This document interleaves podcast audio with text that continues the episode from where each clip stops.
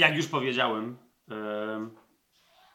chcemy w ramach tego jednego posiedzenia mm, po myślę wystarczająco obszernym wprowadzeniu do obydwu listów do, do Tymoteusza. Poprzednim razem dzisiaj w ramach tego jednego posiedzenia e, zrobimy cały pierwszy list e, Pawła do Tymoteusza. Nie cały, w sensie wszystkie szczegółowe zagadnienia i tak dalej, ale to wszystko, co wydaje mi się być e, naprawdę istotne, także nawet w pewnych kwestiach wejdziemy dość głęboko. Zacznijmy więc od e, modlitwy. Cały czas e, mm, pewnym punktem oparcia, punktem wyjścia i punktem dojścia tej modlitwy jest pierwszy list do Tymoteusza, pierwszy rozdział, 17 werset. Ojcze, dziękujemy Ci za ten czas którym Ty nam dałeś żyć, do życia, w którym nas powołałeś, do owocowania, w którym nas powołałeś. Dziękujemy Ci za, za Twoją obecność w nas. Dziękujemy Ci, Jezu, za Twoją obecność w nas. Dziękujemy Ci, Duchu Święty, za Twoje prowadzenie nas, nauczanie nas, przywracanie nas regularne Słowu Bożemu, przez Słowo Boże, przyprowadzanie nas regularne i przez krew Chrystusa, przeprowadzanie przez rozdarte ciało Chrystusa na krzyżu, które stało się bramą dla nas, przyprowadzanie nas regularne, wprowadzanie nas przed tron Bożej obecności, przed świętego, świętych, przed samego Ojca. Ojcze, dziękujemy Ci za Twoją mądrość, dziękujemy Ci za łaskę poznania, prawdziwego poznania, w odróżnieniu od rzekomej gnozy, yy, której Ty nam cały czas udzielasz, dzięki której żyjemy, w której wzrastamy która jest jedynym sensem naszego życia. Dzięki Ci, Panie, że to dzisiejsze nasze spotkanie jest, może się dla nas stać kolejnym krokiem na drodze tego właściwego poznania i właściwej gnozy. Ach, kolejny raz, Ojcze, prosimy Cię tylko, abyś w imieniu Jezusa Chrystusa i w Twoim świętym duchu, abyś nam dał jeszcze raz nie tylko zrozumieć, ale od zrozumienia przejść do praktyki Twoje słowo że ono się musi w nas, w naszym życiu stawać ciałem, stawać owocem. Żebyśmy się nauczyli, nauczyli prawdziwej pobożności.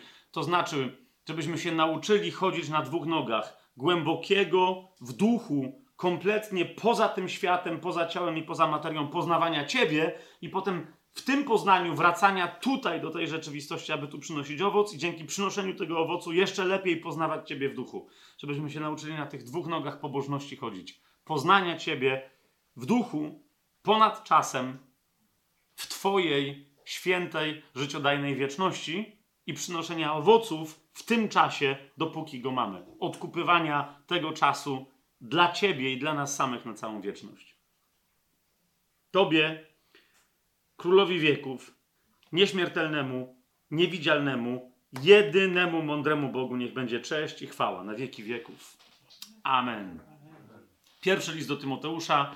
Dzisiaj, kochani, jeszcze raz, jeżeli ktoś e, dzisiaj wskakuje na to studium i to jest drugi odcinek 13 sezonu, a nie zapoznał się z pierwszym, to może dobrze byłoby najpierw zapoznać się z pierwszym, ponieważ dziś nie będę tłumaczył tego wszystkiego, co ostatnio, nie miałoby to sensu, ale zakładam, że pamiętamy, rozumiemy to, co się ostatnio wydarzyło, ponieważ dziś wiele wniosków, jakie, jakie się mogą pojawić, są związane z tym, o czym mówiliśmy poprzednio.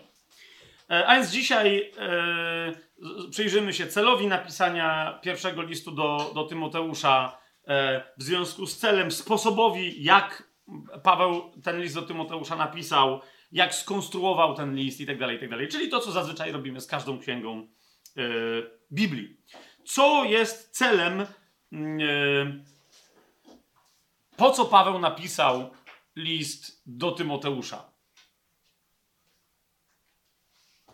Musimy to, wiecie, to jasno sprecyzować, bo jeżeli później się okazuje, że są w tym liście jakieś nauki dla całego kościoła, to najpierw musimy zrozumieć to, po co Paweł napisał ten list i dlaczego to było zgodne z wolą Bożą. Dlaczego Duch Święty napisał list przy pomocy Pawła do Tymoteusza. I teraz, kochani, najpierw sformułuję ogólnie ten cel, a potem go zacznę rozbijać ponieważ myślę, że jak złapiemy o co chodzi, to trzeba będzie w ramach jednego posiedzenia przeczytać 18 e, rozdziałów pierwszego listu do Tymoteusza. Nie? Co to znaczy? Przeczytać list do, temu, do Tymoteusza i to już teraz na wstępie wam mówię. Za chwilę to się stanie, mam nadzieję, jasne, ale teraz miejcie to w, w, w łaskawej pamięci swojej, że taka jest moja propozycja, żeby wie, rozumiejąc, jak jest, z czego się składa cały, całościowo rozumiany cel listu do, pierwszego listu do Tymoteusza, żeby potem tak ten list przeczytać. Czyli przeczytać go raz, sześć rozdziałów, pierwsza warstwa, potem sobie przypomnieć, ok, ale jest druga warstwa, przeczytać od razu w jednym posiedzeniu drugi raz i potem jest trzecia warstwa i trzeci raz, nie? Z tego wychodzi 3 razy po 6, 18 rozdziałów i tak, tak powinno się przynajmniej raz na jakiś czas ten, ten list sobie czytać i do niego wracać dla właściwego studium. Ale żebyśmy zobaczyli tych te trzy płaszczyzny, mm, najpierw sformułuję to, e, ten cel w sposób taki najogólniejszy, jak to jest tylko możliwe. Mianowicie Paweł pisze, zwłaszcza, że on, wiecie, to jest klasycznie, e, w odróżnieniu od drugiego listu do Tymoteusza, ten, jest, ten list jest skonstruowany przez Pawła. Jeżeli mówimy o konstrukcji Pawłowej, to domyślacie się, że ten list jest skonstruowany chiastycznie. Nie? Jeżeli ten list jest skonstruowany chiastycznie, no to w takim razie jego cel, punkt wyjścia i punkt dojścia nie znajdują się na początku i na końcu, ale gdzie? W samym środku. Ok? Więc nie zdziwicie się, jak zobaczycie, że w samym środku, czyli ponieważ list ma sześć rozdziałów, czyli na końcu trzeciego rozdziału znajdziemy dokładnie przełom, czyli, czyli tam powinniśmy znaleźć napisany cel. Skąd, dokąd zmierzamy i co tam, kiedy już dojdziemy, gdzie mamy dojść, co mamy osiągnąć. I zobaczcie w trzecim rozdziale, czyli dokładnie w samym środku listu, yy, Paweł dokładnie, zgodnie z, z, klasyczną ideą hebrajskiego, a nawet greckiego chiasmu, mówi wyraźnie w 14 e, i 15 wersecie, pisze ci to i tak dalej, i tak dalej. Mówi, po co pisze ten list.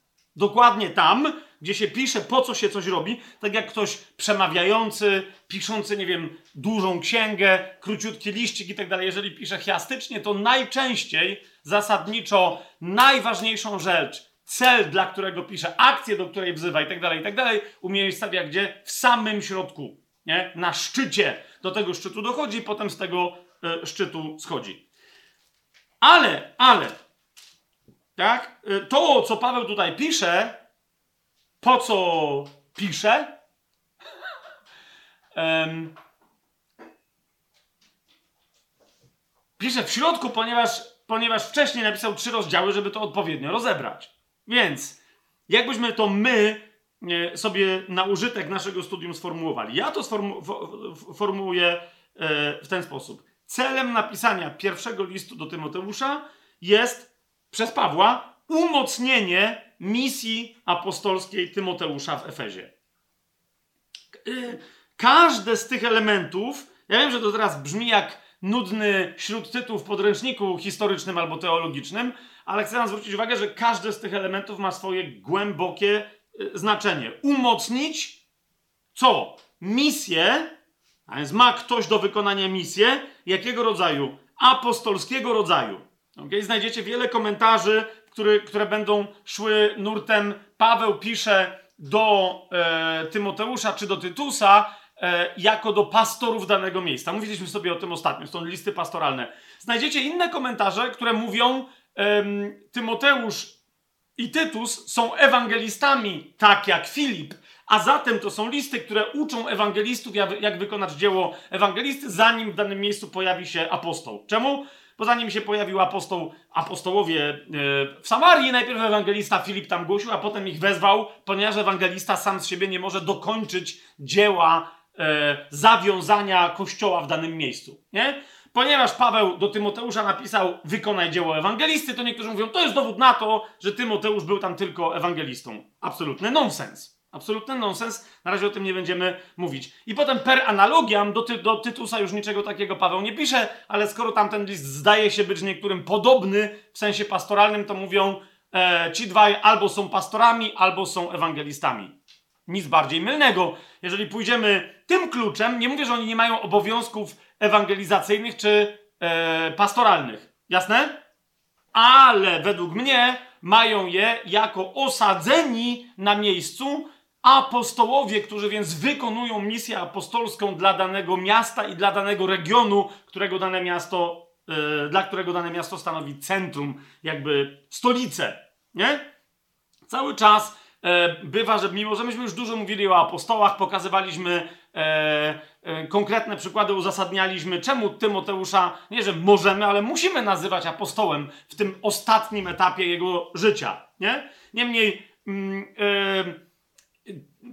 no bo Tymoteusz jest apostołem w Efezie. Paweł do niego pisze jako do apostoła, który apostolską misję wykonuje w Efezie. Umocnić misję apostolską Tymoteusza w Efezie. Musimy sobie jeszcze raz e, podkreślić tę misję. Przy okazji chcę Wam pokazać na przykładzie tego listu, jak pewne rzeczy, które e, wystarczy udowodnić dwoma czy trzema cytatami. Tak naprawdę cytatów zazwyczaj w Biblii mają więcej, ale potrzeba więcej biblijnej wrażliwości, żeby dostrzec, że one też stanowią dowód. I dzisiaj e, e, na początek takiemu czemuś się przyjrzymy. W pierwszym liście do Tymoteusza w pierwszym rozdziale, w trzecim wersecie, słyszymy, że Paweł zostawił swojego współpracownika, syna, jak go nazywa, współbojownika, współwięźnia i tak dalej, i tak. Ma tam Tymoteusz różne nazwy, że on go zostawił w Macedonii. Pierwszy rozdział, trzeci werset. Jak cię prosiłem, gdy wybierałem się do Macedonii, abyś pozostał mm, w Efezie. E, ja też zwracam uwagę na to, że, że jest rzeczą interesującą, jak kiedy jeden apostoł e, przewodniczy w ogóle misji pewnej globalnej, a inny apostoł, inni apostołowie są częścią e, tej, tej, podobnie jak Piotr w pewnym momencie stanowił ewidentnego przywódcę dla pozostałych apostołów w Jerozolimie, nie? Przez, przez jakiś tam moment. To nawet mimo, że oni są apostołami, zwróćcie uwagę, ten, kto w danym momencie ewidentnie jest przywódcą danego dzieła, ma prawo wydawać rozkazy nie? E, zwróćcie uwagę, jak często Paweł Tymoteuszowi, którego zostawia, jeszcze raz teraz sobie zobaczymy głęboko jako apostoła, nadal jemu jako apostołowi, nie jako swojemu synowi, ale jako apostołowi rozkazuje, nakazuje, zaklina go. Nie? Tych, jest tyle tych momentów, że jest tylko sześć rozdziałów, sami je sobie znajdźcie, ale zwracam wam na to, na to uwagę. Nie? Że ktoś, kto jest odpowiedzialny za dane dzieło, nie powinien się w kościele obawiać tego rodzaju języka, ponieważ ludzie, którzy z nim współpracują, nie są zmuszeni do tej współpracy. Ale w momencie, kiedy w nią wchodzą, świadomi tego, że Bóg ich do tego wzywa, wtedy nie ma co, wiecie, się krygować i sobie tłumaczyć, tylko po prostu poznaj, zrób to, ty zrób to, ty zrób to. Tak? Ktoś, kto jest głównym odpowiedzialnym, że tak powiem, ustanowionym przez Boga mózgiem danej operacji, My jesteśmy, jeżeli my się rozpoznajemy jako część część tej operacji, to musimy rozpoznawać kogoś kto jest przez Boga wyznaczonym mózgiem danej operacji i mamy go słuchać. Nie? O tym między innymi mm, pierwszy do, Tesaloniczan mówi, mamy go słuchać i mamy go kochać w tej funkcji, którą on e, wypełnia, bo on później odpowie za to, tak? E, on, jest, e, on jest ową gwiazdą przez Pana trzymaną e, w prawicy. Pamiętacie Księgę Objawienia, tak? I potem Pan z nich wyciśnie, co trzeba będzie wycisnąć, ale my nie powinniśmy utrudniać tym, którzy są na czele poszczególnych dzieł w kościele wykonywanie tych, yy, tych, tych misji, zwłaszcza jeżeli Pan nas wezwał, żebyśmy byli pomocni w tych misjach. Nie? Ale teraz, więc Paweł mówi, że go poprosił, akurat mówi, że go poprosił, wybierając się Macedonii, żeby został w Efezie. I Tymoteusz się zgodził. Nie, nie, musiał się zgodzić, ale się zgodził. Rozpoznał to, że to jest zgodne z wolą Bożą. To od tej pory zauważcie, że że mówi, wtedy cię poprosiłem, ale jak się zgodziłeś, to od tej pory język Pawła jest jaki? W tym samym pierwszym rozdziale, 18 werset, ten nakaz daje tobie, synu Tymoteuszu. Nie? I potem zobaczycie, że jest non-stop nakaz, nakaz, nakaz, nakaz. Pa, Paweł dokładnie takim językiem do niego aż e, do samego końca, aż do samego końca e, mówi, aż do szóstego rozdziału. Dobrze, nie będę teraz tego czytał, mamy dzisiaj dużo materiału do zrobienia. Więc Paweł zostawił Tymoteusza w Efezie. Tymoteusz przyjął tę misję, zost, ale został tam jako apostoł. Skąd my o tym wiemy? No, na przykład wiemy o tym z pierwszego listu do Tesaloniczan, ponieważ tam pisząc do Tesaloniczan Paweł, e, Tymoteusz i Sylwan, e, zwany też Sylasem, piszą jako apostołowie. W pierwszym liście do Tesaloniczan w pierwszym rozdziale, w pierwszym wersecie, czytamy Paweł, Sylwan i Tymoteusz do kościoła Tesaloniczan. Nie? A w drugim rozdziale tego samego listu, przypominam wam tylko, e, e, ci trzej piszą, i nawet jeżeli Paweł jest tym, który głównym, który dyktuje, to on mówi nie bez przyczyny w liczbie mnogiej. On sam o sobie nigdy nie mówi e, w liczbie mnogiej, mówi w piątym, szóstym wersecie: Nigdy nie posługiwaliśmy się pochlebstwem w mowie, jak wiecie, ani nie kierowaliśmy się ukrytą chciwością. Bóg jest świadkiem, świadkiem, ani nie szukaliśmy chwały u ludzi, ani u was, ani u innych, mogąc być dla was ciężarem jako apostołowie Chrystusa, liczba mnoga. Nie? A więc Paweł, z, to, że Sylwan, yy, czyli Sylas, jest także apostołem, to jest dla nas jasne już, już od dziejów apostolskich, gdzie, gdzie Sylas, łamany przez Sylwan, wskakuje w miejsce yy, Barnaby. Tak? Tak? Mamy to? Okej. Okay. Potem dołącza do nich Tymoteusz, on tam od razu nie wskakuje w niczyje miejsce, jeżeli już to w miejsce Jana Marka, ale po różnych próbach, e, na różne sposoby byciu wypróbowanym, tutaj się pojawia e, ewidentnie już jako, mm, jako e, apostoł. I teraz wracamy do pierwszego listu do Tymoteusza. Nie, bo zasadniczo to jest ok, czyli tu już Tymoteusz jest apostołem, osiada w Efezie jako apostoł, i niektórzy mówią, no dobra, ale to jest jedyny dowód, jakby nie ma żadnych innych, to jest za mało trochę tego. W pierwszym liście do Tymoteusza, w piątym rozdziale, ee, właśnie w, w ramach jednego z tych zaklęć, nakazów, przykazań, jakie Paweł wystosowuje pod adresem Tymoteusza, mówi rzecz, która jest dosyć zdumiewająca i rzadka. Ona na tle całej Biblii jest. Ta rzecz, ten sposób wypowiedzi jest, jest bardzo wyjątkowy. Zwróćcie uwagę na to.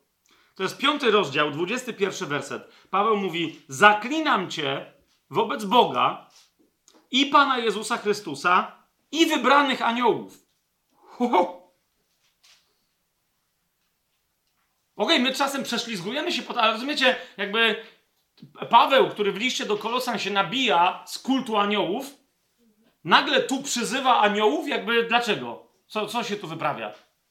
Zaklinam cię wobec Boga i Pana Jezusa Chrystusa i wybranych aniołów, abyś tego przestrzegał, nie mając względu na osoby. Czego? Pewnego rodzaju działań, em, e, które się odnoszą, e, działań, które on wykonuje w kościele. Co chcę powiedzieć? Że to zawołanie ewidentnie wskazuje dla kogoś, kto jest wrażliwy biblijnie, że Paweł do niego mówi: Zaklinam cię, żebyś był apostołem tak, jak należy być apostołem. I, i jak to powiecie? Co, gdzie to jest tutaj napisane? To wezwanie aniołów dokładnie e, na tego rodzaju myśl wskazuje. Zwróćcie uwagę, szybciutko tylko, w liście do Efezjan w trzecim rozdziale, najpierw, nie? Mówi taką przedziwną rzecz, Paweł, apostoł, że on jako apostoł, wśród w ogóle różnych apostołów, miał dosyć szczególne objawienie na temat Kościoła. To jest trzeci rozdział listu do Efezjan, y, dziewiąty i dziesiąty werset. Mówi, żebym ujawnił wszystkim, że to jest jego misja, jaka jest wspólnota tej tajemnicy ukrytej od wieków w Bogu, który wszystko stworzył przez Jezusa Chrystusa. Czyli jaka jest tajemnica Kościoła, tak? Aby teraz wieloraka mądrość Boga poprzez Kościół stała się jawna komu? Zwierzchnością i władzą w miejscach niebiańskich. Ok? Kościół jest, jest czyli nie, nie ludzkość, ale ta ludzkość, która stała się Kościołem, jest miejscem objawienia i nauczycielem objawienia dla kogo? Dla aniołów. Widzicie tu? Dla istot duchowych. Nie? Co to ma wspólnego z tym, co Paweł napisał? Otóż przeskoczmy dalej do pierwszego listu Piotra, nie?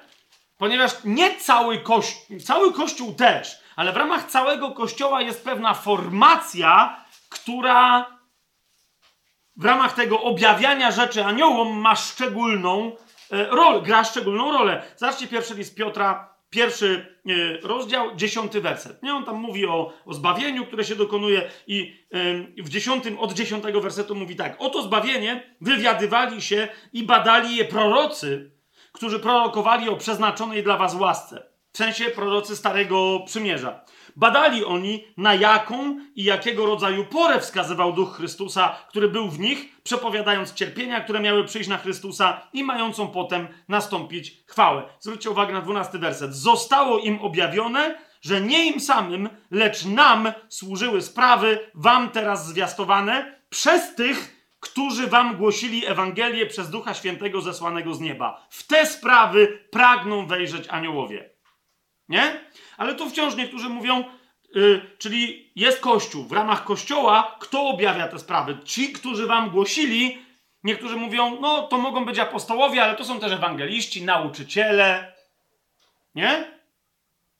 A teraz zwróćcie uwagę, co mówi Paweł w pierwszym liście do Koryntian. Połączmy sobie teraz te fakty. W czwartym rozdziale, w dziewiątym wersecie. Uważam, pierwszy list do Koryntian, czwarty rozdział, dziewiąty werset. Paweł mówi, uważam, że Bóg nas, apostołów, wyznaczył jako ostatnich, jakby na śmierć skazanych. Staliśmy się bowiem widowiskiem dla świata, aniołów i ludzi. Widzicie to? Kto? Nikt inny w kościele, tylko apostołowie. Dla kogo? Dla świata. Tu jest takie określenie, od którego pochodzi nasz teatrum, e, teatr. Staliśmy się teatrem, dos dosłownie spektaklem publicznym, tak? Teraz dla świata jakim? No, różnego rodzaju spektaklem, kiedy, kiedy powodują, kiedy nam złorzeczą i tak dalej. Paweł tu mówi, to jest to, to, jest to tak? Patrzą jak, na to, jak, jak cierpimy. Dla ludzi takich czy innych, oni też patrzą e, na nas. Jeżeli pamiętacie, jak kiedyś mówiłem, e, nie wiem, czy pamiętacie, nie wiem, czy słuchaliście tego, mówiłem kiedyś, na, chyba ostatni raz, jak byłem na follow-upie w Legnicy, jedna z ostatnich rzeczy, które mówiłem, e, nieco, nieco zawoalowany sposób, bo de facto mówiłem wtedy o, o de, de, facto misji apostolskiej w kościele, mówiłem o ludziach piorunochronach. Że pewnych ludzi, y, co to znaczy, czemu niektórzy ludzie są znani, a ma nastąp, ma każde przebudzenie to jest tak naprawdę fala bezimiennych sług bożych. Nie? Ci imienni to są ci, którzy się stają publicznym teatrum dla świata, ludzi i aniołów. Nie? W różnych celach. Yy, tu wielu egzegetów zwraca uwagę, że to nie są tylko dobrzy aniołowie. To jest prawda. Ponieważ źli przyglądają się, bo też nie wszystko rozumieją, nie? Ale się cieszą z cierpienia apostołów, tak? Dobrzy cały czas próbują stamtąd wyciągnąć lekcje, dokładnie w duchu tego, o czym pisze Paweł w liście do Efezjan i Piotr w swoim pierwszym liście, nie? Więc teraz, rozumiecie, w momencie, kiedy mamy ten pierwszy list do Tymoteusza, pamiętajcie, co, co Paweł zwłaszcza ma, że tak powiem, cały czas z tyłu głowy, kiedy myśli o apostołach, że apostołowie są teatrum dla świata, dla ludzi, ale i dla aniołów. Zobaczcie, co się dzieje w momencie, kiedy on mówi, 5 rozdział, 21 werset. Zaklinam cię wobec Boga i Pana Jezusa Chrystusa i wybranych aniołów, abyś tego przestrzegał, nie mając względu na osobę, nie kierując się stronniczością, rąk na nikogo pospiesznie nie wkładaj. Mówi, to jak ty prowadzisz Kościół, jest obserwowane na, nie tylko przez Boga, nie tylko przez naszego Pana Jezusa Chrystusa, ale też przez aniołów. Oni szczególnie Tobie patrzą e, na ręce. Nie? Paweł do Koryntian mówi, że, że, że apostołowie są teatrum dla aniołów. I tutaj macie ewidentnie Pawła, który mówi do Tymoteusza, widzicie to, jako do apostoła, mówi, pamiętaj, że jesteś teatrum dla aniołów. Jasne? To jest jeden z, e, z, z, z takich bardziej subtelnych E, dowodów na apostolskość Tymoteusza i cały ten list jako pisany do niego jako do apostoła, a nie pastora, czy pasterza, czy, czy ewangelistę. Jasne? Jeszcze parę innych wątków moglibyśmy tu znaleźć, ja tylko wam pokazuję, jak powinniśmy, szukając pewnych rzeczy w Biblii, być wrażliwi nie tylko na ewidentne, takie toporne, że się tak wyrażę, e, wersety, Marcin, ale też na subtelne e, Łukasz. Albo odwrotnie, jak wolicie. Ok. Teraz, kochani, a więc umocnić misję apostolską Tymoteusza w Efezie. Że, że Tymoteusz jest w Efezie, to już z pierwszego listu widzimy. Że ma misję apostolską, bo jest tam apostołem i jako już nikt inny nie może tam być osadzony, tak? Jak w więzieniu, to też widzimy, tak? Teraz, na czym polega ta konkretna misja apostolska Tymoteusza w Efezie? Kochani, e, odpowiedź na to pytanie jest łatwa, a z drugiej strony, e, my często, kiedy tego typu e, odpowiedzi udzielamy, e, po, pojawia się niebezpieczeństwo, a potem popadnięcie w to niebezpieczeństwo, wtedy pojawia się problem poważny, że mianowicie ślizgamy się po słowach, myśląc, że rozumiemy, co właśnie słyszymy, albo co potem powtórzyliśmy i co sami mówimy innym. Nie? Ja teraz powiem, na czym polega ta misja, ale chciałbym, żebyście się zastanowili, czy aby, jakby każdy w sobie, nie? Czy rozumiesz dokładnie, jakby cię ktoś zapytał, czyli o co chodzi? Czy rozumiesz, o co chodzi? Według mnie my tego wciąż w Kościele nie rozumiemy i dlatego potrzebuję to rozłożyć, nawet sam sobie, nie? W każdym razie misja, mówiąc najprościej, e, to jest, e, ona jest wyrażona najkrócej przez e, Pawła w pierwszym do Tymoteusza w szóstym rozdziale, nie? W szóstym rozdziale, w trzecim wersecie i w paru słowach jest ujęta, niezdefiniowana, tylko nazwana i zatytułowana. Ta misja, mianowicie tą misją Tymoteusza w Efezie jest nauka zgodna z pobożnością. I teraz naprawdę, kochani, to co ja wam mówię, e, do, w tym się zawiera i nie ma nic więcej. Cały list pierwszego pierwszy Pawła do, do Tymoteusza tyczy się całej misji apostolskiej Tymoteusza w Efezie, a cała misja apostolska Tymoteusza w Efezie to jest nauka zgodna z pobożnością. Czyli co? Jeszcze raz, pomyśl, czyli co? Czyli, czyli jakby, jak sobie odpowiesz na pytanie, co to jest nauczanie w kościele i co to jest pobożność, to zadaj pytanie, czy twoje definicje nie robią ci masła maślanego w związku z tym, z tego, co tu Paweł napisał. Nie? Jeżeli przeskakujesz teraz swoją myślą do pobożności definiowanej przez Jakuba, to od razu ci mówię, Paweł tu się posługuje właściwym słowem pobożność, którym się nie posługuje Jakub w pierwszym rozdziale w 26-27 wersecie. Okay? To jest inny wyraz. Nie? Jakub mówi tylko i wyłącznie nazywając pobożnością, ale to jest inny grecki wyraz, czym jest praktyczny wyraz pobożności. A, Tymo, a Paweł pisząc do Tymoteusza mówi o pobożności we właściwym, całościowym sensie. My do tego jeszcze przejdziemy, ale kochani, e, to jest taki wyraz, mniejsza teraz o to, jak on tam brzmi, ale chodzi mi o to właściwy wyraz pobożność. E, od którego pochodzi e, przez jednych uwielbiane, przez innych nienawidzone imię polskie Eusebia. Okay? Potem sobie je rozłożymy. Ten wyraz Eusebeja się pojawia w języku, w ogóle się pojawia w Biblii e, chyba 15 razy, raz, raz do, notatek moich przejdziemy, to zobaczymy, ale chodzi mi o to, że z wszystkich wystąpień tego wyrazu w Nowym Testamencie, wyobraźcie sobie, że większość tych wystąpień nie większa połowa, tak? Bo jak głosi stare Marcinowe powiedzenie i jak zwykle e, większa połowa klasy nie zrozumiała, że nie ma większej połowy. E, większość wystąpień tego określenia znajduje się w pierwszym liście do Tymoteusza. Czyli rozumiecie, jeżeli jest 15, to tak mi się wydaje, że jest 15, to, to, to ten wyraz występuje 7 razy w różnych miejscach Nowego Testamentu, a osiem razy, w różnych miejscach, a osiem razy w pierwszym do Tymoteusza. Kapujecie? Tak istotny jest ten wyraz dla określenia misji Tymoteusza, misji Tymoteusza. Nauka zgodna z pobożnością. Okay? Czym jest ta pobożność, to za chwilę się tym zajmiemy. Yy, niemniej, yy, niemniej ta misja, co, żeby w Efezie zapewnić chrześcijanom naukę zgodną z pobożnością. Tak? Pobożność e, jest, stanowi jakby trzecią warstwę, najgłębszą, najistotniejszą prawdopodobnie całego tego, całej tej misji, ale przyjrzyjmy się jej trzem płaszczyznom. ok? Każda z tych płaszczyzn, nie dość, że jest płaszczyzną, to jest jeszcze dychotomią. ok? Wiesz, że to jest dychotomia, nie?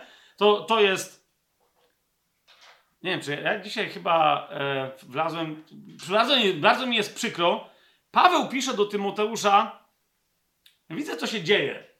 I to się też będzie działo, jak będą ludzie słuchać tego na YouTubie. Musicie się zorientować, rozumiecie, że dla przełomu w Kościele. I ja teraz, chodzi mi o to, że ja mogę zrobić znowu siedem wykładów, ale jeżeli my nie złapiemy tego, co Paweł robi z Tymoteuszem, w pierwszym do Tymoteusza, co Tymoteusz robi w Efezie, to nie mamy przebudzenia nigdzie, nigdy. Rozumiecie? Ponieważ Efezowi się wydaje, że jest przebudzony. Rozumiecie? Paweł wyjeżdża, zaczynają się rozruchy, rozruchy ewidentne umacniają Kościół tam, bo są rozruchami pogańskimi, a potem zaraz później diabeł przychodzi z tym, co zawsze robi. Mówi, nie mogę otwarcie z rogami na ryju was zaatakować, w związku z tym wejdę w kościół i was rozpieprzę. Od środka. Sabotaż. ok? To jest dokładnie to. Nie? Na czym on pole, będzie polegał? Na tym, że wprowadzimy wam fałszywą wiedzę. Zaraz będziemy o tym więcej mówić. Nie? Rozumiecie? I dlatego ja, e, kiedy będę mówić o liście do Tymoteusza, zakładam, że my mamy pewną, będę mówić trudnymi wyrazami, które żeśmy sobie wcześniej wyjaśniali i nic mnie to nie interesuje, że jest lipiec, ludzie tego słuchają we wrześniu i wszyscy chcieliby mieć wakacje, bo jak brat Tymoteusz nadał innemu cyklowi na tajemnym planie e, tytuł, to są wakacje 1939. Nie? Znaczy, będą wchodzić ludzie, którzy, którzy, którzy, będą udawać wiedzę, i dlatego my nie, nie, nie, nie możemy się. Wy, nie, nasza wiara nie może być prostacka. Cały pierwszy list do Tymoteusza, wiecie, dlatego e, tak często jest wykorzystywany przez różnych ludzi, żeby tworzyć herezję wszelkiego rodzaju, nakładać na ludzi pęta, mimo że na przykład jest antylegalistyczny. Ja mówię, że przecież tutaj Paweł tłumaczy. Wiecie, ludzie budują legalistyczne zasady w kościele na bazie pierwszego do Tymoteusza, kiedy Paweł Tymoteuszowi mówił właśnie tak nie rób. Dlaczego tak jest?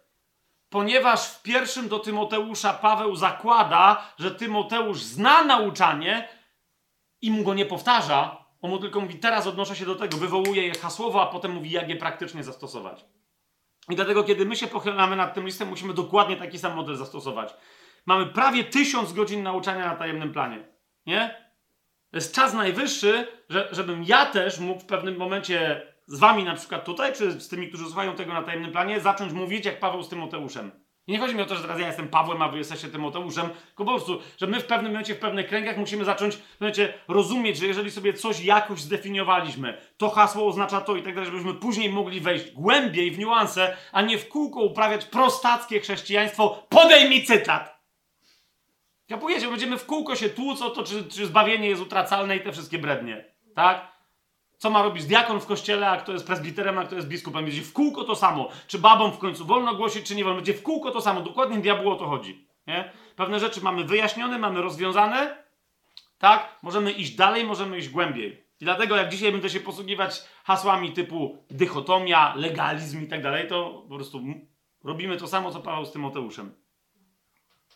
Zatem, kochani, co to... Zwłaszcza, że widzicie, e, wydawałoby się że taka rzecz jak pobożność, ludzie, rozumiecie, ludzie atakują nas, że jesteśmy pobożni albo że nie jesteśmy pobożni. Świat atakuje chrześcijan, twierdząc, że nasza pobożność jest moralna albo niemoralna, że, że jest moralna, to jest zbyt moralna albo w ogóle niemoralna. Nie? Chrześcijanie między sobą się tłuką Biblią po głowach, tłumacząc sobie, kto naprawdę jest pobożny, a kto nie jest. Rozumiecie? Ludzie mają pomieszane koncepcje i nadal nikogo to nie interesuje, co Biblia nazywa pobożnością, ponieważ wszyscy mają swoje idee. A potem próbują z Biblii wyciągnąć na siłę dowody, że ich idee są słuszne. Ja mam tego dosyć. Dlatego bardzo, rozumiecie, musimy się przyjrzeć, e, ponieważ Paweł tego nie tłumaczy Tymoteuszowi, bo on wie i wie, że Tymoteusz też wie. Ale my w tym zamieszaniu całym kościelnym musimy wy, rozumiecie, tę wiedzę od nich wyciągnąć, ponieważ ona właśnie dla ludzi głupich i dla prostaków została w ten sposób w Biblii zaszyfrowana, że nie widzą, co mają napisane pod nosem. Ale my, proszę was, zacznijmy być nowym pokoleniem w kościele, które jest proste i zmierza w życiu swojej wiary do prostoty, ale nie myli prostoty z prostactwem. Ok? Zatem, kochani, nauka zgodna z pobożnością to jest misja, to jest misja Tymoteusza w Efezie. Ale ona ma trzy płaszczyzny. Tak? I każda z tych płaszczyzn jest dychotomią, to znaczy składa się z rzeczy, e, które są, e, z, z, którymi, które Tymoteusz ma umacniać, które Tymoteusz ma budować, które Tymoteusz ma głosić, oraz z rzeczy, z którymi Tymoteusz ma walczyć ponieważ są nieprawdziwe, niesłuszne i stanowią praktykę niezgodną z życiem chrześcijańskim. Jest to, jest to jasne, co mówię? Dychotomia. A więc jest jakby jedna płaszczyzna, nie jakby jest jedna, druga, trzecia płaszczyzna, ale w ramach tej płaszczyzny jakby mamy jedną oś, ale na tej osi znajduje się jakiś punkt odniesienia i kierunek w złą stronę od tego punktu odniesienia i w dobrą stronę. Jasne? Pierwsza płaszczyzna i pierwsza dychotomia, o której pisze Paweł Tymoteuszowi jako rzecz ym, oczywistą. To jest pierwsza część misji, yy, z której się, yy, yy, którą Tymoteusz wykonuje w Efezie. Co to jest? Prowadzić ludzi do poznania prawdy i jednocześnie walczyć otwarcie, śmiało, imiennie, konkretnie z rzekomym poznaniem rzekomej prawdy. Jest to jasne, co, co teraz powiedziałem?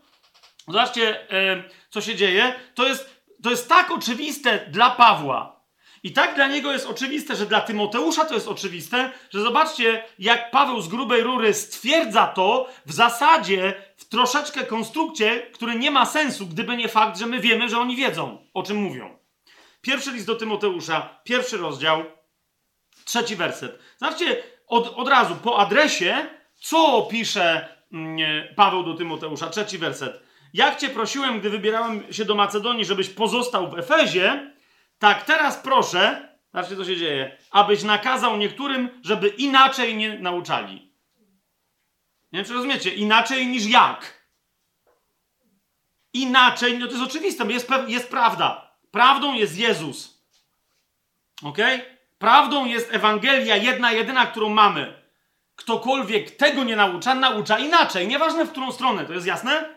Nieważne w którą stronę. Czy ktoś odejdzie w prawo, w lewo, w górę, w dół, do przodu, do tyłu, od miejsca, w którym stoi krzyż, pusty, bo Chrystus zmartwychwstał, od miejsca, gdzie na tronie siedzi Chrystus, po prawicy mocy, po prawicy Ojca, kiedy ktoś gdzie indziej po prostu to naucza inaczej. Czy to jest jasne? W 11, czyli zauważcie, żebyś, abyś na, nakazał niektórym, żeby nie, żeby inaczej nie nauczali. Niż co? Nie mówię niż co. Nie zajmowali się baśniami, niekończącymi się rodowodami itd., itd., itd. A jak mają nauczać? Dopiero w jedenastym wersecie Paweł się do tego odnosi, bo tam chodzi o to, że natychmiast mu wskakuje temat prawa. Mówi, jak mają zgodnie z chwalebną Ewangelią błogosławionego Boga, którą mi powierzono. Nie? To jest ta Ewangelia, którą głosił Paweł oryginalnie, wszędzie. Pamiętacie list do Filipian? Mówi, nawet jakby anioł z nieba stąpił, zaczął co innego głosić, niech będzie przeklęty. Do Galacjan, nie przepraszam, nie do Filipian. Tak? Zgodnie z chwalebną Ewangelią błogosławionego Boga, e, którą mi powierzono, żeby nie nauczali inaczej. Zobaczcie w pierwszym liście do Tymoteusza, czwarty rozdział.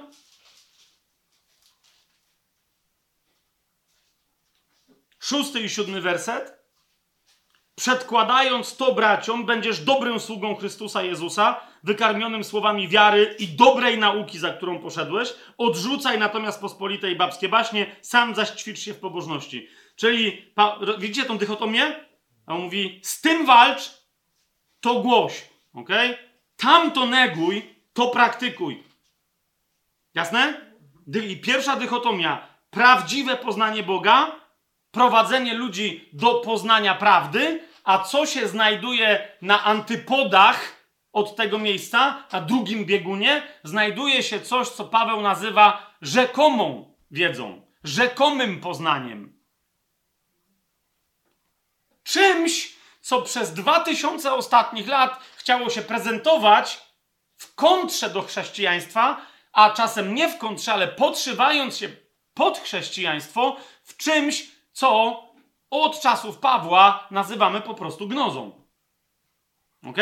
Bo Paweł e, tu nazywa rzekomą gnozą. Dlaczego tak jest, to, to za chwilę sobie jeszcze więcej o tym, e, o tym powiemy. E, co, bo niektórzy, wiecie, wiedzą, że gnoza to jest coś związanego z hermetyzmem, okultyzmem, jakimiś tam dziwnymi rzeczami i uznają, że samo słowo gnoza, a potem, że w ogóle to, co ono oznacza, że to wszystko jest złe.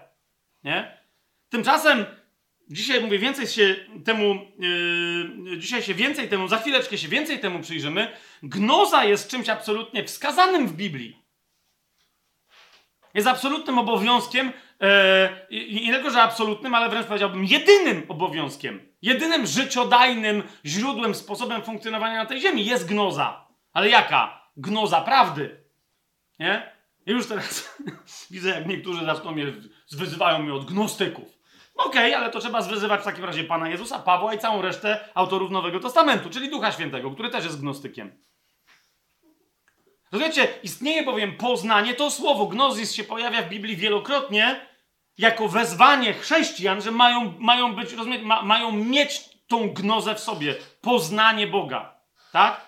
Ale istnieje gnoza, która jest złudna, która jest Bogiem samym w sobie.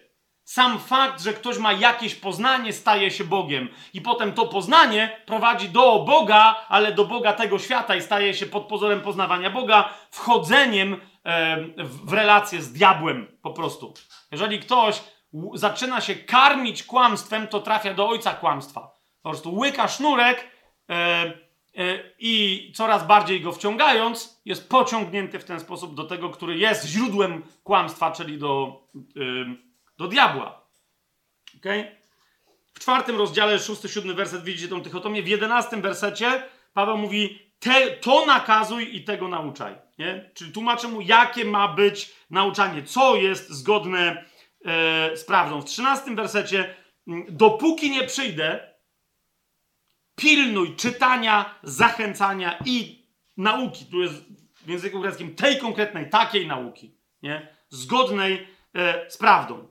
Pierwszym do Tymoteusza w szóstym rozdziale, natomiast, zauważcie, Paweł mówi, natomiast cały czas pamiętaj, twoim wrogiem nie są ludzie. Chociaż o, o ludziach też jeszcze za chwileczkę coś powiemy. Ale twoim wrogiem nie są ludzie, ale są fałszywe doktryny, które udają chrześcijaństwo. Nie?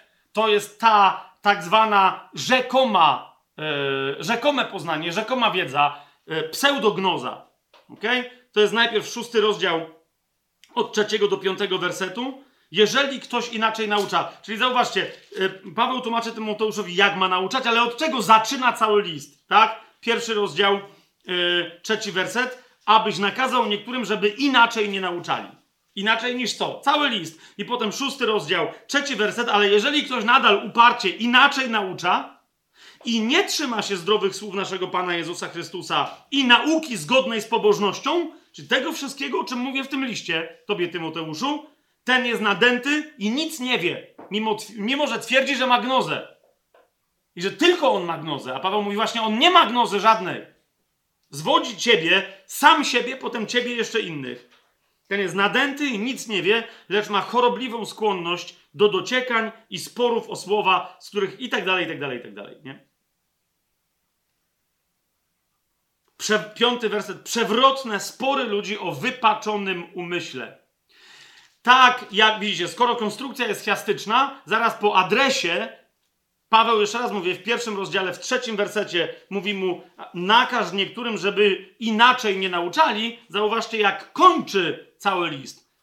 Zwykle listy się kończą pozdrowieniami, błogosławieństwem na samym końcu. Zauważcie, nawet w ramach pozdrowień Paweł posługuje się e, ostrzeżeniem e, Tymoteusza przed gnozą. To jest szósty rozdział, 20-21 werset. Tymoteuszu, strzeż tego, co ci powierzono, no właśnie, to jest ta pierwsza dychotomia cały czas od początku do końca listu. Najważniejsza, yy, najszersza, uniwersalna płaszczyzna tego listu. Nie? Strzeż tego, co ci powierzono, unikaj pospolitej i czczej gadaniny. I czego? Sprzecznych twierdzeń rzekomej wiedzy. Nie? Wszyscy, którzy się zajmują tematami, tematem gnozy, wiedzą, że we właściwym sensie pierwszy raz Nazwa gnoza na gnozę pojawia się w pierwszym liście do Tymoteusza w szóstym rozdziale, w dwudziestym wersecie. Nawet wyznawcy współcześni gnozy o tym wiedzą. Ok? Koni mówią, to nie jest wcale rzekoma gnoza. Chrześcijaństwo to jest rzekoma gnoza. Prawdziwa gnoza prowadzi do prawdziwego chrześcijaństwa, ale to jest wtajemniczone chrześcijaństwo. Zaraz będziemy o tym więcej mówić. Nie? Rzekoma gnoza. Jeszcze raz, dlaczego pap, niektórzy wręcz twierdzą, że y, słowo gnoza znajduje się raz tylko w Biblii, ono jest tutaj i to jest określenie całego nurtu, całego trendu okultyzmu, hermetyzmu, wszelkiego rodzaju itd., tak itd. Tak Jeszcze raz powtarzam, to nie jest prawda. To nie jest prawda, kochani, nie możemy się dać zapędzić różnym dziwnie prostacko nauczającym ludziom dokładnie w taki kozi róg. Ok? Cała Biblia, teraz nie będę przywoływać wszystkich fragmentów, w których pojawia się słowo gnozis, w których się pojawia słowo poznanie, dokładnie to słowo, ale zauważycie, że cała misja Pana Jezusa, cała misja chrześcijaństwa, Kościoła tu na ziemi, e, oraz zadanie i misja przynoszenia owoców każdego pojedynczego chrześcijanina czy chrześcijanki jest określona słowem gnoza. Rozumiecie? Dlatego największym wrogiem chrześcijaństwa jest rzekoma gnoza, ponieważ ona bazuje na czym? Na tym, do czego wszyscy chrześcijanie są wezwani, ale potem tego nie wiedzą, jak mają to robić. Nie? Prześledźcie proszę razem ze mną yy, parę yy, wersetów, żeby to zrozumieć. Tak? Jeszcze raz, ja teraz jestem bardzo wybiórczy, bardzo wyrywkowo do tego tematu podchodzę, tylko żeby wam zaznaczyć, że temat, żeby pokazać wam, jak temat gnozy właściwie rozumianej jest w centrum chrześcijaństwa. Jest chrześcijaństwem samym w sobie. Jarek na mnie patrzył i dobra, będę teraz. Patrz. To dobre. Patrz, Jarku, patrz. Zobaczcie, pierwsze co, Ewangelia Łukasza, to, to jest myślę, że dosyć taki znamienny przykład. Ewangelia Łukasza, pierwszy rozdział. Ok? Zachariasz zaczyna prorokować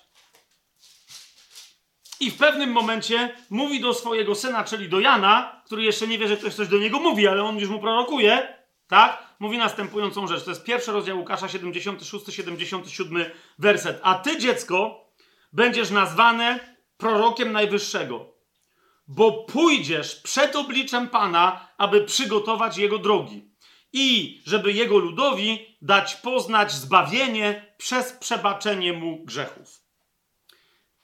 Dosyć ciekawa konstrukcja, ponieważ jak sobie zerkniecie, jak macie interlinearne tam jakieś y, wersje Biblii i tak dalej, i tak jak sobie zerkniecie, to zobaczycie, że tu nie ma żadnego czasownika w bezokoliczniku, tylko zobaczycie, że żeby dać jego ludowi poznanie zbawienia, gnozę zbawienia.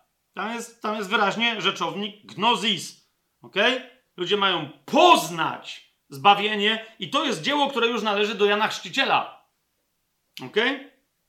W Ewangelii Łukasza, e, oczywiście Łukasz, my wiemy, bliski współpracownik Pawła, więc jak potem ten temat się pojawia u Pawła, to też nie dziwne, że się pojawia w jego Ewangelii, tak? Ale zauważcie, Łukasz pod wpływem Ducha Świętego cytuje Pana Jezusa, który okazuje się, że też mówi o gnozie. I e, to w ciekawym kontekście, w ramach którego zarzuca komuś, że ma gnozę, nie do końca nie pełną, ale jakąś, zgodną z wolą Bożą, i nawet tę częściową gnozę blokuje innym. Ok? To jest jedenasty rozdział Ewangelii Łukasza. 52 werset. Do kogo się zwraca z tym oskarżeniem o gnozę i jej blokowanie? Do uczonych w prawie.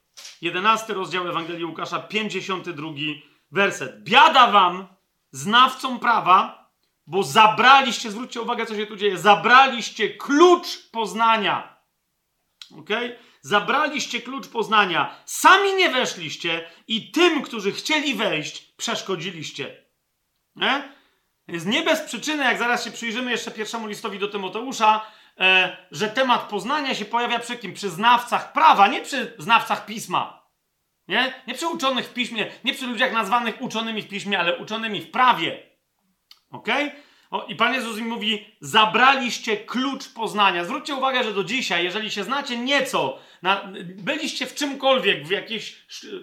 Tak jak tu niektórzy w szkoleniach rozwojowych i tak dalej, i tak dalej, słyszeliście, e, wiecie, sa, samorozwój, a niektórzy się zajmowali nawet i magią i tak dalej, i tak dalej. Tam są zawsze jakieś arkana, nie? jakieś klucze do czegoś, techniki, które, ale, które musisz znać właściwe zaklęcie, formułę, do czegoś, i tak, którą zastosujesz, i, pot, i dopiero potem się dzieją rzeczy, tak? Jedna z najważniejszych rzeczy w gnozie, tej naj, najbardziej okultystycznej, diabolicznej, to są właśnie arkana, czyli klucze do zrozumienia pewnych rzeczy, które pozwalają ci wtajemniczenia w kolejne kwestie, nie? I Pan Jezus mówi, do kogo? Do uczonych w prawie, mówi, dokładnie tak się zachowujecie, jak, jak wszyscy czarnoksiężnicy, nie? Znacie prawo, ale to, co ludzie mogliby poznać przez poznanie prawa, wy blokujecie. Sami nigdzie nie wchodzicie, zrobiliście z tego religię i innym też blokujecie wejście. Wiecie? Pan, a Pan Jezus mówi, ale istnieje, tu ewidentnie sugeruje to, że istnieje coś takiego jak poznanie.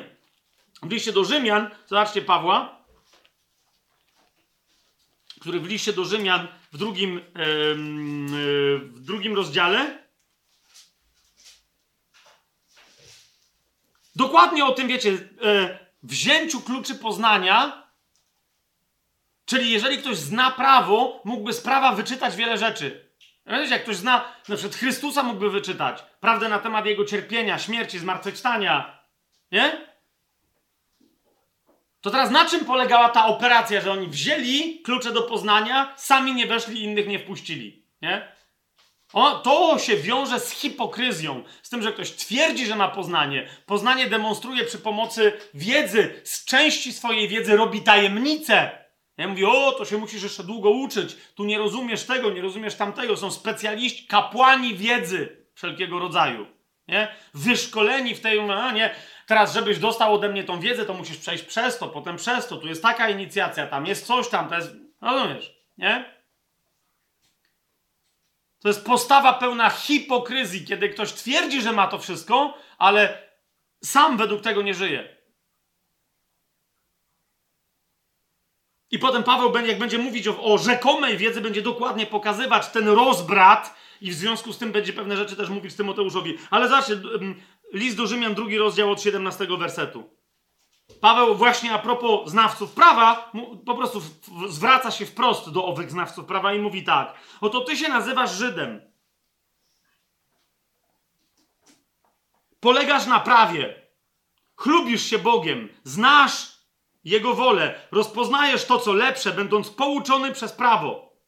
I uważasz się za przewodnika ślepych, za światłość tych, którzy są w ciemności, wychowawcę bezrozumnych, nauczyciela niemowląt i mając w prawie kształt, uważajcie, wiedzy i prawdy.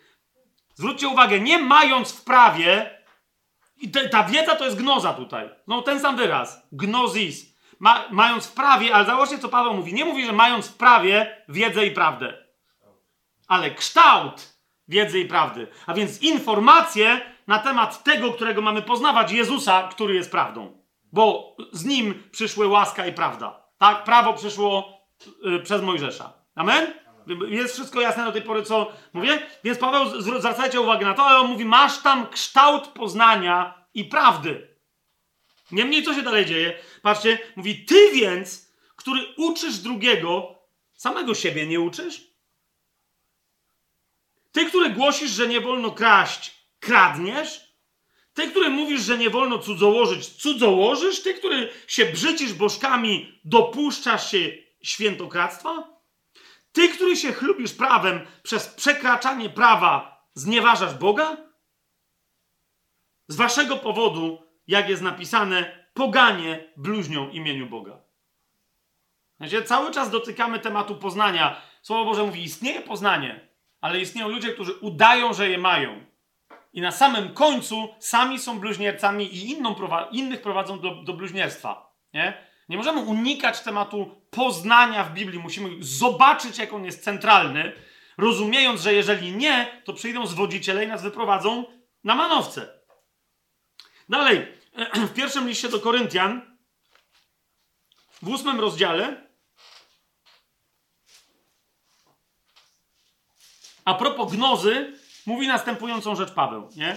Co, co musi, jakby po czym my poznajemy, że, że mamy właściwą gnozę, poznanie, wiedzę. Paweł mówi tak, w ósmym rozdziale od pierwszego do trzeciego wersetu.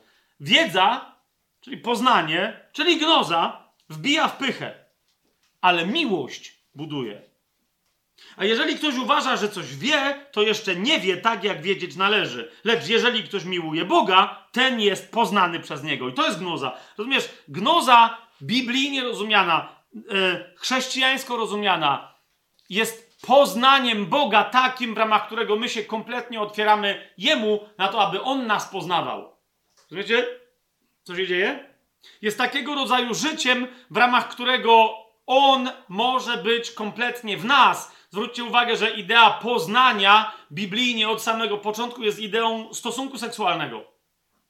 Adam poznał Ewę i ona poczęła syna. Rozumiecie? My poznajemy Boga, ale też dajemy mu się poznać.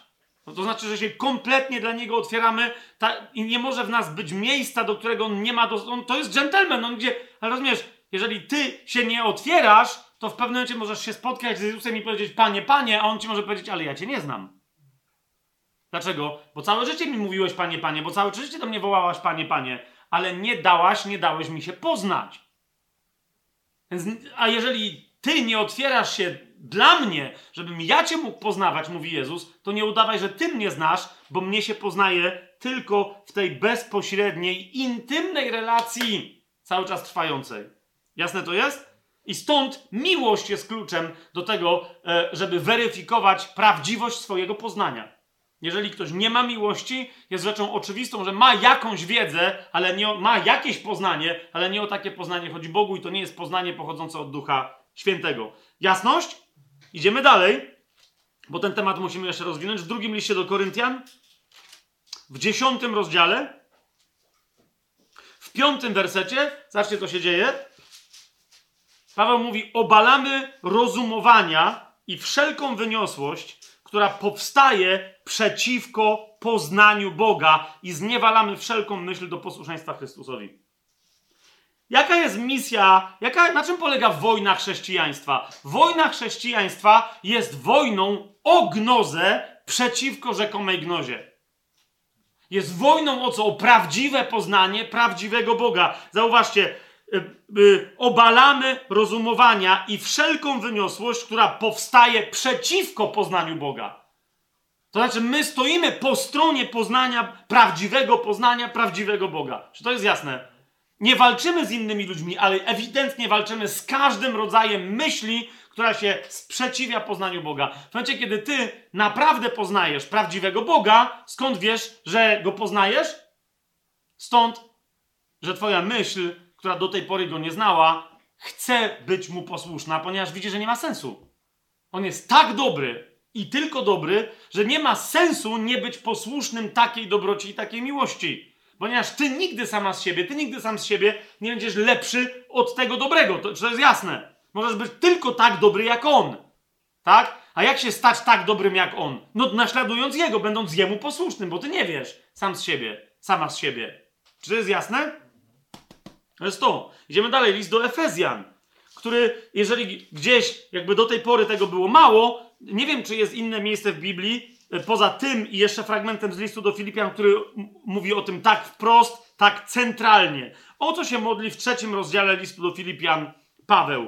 Kiedy przemawia do pogan, ale, ale prawowiernych, ortodoksyjnych, biblijnie wierzących, miłość praktykujących Efezjan. O co się jeszcze dla nich modli? Mówi 17 werset, aby Chrystus przez wiarę mieszkał w waszych sercach. Abyście zakorzenieni i ugruntowani w miłości mogli pojąć wraz ze wszystkimi świętymi, jaka jest szerokość, długość, głębokość i wysokość. I co? I poznać miłość Chrystusa, która przewyższa wszelkie poznanie, abyście zostali napełnieni całą pełnią Boga. Istnieje jakiś rodzaj poznania, to wiecie o co chodzi? Jakiś rodzaj gnozy, czegoś, jakiś rodzaj wiedzy matematycznej, filozoficznej, psychologicznej, itd., itd., itd., nie? Relacyjnej, ktoś kogoś zna, a, a ktoś innego nie zna, itd., itd., nie? Ale poznanie Boga przewyższa absolutnie wszystko i jednocześnie cała reszta poznania zaczyna się dopiero układać, czyli zaczynasz wiedzieć, co w ogóle wiesz, masz właściwą hierarchię wartości itd., itd., dopiero wtedy, kiedy na pierwszym miejscu masz poznanie Boga. Dlaczego? Ponieważ ono napełnia cię całą pełnią Boga. I to ci dopiero wszystko porządkujesz. To jest ja. Zobaczcie, o co, o co on się modli, Paweł. O co się modli? O gnozę dla Efezjan. Jaką? Poznanie, wiedzę. Ale czego? Miłości Chrystusa. Jeżeli, to będziecie wiedzieć, to będziecie znać. Uważajcie, posłużę się teraz określeniem, które kiedyś zostało przy mnie wyśmiane jeżeli to będziecie umieć, nie wiem, czy usłyszeliście, co teraz powiedziałem. Ktoś kiedyś przy mnie wyśmiał dziecko, które powiedziało, że musi się naumieć. Jak się naumi, to będzie umieć. I ktoś przy mnie zwrócił mu uwagę, że ty, ty masz to wiedzieć. Nie wiem, czy rozumiecie? Dlatego słowo naumieć się w tym wypadku, no trochę nie pasuje, ale według mnie, jak coś umiesz, widzicie różnicę między wiedzą, ty coś wiesz, ale to, że coś wiesz, jeszcze znaczy, że, nie znaczy, że to umiesz. Nie? Ja się kiedyś przyglądałem mojemu yy, kuzynowi, który, który jest, pewnie by, był, pewnie jest dalej specjalistą od sztuk walki, judo, jiu-jitsu i tak dalej, i tak dalej, się przyglądałem, jak on pewne rzeczy robił i potem mi tłumaczył, jak to zrobił, co zrobił, no nie? Bo czasem nie wiedziałem, co on zrobił, bum, bum i chłop leży. Tak mówi, to, to polega na tym, że tu, tu, biodro, coś tam, przerzucenie, ciężkość, dźwignia, okej. Okay. Jakby mnie ktoś potem pytał, to ja wiedziałem. Ale jakby mi ktoś powiedział, to to zrób, to nie umiałem. Rozumiecie, o co mi chodzi? W tym wypadku poznanie w Biblii oznacza nie wiedzę na jakiś temat, ale właśnie jest poznanie, jest naumieniem się czegoś. Jasne to jest? Ty to umiesz. Miłość Chrystusa, kiedy cię wypełnia, nie tylko nie ty nie wiesz na jej temat, ty nie wiesz o niej, ale umiesz ją. Rozumiesz?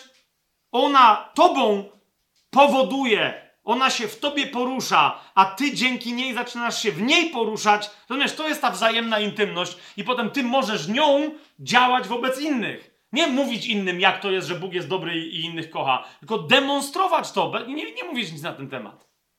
Amen? Mamy to? Dlatego jeszcze ten drugi werset, czyli list do Filipian, trzeci rozdział. Zauważcie, znowu Paweł mówi o gnozie.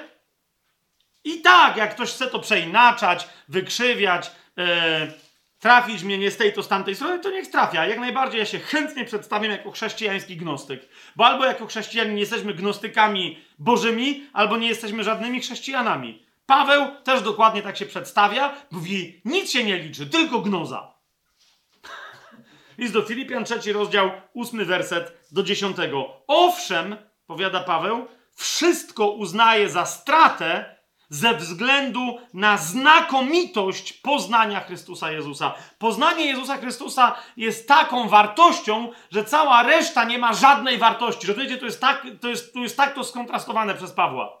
Wszystko uznaje za nicość ze względu na to, jak istotne, centralne, ważne i wartościowe jest poznanie Chrystusa Jezusa. Wszystko, cokolwiek nie jest związane z poznaniem Jezusa Chrystusa, jest niczym, dla którego wszystko utraciłem i uznaję to za gnój, aby tylko zyskać Chrystusa. Co to znaczy? Dziesiąty werset. Poznać Jego, moc Jego zmartwychwstania oraz swój udział w Jego cierpieniach, upadabniając się do Jego śmierci abym jakimkolwiek sposobem dostąpił powstania, podobnie jak on, z martwych. Jasne to jest? Widzicie, to nie jest tylko wiedza o tym, ale jednocześnie wzięcie w siebie miłości, aby pójść tą samą drogą. Jasne? Nawet jeżeli by to miało oznaczać cierpienia i tak dalej, i tak dalej. Zauważcie, tu niektórzy mówią, że no, bo miłość przepełnia człowieka tak, że się potem oddaje jako ofiara. Jezus nigdy nie cierpiał jako ofiara, z wyjątkiem tego, że sam siebie złożył w ofierze, ale jako ofiara taka, wiecie, psychologiczna. Jezus cierpiał, bo wypełniał misję.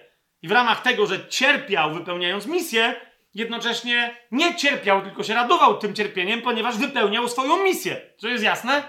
To jest kwintesencja e, słowa pasja. Kiedy ktoś ma pasję, znaczy pasja oznacza to, co oznacza, namiętność, e, ukochanie czegoś, wręcz obsesję na punkcie czegoś albo punkcie kogoś. I jednocześnie pasja oznacza dosłownie drogę krzyżową Chrystusa, wchodzenie Jego na Kalwarię.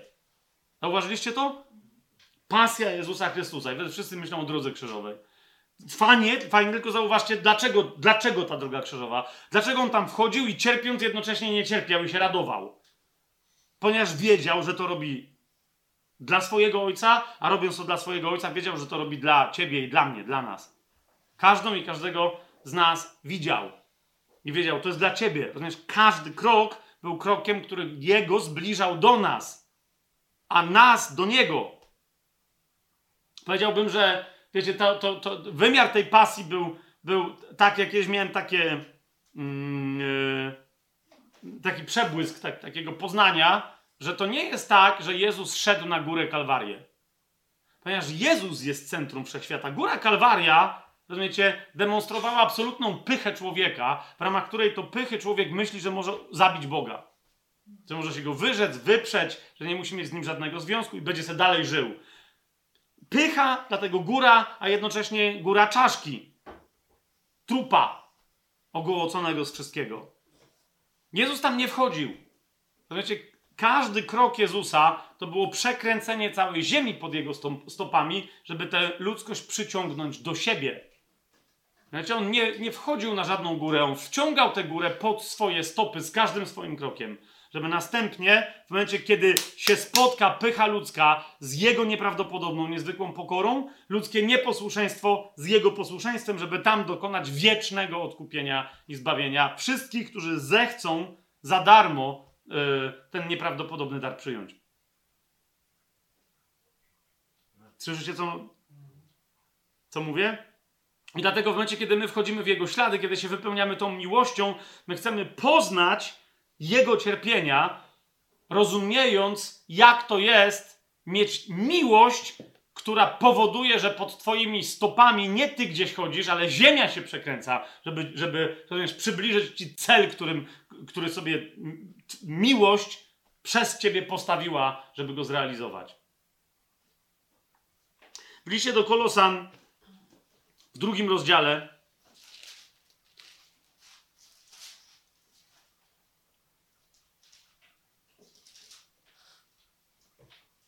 Paweł mówi o pocieszeniu tych, którzy nie widzieli jego oblicza, oblicza w ciele, czy którzy fizycznie go nie widzieli.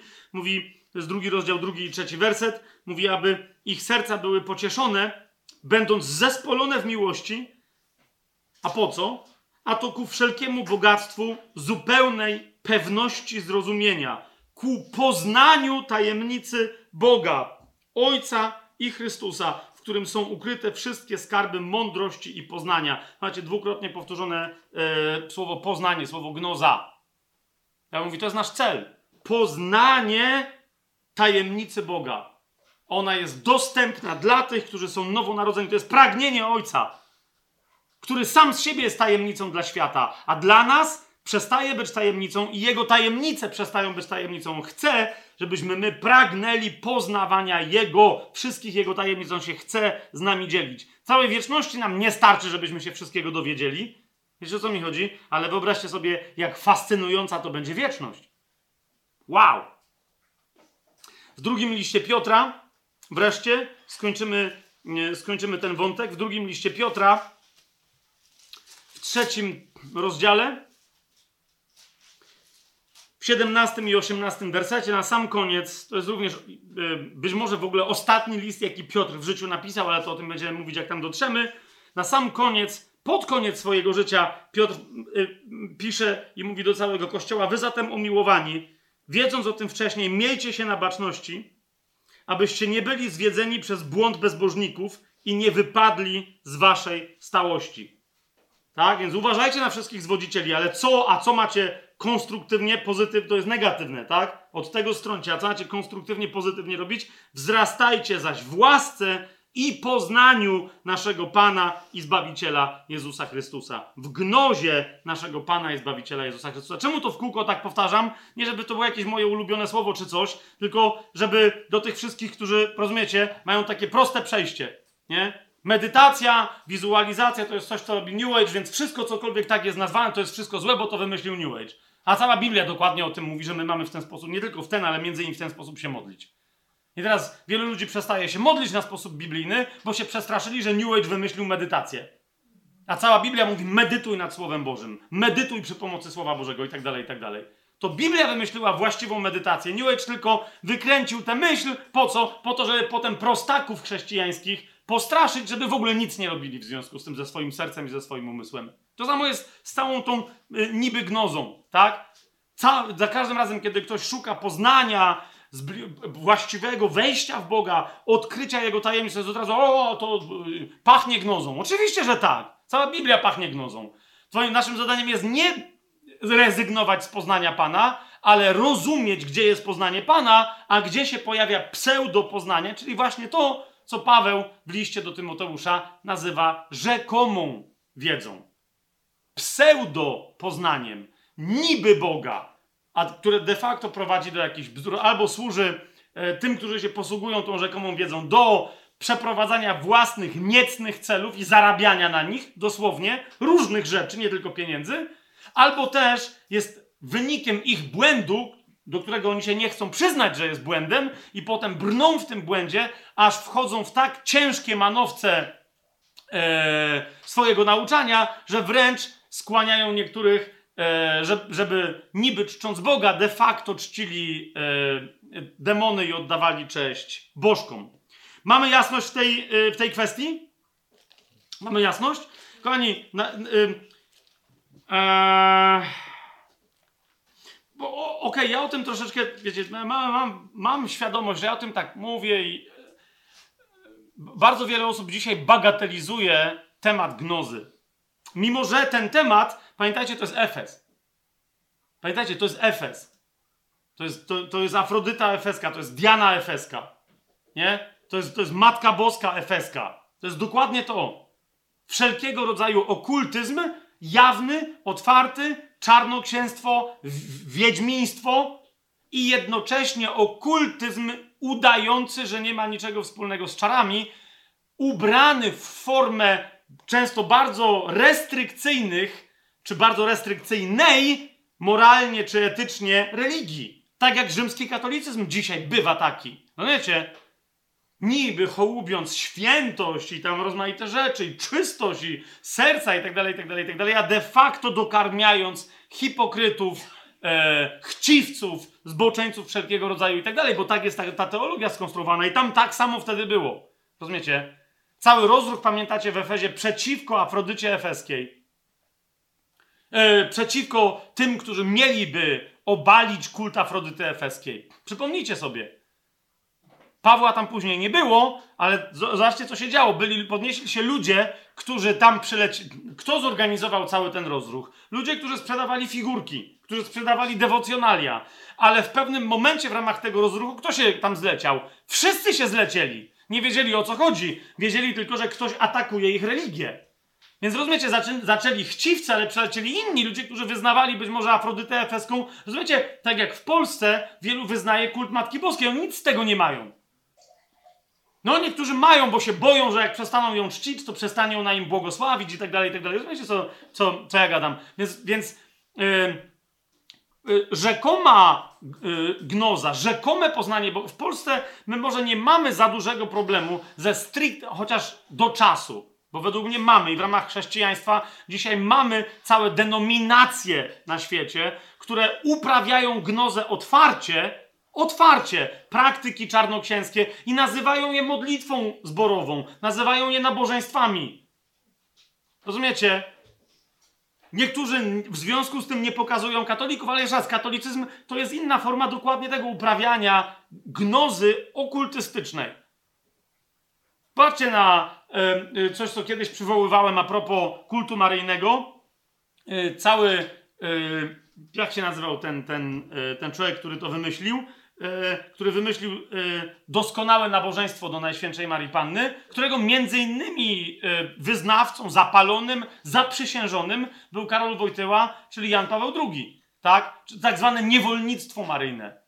Więc ja nie wiem, teraz to wchodził, ale rozumiecie, tam idea jest oryginalnie gnostyczna, czyli żeby poznać Boga, musisz przejść przez poszczególne formy wiedzy, wtajemniczeń itd., itd. Dzisiaj jedna z takich rzeczy, która kwitnie E, wśród ortodoksyjnych, mm, e, tych tak zwanych trydenckich katolików, nie? To jest właśnie, żeby pokazać, że my tu jesteśmy ortodoksyjni, rzymskokatolicki kościół po Soborze Watykańskim II poszedł gdzieś w jakąś dziwną stronę, to co się dzieje? Zaczynają głosić rzeczy nieprawdopodobne. Na przykład, znaczy nieprawdopodobne, e, rzeczy, które były normalnie nauczane w kościele rzymskokatolickim XVI, XVII, XVIII wiek i tak dalej. Do XX wieku. Jakie na przykład?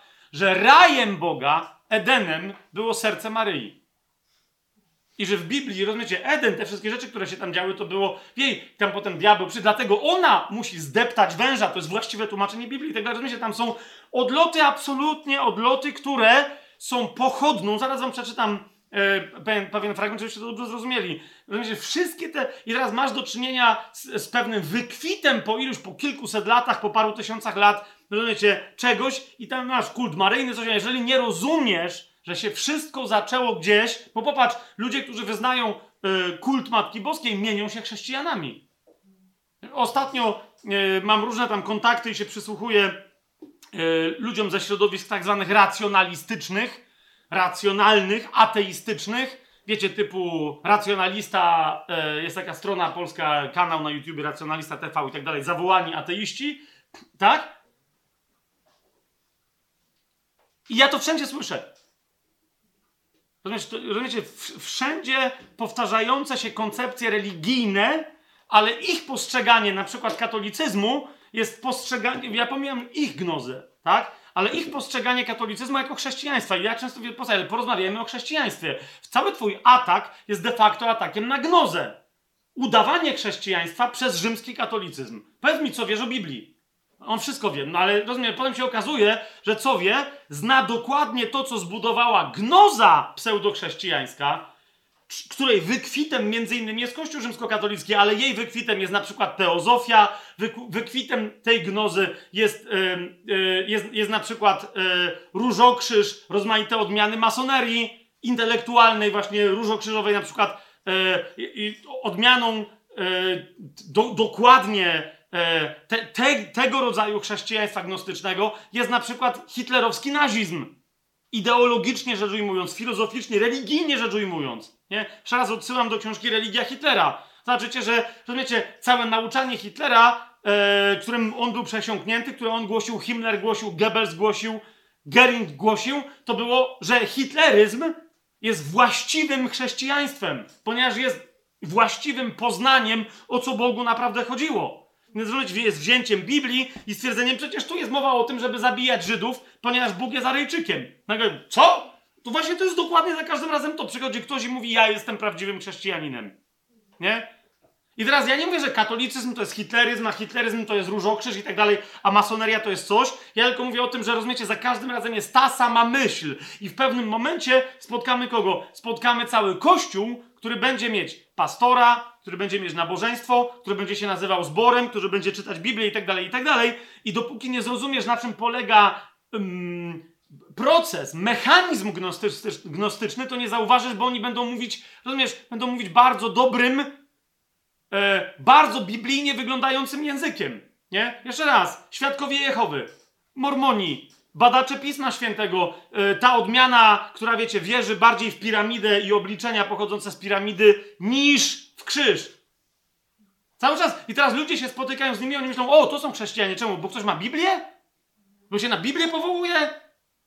A potem się okazuje, że rozumiesz, on nie powie ci dopiero jak przejdziesz siedem wtajemniczeń, to się okaże, że on wcale nie wierzy w Jezusa, bo u niego Jezus w ogóle nie istnieje. To jest anioł, którym jest albo Abaddon, albo Archanioł Michał. Ok?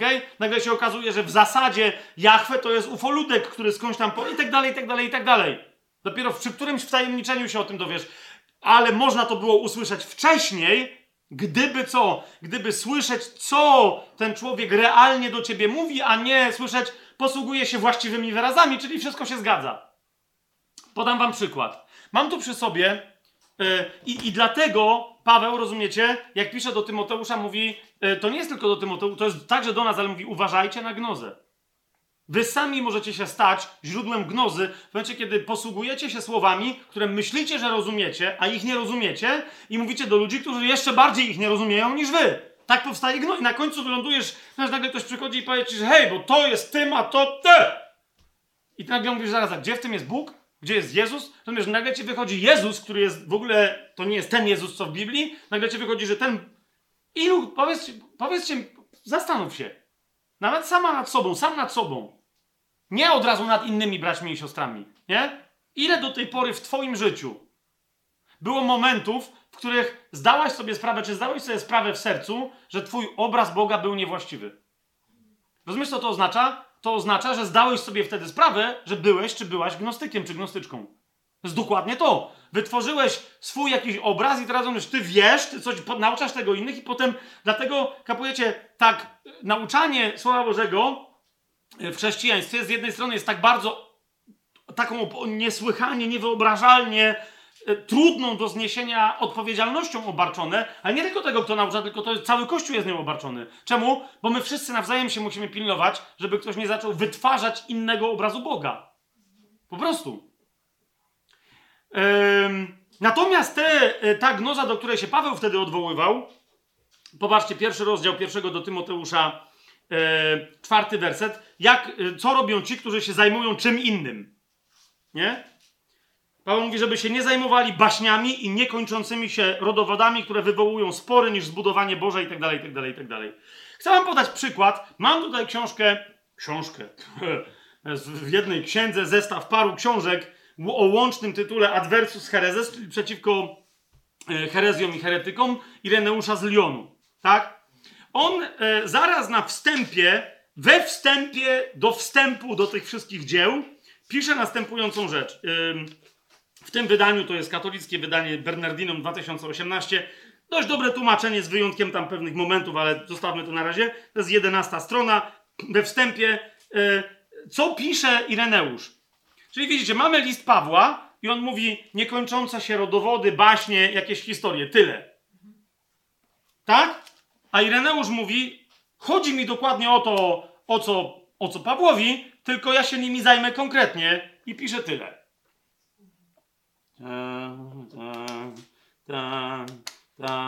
Małym druczkiem stosunkowo, dosyć duże, widzicie, są te kartki. Cała, to, to są dodatki, które nie, są, to, które nie pochodzą od Ireneusza, ale w każdym razie to jest pół tysiąca stron. Tak? Zobaczcie, Ireneusz pisze tak. Ponieważ pewni ludzie, zaraz od pierwszego zdania czytam adversus hereses, ponieważ pewni ludzie, porzuciwszy prawdę, przynieśli słowa kłamliwe i próżne genealogie, które, jak powiada apostoł, służą raczej dalszym dociekaniom niż planowi Bożemu zgodnie z wiarą. To jest dokładnie cytat tutaj z Tymoteusza. I za pomocą przebiegle zbudowanych i miłych dla ucha zdań pociągają umysły niedoświadczonych i biorą je w niewiole, poczułem się zobowiązany, mój przyjacielu, do napisania tego traktatu, by w systematyczny sposób przeciwdziałać ich machinacjom. To jest tyle, rozumiecie, Ireneusz parę dziesiąt lat później, no może sto lat później, to już jest tyle machinacji. A my mamy dwa tysiące lat od tego, co napisał Tymoteusz. Bądźmy czujni, ok? Tu jeszcze jest jedno takie zdanie, które się bardzo mi spodobało. Mianowicie Ireneusz mówi, że bardzo często, tu dosłownie go zacytuję, nie jest łatwo samemu odkryć błąd, gdyż nie ukazują go oni w całej nagości, by nie został, będąc tak zaprezentowany, od razu spostrzeżony. Na tym cała rzecz polega, cała gnoza. Musisz towarzyszyć mu, przejść inicjację, coś tam, za to zapłacić, tego się nauczyć, to wyćwiczyć, tam pojechać, tu jeszcze nie, to jeszcze to, rozumiesz? Za, a, a po 10 latach nagle mówisz, zaraz, to o to chodziło? Tylko, że wtedy głupie ci się jest wycofać. Po drugie, wiele z tych inicjacji ma charakter magiczny, opętujący ludzi, wiążący ich duchowo i oni potem nie bardzo wiedzą, myślą, że hej, zaraz, tyle lat to są przemyślenia, jestem pewny tego, to jest wszystko logicznie ze sobą powiązane, nie? I on wiąże w swojej przebiegłości, przystrajają ten błąd, którego nauczają, jakby w ozdobne i atrakcyjne szaty, tak, by dzięki zewnętrznej formie wydawał się niedoświadczonym, to wyrażenie może brzmi śmiesznie, bardziej prawdziwy od samej prawdy. Nie? To jest gnoza.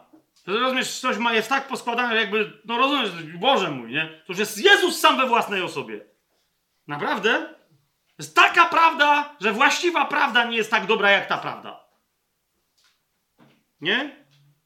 Jak powiedział o nich ktoś bardziej wykształcony yy, od nas, taka skromność Ireneusza, bo ja nie wiem kto wtedy, no ale nie wiem, jak, jak powiedział o nich ktoś bardziej wykształcony od nas, że za pomocą, za pomocą swoich zręcznych słówek sprawiają, iż kawałek szkła wydaje się identyczny z drogocennym szmaragdem, dopóty, dopóki nie natrafi na kogoś, kto umie go ocenić i zdemaskować taką kłamliwą sztuczkę.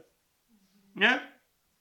Teraz tylko i wyłącznie dla przykładu, jeszcze raz, to jest cała książka, która pokazuje, co się dzieje w całej, w różnych formach gnozy, w jej najbardziej obrzydliwych nawet, rozumiecie, o, odmianach, ale wszystko zaczyna się od czego w gnozie? Od tego, żeby stworzyć jakąś koncepcję przy pomocy słów, które są ci znane z Biblii, które powiąże, powią ta koncepcja powiąże te słowa, to jest to, co Paweł nazywa genealogiami, tak, że nagle powstają ci byty, w ramach których ty wiesz, kto to jest Jezus, kto to jest Jezus wcielony, kim jest Słowo Boże, kim jest Bóg, nic nie wiesz. Rozumiesz, pierwsze to jest takie, że zobacz, to jest taka historia, ty o niej w ogóle nie wiesz, a o niej pisze Biblia. Gdzie, jak, e, a, i myślisz sobie, jak nie znasz Biblii, ej, rzeczywiście, są takie słowa w Biblii, więc ja nie wiedziałem, że to są takie połączenia i wtedy już cię mają, nie? Ten oryginalny koncept od którego nawet Ireneusz w pierwszym rozdziale cały adversus herezem rozpo, herezes rozpoczyna. Wybaczcie, że, ale ja go przeczytam, żebyście zrozumieli, co ma na myśli Paweł, jak mówi, żeby się nie zajmować baśniami i niekończącymi się rodowodami, genealogiami, co z czego pochodzi i tak dalej, i tak dalej, nie? Ta oryginalna myśl okultystyczna, nawet troszeczkę pochodząca sprzed chrześcijaństwa, wzięła pewne określenia chrześcijańskie, wcześniej żydowskie, tak jak Filon Aleksandryjski to zrobił, żeby, rozumiecie, żeby podbudować co? Jakąś fałszywą wizję rzeczywistości, tworząc dziwaczną genealogię, w ramach której na końcu się dowiesz, że jak czytasz Biblię, to nie możesz nic z niej wiedzieć, dopóki najpierw nie znasz tej idei. I nie, nie wiesz, kto to jest Bóg. Nie wiesz, który Bóg to jest Bóg, a który Bóg to nie jest Bóg. Który Jezus to jest Jezus, a który Jezus to nie jest Jezus i tak dalej, i tak dalej. Podaję wam przykład pierwszym rozdziale o, o, o absurdalnych poglądach uczniów Walentyna. Taki jest wstęp i krótki opis Ireneusza. On mówi tak. Utrzymują oni. Popatrzcie, jakie tu się. To jest, to jest dokładnie 2000 lat temu, ale zobaczcie, jak będą nauczać dzisiaj niektórzy, czy to nie jest dokładnie to samo. Utrzymują oni, że na niewidzialnych i niewypowiedzianych wysokościach istnieje najpierw jakiś doskonały, preegzystujący eon. W Biblii się pojawiają takie, rozumiecie, określenia, tam istnieje eon i teraz jak już masz nazwę, potem a gdzie w Biblii? To no, okej, okay. nagle wiesz, fragmenty z Biblii cię zmieniają, więc istnieje eon, którego oni nazywają prapoczątkiem. Jak potem masz na początku było słowo, jest pytanie na początku, a co było w prapoczątku? To, to był prapoczątek, to jest początek. I masz, od razu ktoś mówi, ja nie wiem, ja coś nauczaj mnie, mistrzu. A więc, którego oni nazywają prapoczątkiem, praojcem i otchłanią, którego imię brzmi bytos. A opisują go jako niewidzialnego, niepojętego, odwiecznego i niezrodzonego, a żyje on przez niezliczone okresy wieków w głębokim spokoju i samotności. Kto to jest? To jest Bóg. Zgadza się? Już, już na tym etapie nie wiecie? O mój Boże! Muszę zacząć wam głosić Ewangelię w takim razie. No wiecie, są opis, opis Boga, który tylko z jednej strony to jest Bóg, a z drugiej strony już tu słychać, że jakiś taki jest bardzo odległy. Nie? To jest Bóg, który jest nieskończony, wszystko, ale, ale on to jest ewidentnie Bóg święty spokój. Bytos sam w sobie. Wraz z nim przebywa tam też. Zobaczcie, gdzie jest Matka Boska. Wraz z nim przebywa tam też Ennoea, którą nazywają łaską Haris i ciszą Sige.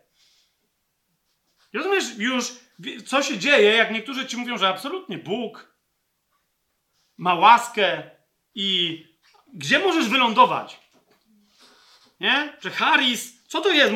Dlaczego my sobie definiujemy wyrazy? Wiecie o co mi chodzi? Dajemy konkretne definicje teologiczne, określeń, co jest czym. Nie pływamy. Nie? Więc tam mieszka z nim w końcu Bytos, tam mieszkał święty spokój, ale nie wiadomo, czy ta Haris, czy ktoś mu nie dawał spokoju, że wreszcie postanowił wyemanować z siebie początek wszechrzeczy. Wiecie, co się dzieje? To jest, tu się zaczyna genealogia. Początkiem wszech rzeczy już w tym momencie nie jest Bóg, ale coś, co wyemanowało z Boga. Dalej. Początek i złożył ową emanację jako nasienie tego, co zamierzał stworzyć w obecnej obok siebie Sige, czyli w Haris. Tak jak składa się nasienie w łonie. Więc widzisz, Bóg ma żonę. Zaraz na początku, że powstała genealogia. Idziemy dalej. Wówczas ona, przyjąwszy to nasienie, stała się brzemienna i urodziła umysł. Czyli po grecku nus, czyli inne określenie tego umysłu, który trzeba zmienić, czyli tak naprawdę najwyższej formy funkcjonowania ducha w Biblii. Rozumiecie? Ona, go, ona urodziła ducha. Na podobieństwo i obraz tego, który go zrodził. I on jeden okazał się zdolny, by osiągnąć wielkość swojego ojca. Kto? Nus osiągnął wielkość Bytosa. Bo zrozumiał o co chodzi, bo on pierwszy miał prawdziwą gnozę dzięki swojej mamie.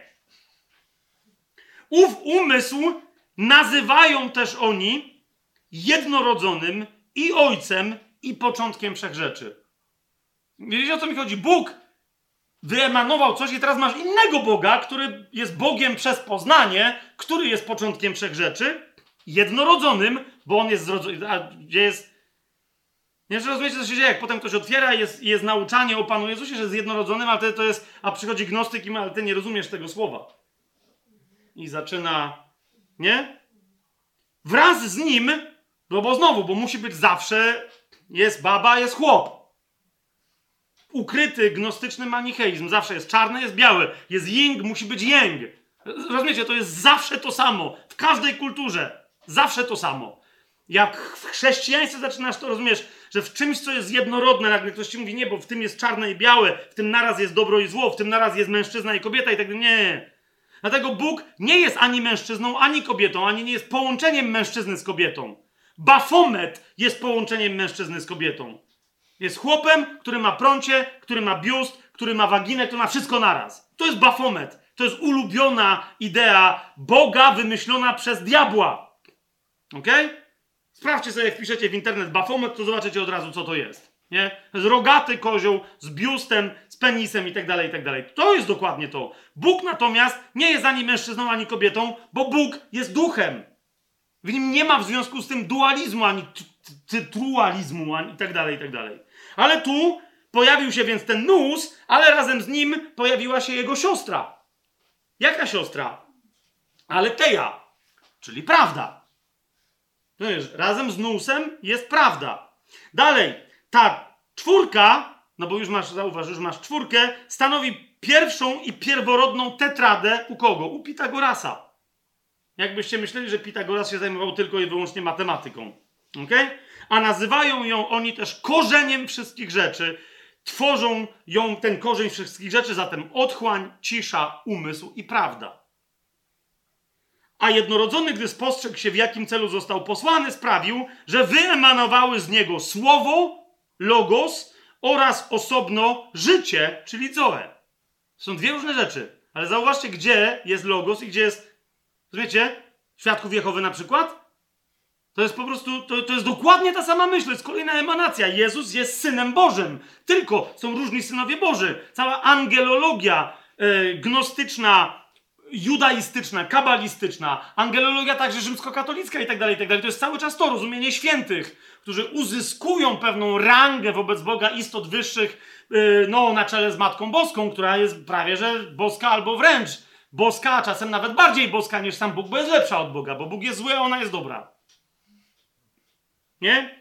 Ojciec tych wszystkich, którzy pojawili się po nim, e, zapoczątkował w ten sposób i stworzył całą pleromę. W Biblii pleroma to jest coś, co jest wyraz, który się regularnie powtarza, że kiedy wypełniła, e, kiedy nadeszła pełnia czasów, pojawił się Pan Jezus, nie? Teraz zauważ, co robi z tym gnostyk, nie? Logos pojawił się w pleromie, która tylko to nagle się okazuje, bo ty nie rozumiesz słów. Ty nie rozumiesz słów w Biblii, nie rozumiesz obrazów, nie rozumiesz alegorii, nie rozumiesz, że w Biblii nic nie jest napisane dosłownie. Wszystko jest napisane szyfrem dla gnostyków. Wiecie już dlaczego ja przez lata zawsze, zawsze mówię szkoła antiocheńska, nie aleksandryjska. Szkoła aleksandryjska to jest po prostu, to jest wynik gnozy i początek dalszej pseudochrześcijańskiej yy, gnozy. Z kolei, skąd się pojawił człowiek na ziemi? Z kolei Logos i Zoe, znowu brat i siostra, połączyli się ze sobą na podobieństwo małżonków i spłodzili człowieka, antroposa i kościół, eklezję. Znowu urodzili chłopca i dziewczynkę. Widzicie? Cały teraz zobaczcie, jak tego rodzaju sposób myślenia, w jak wielu różnych prądach myślowych, także w chrześcijaństwie się przewija. I to się tam potem rozwija, rozwija, rozwija. Nie będę wam tego, oszczędzę wam tego, tylko a propos tych niekończących się genealogii, Ireneusz mówi, że on też mówi, wybaczcie, ale muszę jeszcze napisać, kiedy już wszystkie te eony wyamanowały na chwałę swojego ojca, widzicie, gdzie tu jest, gdzie tu jest Jachwę biblijny. Bo on tam jest, ale w ramach tych wszystkich układów to jest tylko jeden z bożków. Nie? I, I tu będziecie mieli ludzi, którzy nas atakują często w komentarzach y, do różnych naszych wykładów tajemnego planu, że co ja w ogóle gadam, Jachwę biblijny to w ogóle nie jest prawdziwy Bóg, to jest tylko któryś coś tam. Rozumiecie, gnostyków tego rodzaju dzisiaj w XXI wieku masz potąd i bez liku. Ponieważ ktokolwiek uprawia magię, lewej, prawej ręki, czarną, białą, jakąkolwiek, autentyczne, e, diaboliczne, e, okultystyczne czarnoksięstwo, musi wiedzieć o tych rzeczach. Ponieważ w ten sposób się skutecznie oddaje cześć demonom, nie? Ale potem będziesz mieć innych ludzi, którzy zupełnie nieświadomie będą pewne bzdury powtarzać, jak na przykład tych, którzy mówią cały czas, że oni tylko bronią prawdziwego wizerunku Boga który jest dobry, miły, uprzejmy, serdeczny, który jest miłością, a nie tego strasznego Jachwę ze Starego Testamentu, tylko tego, który naprawdę był tatusiem Logosu Bożego, czyli Pana Jezusa, o którym Stary Testament w ogóle nie mówi. Rozumiesz, jak myślisz, skąd jest ta myśl? Od innego gnostyka, Marcjona, dokładnie z tamtego czasu, o którym Ireneusz też pisze.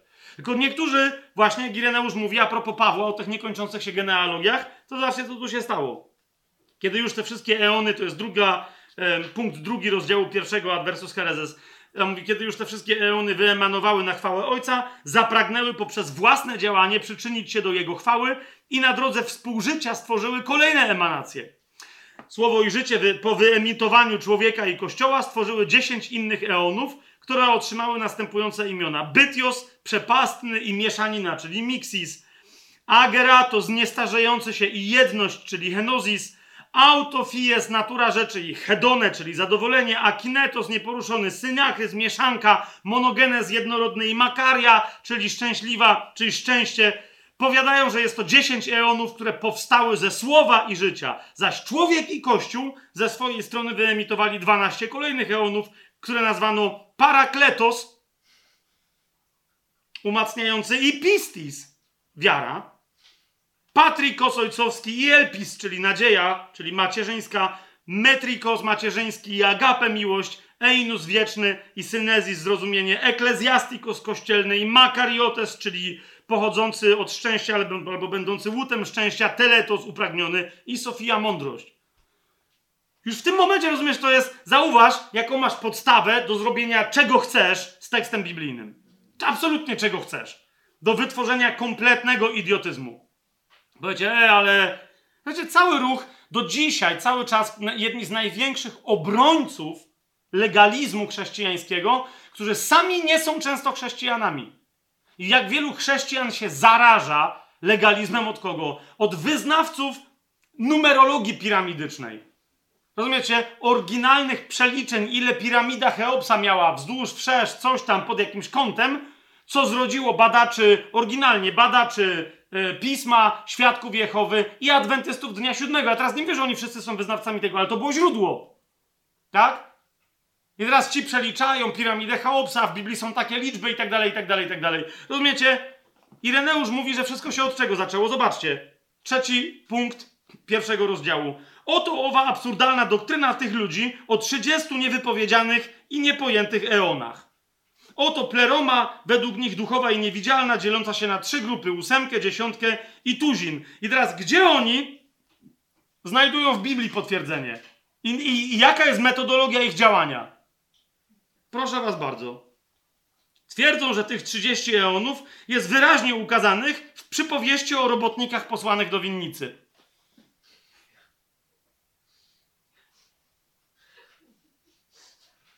Z których jedni zostali posłani do pracy o godzinie pierwszej, drudzy około trzeciej, trzecia grupa o szóstej, kolejna o dziewiątej i ostatnia o jedenastej. Jeżeli, oni tak powiadają, dodamy do siebie liczby wspomnianych tam godzin, to suma ich wyniesie 30, bowiem 1 plus 3 plus 6 plus 9 plus 11 daje razem 30. Według nich owe godziny oznaczają eony. I masz! To jest dokładnie, rozumiesz? A to jest początek boleści, że tak powiem, tej.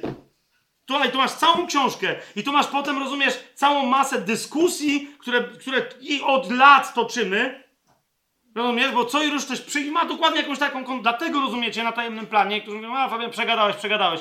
Bo cały czas dla mnie nawet istotniejsze bywa czasem, jak my doszliśmy do jakichś wniosków, żeby ludzie mi nie wierzyli, bo ja mam autorytet, bo ja coś wiem, tylko żeby zobaczyli, jaką mam metodologię i mi nie tylko wnioski sprawdzili, ale metodologię też sprawdzili. Jaką metodą tam dotarliśmy. Żeby potem sami też jak przychodzą, żeby mi powiedzieli, jaką mają metodę. A często ludzie mają dokładnie taką metodę. Bo, bo, bo tu w tym wersecie jest powiedziane tak. No i, no i tyle. I tu mi Pan powiedział, bo takie mam objawienie. Podaję siedem innych wersetów, ale to się nie zgadza z całą resztą Biblii. Ale się z tym zgadza. No nie, to się nie może zgadzać, bo jeżeli się nie zgadza z resztą Biblii, to się tu też nie zgadza. To ty wymyślisz, rozumiesz, gnoza. Gnoza. Dlatego, i teraz zwracam Wam uwagę jedynie, że Paweł tak naprawdę, tłumacząc, yy, o co, o, że, że to jest problem Tymoteuszowi, w pierwszym liście do Tymoteusza nie wyjaśnia szczegółowo tego problemu. Czemu? Bo by musiał to wszystko wyjaśnić. On tylko wiedział, że jeżeli się trzymasz zdrowej nauki, jeżeli naprawdę studiujesz Biblię, e, wy, wyczytując z niej prawdę, a nie próbując wtłoczyć między wersety biblijne swoje prawdy, to, to wówczas to cię nie dotknie. Tak? Ale do tego potrzebujesz właściwej metodologii. I dlatego, jeszcze raz powtórzę, Paweł mówi do Tymoteusza, pierwszy list do Tymoteusza, czwarty yy, rozdział, trzynasty werset, dopóki nie przyjdę, pilnuj czytania, zachęcania do tego czytania i właściwej nauki. Tak? Rozumiesz, że się łączy z tym nie, nie tylko, że czytać Biblię, tak? Ale żeby ją rozważać, dzieląc się właściwą metodologią. Czy to, czy, co wyczytujemy z Biblii, rzeczywiście tam jest napisane. Amen? Troszeczkę się tu porozwodziłem, ale teraz już widzicie, w wielu miejscach Biblii jest powiedziane te niekończące się rodowody, te genealogie, żeby się tym nie. To teraz zobaczcie, to rozumiecie, to jest bardzo niebezpieczna rzecz. To, to stąd macie w pewnym momencie rzymskich katolików, którzy przychodzą i mówią, 12 rozdział Księgi Objawienia, Apokalipsa mówi o tym, że Matka Boska była w niebo wzięta. Co? No tak, rozumiesz? I potem masz całą pieśń nad pieśniami, całe ogromne fragmenty Biblii, które nagle się okazuje, że są o Matce Boskiej. Dlaczego? No właśnie dlatego, bo jak masz metodologię gnosty gnostyczną, pochodzącą z tej rzekomej wiedzy, to wtedy niby masz Biblię. I teraz jeszcze raz, my możemy łatwo pokazać ludzi, którzy popełniają ewidentne błędy. Ale teraz za niedługo zobaczymy podczas naszego dzisiejszego studium, w jakich błędach tkwi chrześcijaństwo, różne nurty chrześcijaństwa, które uważają, że stanowią największą ortodoksję chrześcijańską. Ok? Mam dzisiaj parę trudnych słów. Druga, więc to jest to. Pierwsza płaszczyzna, cel, wypełnić misję apostolską w Efezie, to znaczy nauczać właściwych rzeczy i jednocześnie jednoznacznie punktować, pokazywać niewłaściwą metodologię, niewłaściwy sposób poznawania Boga, poznawania Boga przez Słowo Boże, poznawania Słowa Bożego. A więc punktować i walczyć wprost z tezami rzekomej gnozy, rzekomego poznania Boga, pseudo-chrześcijaństwa. Po drugie, kochani, druga płaszczyzna którą ja sobie nazwałem z dobrego nauczania do dobrej praktyki życia codziennego. Nie? Ta pierwsza dychotomia, e, czyli nauczanie dobre i nauczanie złe, jest publiczna, jest teologiczna. Ta druga oznacza przejście od nauczania do praktyki. Nie? Bo my mamy, rozumiecie, to jest kolejny problem, który Paweł widział od początku w chrześcijaństwie, że nawet jak ludzie mają właściwe nauczanie, to potem się kłócą o to nauczanie, co jest już samo w sobie niewłaściwą praktyką. Rozumiecie? Jest dwóch chrześcijan, trzech, dwa kościoły, dwie grupy, jakieś jedni mówią, że jest tak, drudzy mówią, że jest inaczej, ale dyskutują na ten temat, jak jest, w jaki sposób, przecząc fundamentowi, jaką powinna być wzajemna miłość. Rozumiecie? Więc jeżeli tego nie ma, to Paweł mówi: hej, ale twoje nauczanie musi się zamienić we właściwą praktykę życia. Ok? Więc mówi, e, ucz nie tylko właściwych rzeczy, podawaj nie tylko właściwe nauczanie, ok? Ale też pokazuj, jak to nauczanie zamienić w konkretną praktykę życia. I jednocześnie pokazuj, jak ci, którzy nauczają fałszywie, prowadzą do opłakanych skutków. Tylko jednocześnie w momencie, kiedy to pokazujesz, czyli pokażesz, to są gnostycy, oni robią takie głupie rzeczy, a na końcu okazuje się, że są złodziejami. Nie? Mówi, to jednocześnie zwróć uwagę, że jeżeli ktoś u ciebie w kościele albo ty sam naucza czegoś właściwie, ale potem ma niewłaściwy owoc życia, to nadal jest coś niewłaściwego w jego nauczaniu. Czy jest jasne to, co ja powiedziałem? Ok? To jest druga płaszczyzna, a więc przeniesienie nauczania, stricte nauczania, na co? Na praktykę życia codziennego. I tu docieramy do idei i istoty tego, czym jest pobożność chrześcijańska. Ok? Pobożność w języku greckim słowo euzebeja. Euzebeja. Eee...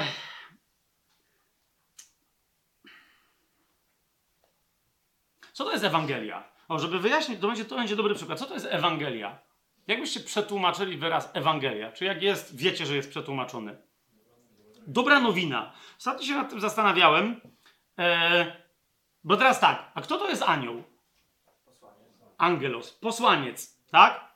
To, co niesie anioł, czyli posłaniec, jest czym? Posłannictwem albo poselstwem, tak? Skąd my wiemy, że Ewangelia to jest dobra nowina? Ponieważ to jest wyraz eu angelion. Angelion to jest to, co niesie angelos, czyli to jest posłannictwo, poselstwo. Eu znaczy dobre albo radosne. Euangelion to jest dobre czy radosne posłannictwo. Coś, z czym ktoś od kogoś do kogoś przechodzi. Wiecie to? No dlaczego o tym mówię? Bo zwróćcie uwagę, wszędzie eu Harystein, tak? Eu Zebeja. Zawsze jak jest eu, to jest przedrostek, który oznacza dokładnie to, co w euangelion, czyli coś radosnego, coś dobrego. Dobrego i radosnego. Raczej dobrego niż radosnego, ale też radosnego. Eu. Więc jak mamy tutaj eu Zebeję, to co to? Jest ta sama Zebeja, tak? Jest, y, oryginalnie to chodzi nawet o czasownik, nie o rzeczownik. Czasownik sebo w języku greckim oznacza oddawać cześć Bogu zasadniczo albo komuś, kto jest bardzo, wiecie, w jakimś ogromnym autorytecie. A pobożność chrześcijańska to nie jest oddawanie czci Bogu. To jest dobre oddawanie czci Bogu. Zwróciliście uwagę? Na coś, to nie jest Sebeja, to jest Eusebeja. Ok? Bo można sebo tak, uprawiać cześć, oddawać cześć Bogu, ale twoje, twoje, twoje, twoje sebo, że tak powiem, czczenie Boga, może, powinno być Eusebeją tak? dobrym, właściwym, takim jak Bóg sobie zamarzył i zapragnął czczeniem Boga. I rzeczywiście, tu mam notatkę rzeczywiście, 15 razy w Nowym Testamencie e, wyraz Eusebeja e, się pojawia, z czego 8 razy w pierwszym liście do Tymoteusza. Wyobrażacie to sobie? Dlatego jeszcze raz mówię, w nim chodzi o to, żeby Tymoteusz w Efezie umocnił pobożność. Ale dzięki temu my widzimy, czym jest pobożność i możemy ją sobie zdefiniować. Najpierw bym chciał, żebyśmy się przyjrzeli pobożności w innych miejscach Biblii, więc ją sobie otwórzmy. Nie w samym pierwszym do Tymoteusza, bo to nam da właściwy e, kontekst, żebyśmy się też przyjrzeli swojej pobożności. Jeżeli nie chcemy być pseudognostykami, a chcemy być ludźmi, którzy naprawdę Boga poznają, to powinniśmy być we właściwy sposób pobożni. Ok?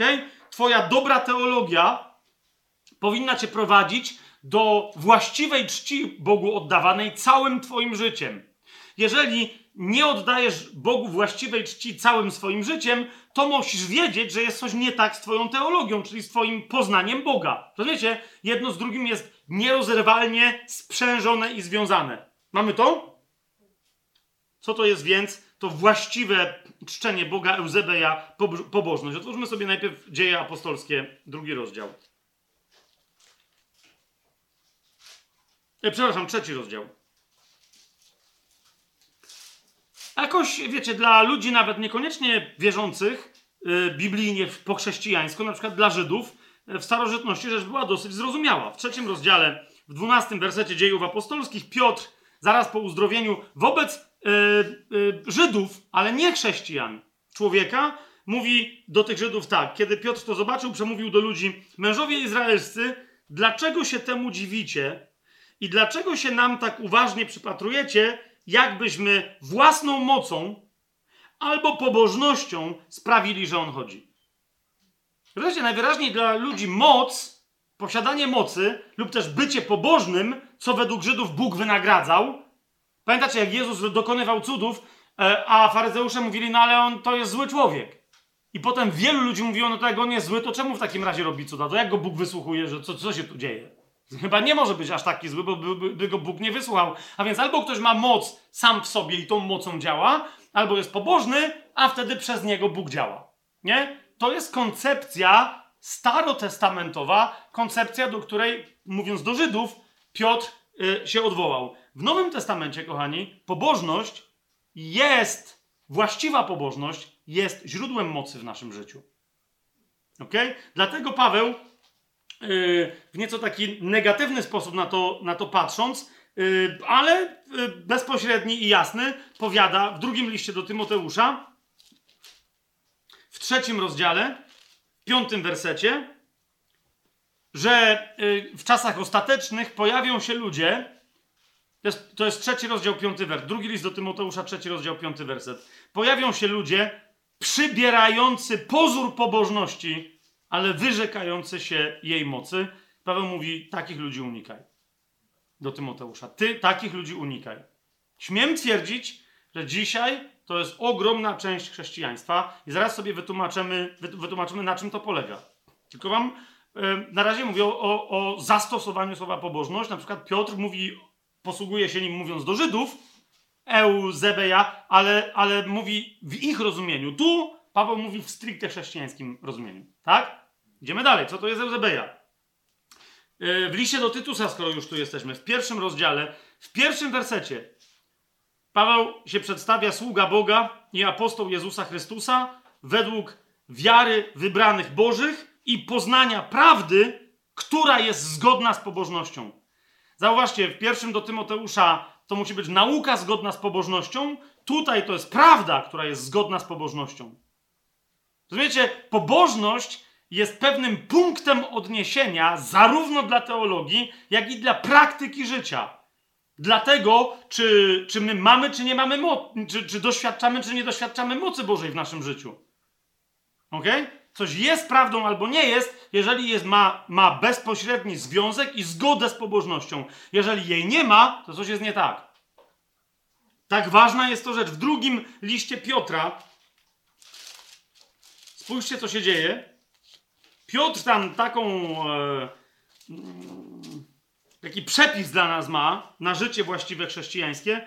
W drugim liście Piotra, w pierwszym rozdziale, w trzecim wersecie, dokładnie tym wyrazem Eusebeja się posługuje, mówiąc: Jego boska moc obdarzyła nas wszystkim, co potrzebne do życia i pobożności. Zwróćcie uwagę, to, to co ma charakteryzować nas, żyjących jeszcze na tym świecie, to jest pobożność. Potrzebujemy pewnych rzeczy do życia materialnego, cielesnego. Widzicie to? I drugą częścią naszego życia tutaj jest pobożność. Do pobożności też potrzebujemy czegoś od Pana i On to wszystko nam daje. Nie ma żadnej innej rzeczy tutaj na ziemi. Życie i pobożność. Co to jest życie, to ci każdy powie, tak? No, oddychanie, jedzenie, bycie w relacji z innymi, płodzenie dzieci, wychowywanie ich, robienie jakichś tam. O, okej, okay, to, jest, to jest życie.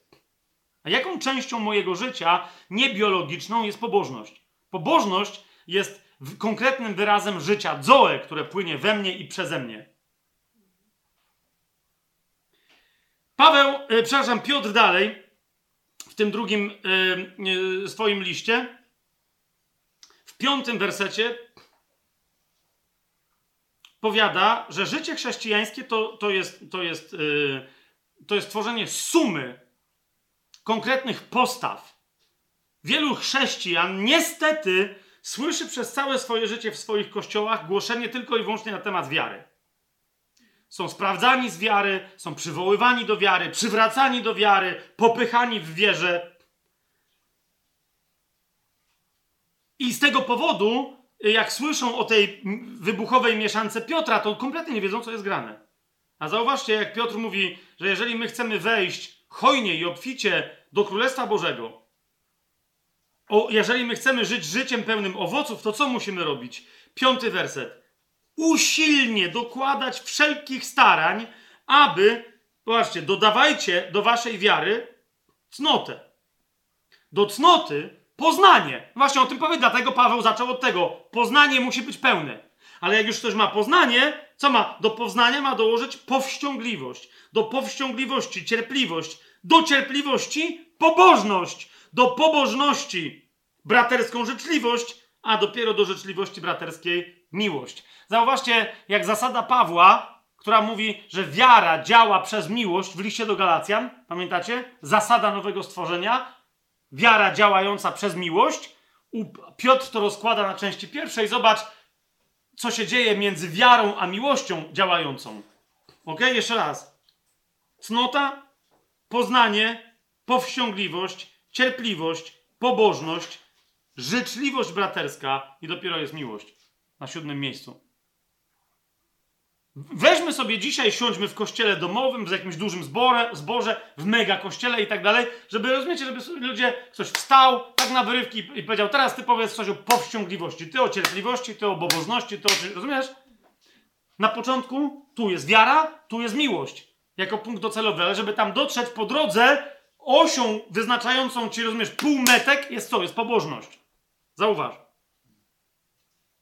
Nie? A co wszystko pomiędzy tym, jeszcze, raz, jeżeli nie, nic nie wiesz, niczego nie wiesz na temat wiary i niczego nie wiesz i nie praktykujesz miłości, jeżeli nie rozumiesz tych wszystkich komponentów, które się składają na przejście od wiary do miłości, które powodują, że wiara staje się aktywna w miłości. Czy to jest jasne? Ilu ludzi się kłóci na temat Jakuba, który mówi, wiara bez uczynków jest martwa. Nie rozumiejąc, że okej, okay, pokłóćmy się, tylko jak nie rozumiesz tego fragmentu z Piotra, to cała kłótnia, o co chodzi Pawłowi, który nie ma żadnej sprzeczności, kiedy mówi o, rozumiecie, o łasce, o wierze, o darmowości łaski, a, a, i nie ma żadnej sprzeczności z Jakubem, który mówi dokładnie o tym samym. Dlaczego? Bo jeden i drugi rozumieją, czym jest pobożność, a cała reszta w kółko jest na czym skoncentrowana? Na wierze i tym, że wiara zapewnia coś za darmo. Jakim połączeniem dla nas jest wiara, żeby dostać łaskę? Ale to jest wstęp, a potem ta łaska zaczyna swoją pracę, żeby w nas zbudować możliwość kochania. A więc za darmo otrzymujemy łaskę przez wiarę. Ale każda następna rzecz to już jest współpraca z łaską, która w nas przynosi owoc cnoty, cierpliwości, pobożności. Rozumiecie o co mi chodzi? Poznania jeszcze po drodze. Jasne to jest? Zauważcie jeszcze raz, jak ważna jest pobożność, ale znowu popatrzcie, że Piotr jej w ogóle nie definiuje. On mówi, że to jest jasne. Jesteście chrześcijanami? Jesteśmy. No, no to wiecie o co chodzi. I całe dzisiejsze chrześcijaństwo, tak. Wiemy. I, i robimy jak ta studentka na egzaminie w, w, w za małych kozaczkach. Albo jak niektórzy z nas robili w podstawówce, nie? To powiedz mi coś o pobożności. A my robimy wtedy Kto mi pod... No, mów. A cała klasa, tyle wiemy co i ty, ale ciebie pytają. Haha. W drugim liście Piotra, w trzecim rozdziale, nie, nie tylko, rozumiecie, bo to niektórzy, no tak, ale tam jest jeszcze cierpliwość, coś, ale zauważcie, jak kończy ten swój list, kiedy mówi o absolutnie o przyjściu Pana na ziemię, że ono jest nieuchronne, Zauważcie, jak konkluduje Paweł w trzecim rozdziale, w jedenastym wersecie. Skoro to wszystko ma się rozpłynąć, a ma na myśli całą ziemię, wszystkie dzieła ludzkie, skoro to wszystko ma się rozpłynąć, to jakimi wy powinniście być w świętym postępowaniu i pobożności? A my mówimy, na pewno, wow, takimi powinniśmy być. Tylko nie wiemy w czym. W świętym postępowaniu i w pobożności. I dlatego ludzie, myśląc, mając religijne koncepcje, zaczynają, jak się trochę postraszą, to wtedy zaczynają mnożyć modlitwy albo je wydłużać. Częściej chodzić. W są w niedzielę, to potem jeszcze idą na grupę biblijną i potem jeszcze na grupę modlitwy wstawienniczej i jeszcze na coś. Jeszcze pomogą na kościele ulicznym, będą rozdawać kana. Wiecie o co mi chodzi? Żeby namnożyć, ponieważ nie rozumieją, co to jest święte postępowanie i pobożność. Nie, nie wiedzą. No to myślą, pobożność to są jakieś rzeczy, które zadowalają Boga, no to trzeba go zadowalać, to teraz trzeba, im więcej tego zrobię, tym bardziej on zadowolony. Każda religia tak myśli. W pierwszym liście do Tymoteusza, przejdźmy do pierwszego listu do Tymoteusza, bo jak e, wystarczy przeczytać sam pierwszy list do Tymoteusza, bo widzicie inne fragmenty w Biblii. A teraz osiem wystąpień pobożności w pierwszym liście do Tymoteusza. One nam pozwolą zrozumieć pobożność. ok? A więc w pierwszym liście do, do Tymoteusza pobożność pojawia się najpierw w drugim rozdziale, w drugim wersecie, gdzie Paweł mówi, że mm, zachęca, aby się modlić wstawienniczo i dziękczyniąco za kogo? Za królów i za wszystkich sprawujących władzę, abyśmy mogli prowadzić życie ciche i spokojne z całą pobożnością i uczciwością. Widzicie? On dodaje pewien element, którym jest uczciwość, ponieważ Paweł wie, że nawet pobożność, ba, nawet wiara, ba, nawet miłość sama w sobie może być obłudna. I dlatego, kiedy mówi miłość, mówi niech wasza miłość będzie nieobłudna. Niech wasza wiara będzie nieobłudna i szczera. I to samo tu mówi w pobożności, ale w szczerej, w uczciwej pobożności, nie w nieuczciwej, która próbuje coś, coś zaskarbić sobie u Boga, która wynika z tego, że my od Niego już wszystko mamy. Pamiętajcie, co napisał Piotr. Jego moc daje nam wszystko, co jest potrzebne do czego? Do życia i do pobożności. A więc pobożność nie jest nam potrzebna do tego, żeby od niego coś wydębić, bo jest dokładnie odwrotnie. On nam umożliwia pobożność, a nie nasza pobożność umożliwia nam pobranie czegoś od niego. Jasne? Natomiast co nam może przeszkodzić w życiu spokojnym i yy, cichym? Bo nic nam nie może przeszkodzić w pobożności i w uczciwości. To jest jasne? Ale żebyśmy my żyli pobożnie i uczciwie w ciszy i w spokoju od świata, to dlatego potrzebujemy się modlić. Nie, żeby była możliwa pobożność i uczciwość, ale żeby była możliwa, możliwy spokój i cichość. Jasne?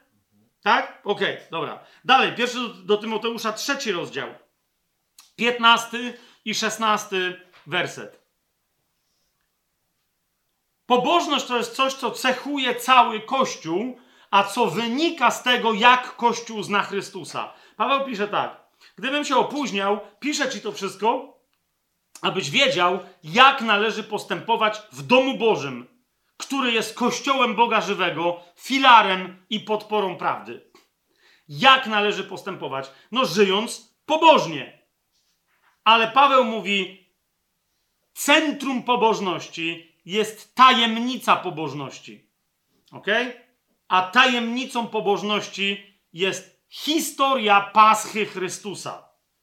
Nie Chrystus sam w sobie, bo tak to ci każdy gnostyk powie. Czy to jest jasne? Nie? On mówi: Nie, nie, nie. Tajemnicą pobożności, a więc żebyśmy my żyli właściwie, przynosili właściwe owoce, jest zrozumienie, że tą tajemnicą jest Pascha Chrystusa, a nie osoba Chrystusa, nie Logos, bo widzicie, jak się można bawić, ale Jego Pascha.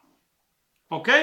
Paweł mówi: bez wątpienia wielka jest tajemnica pobożności.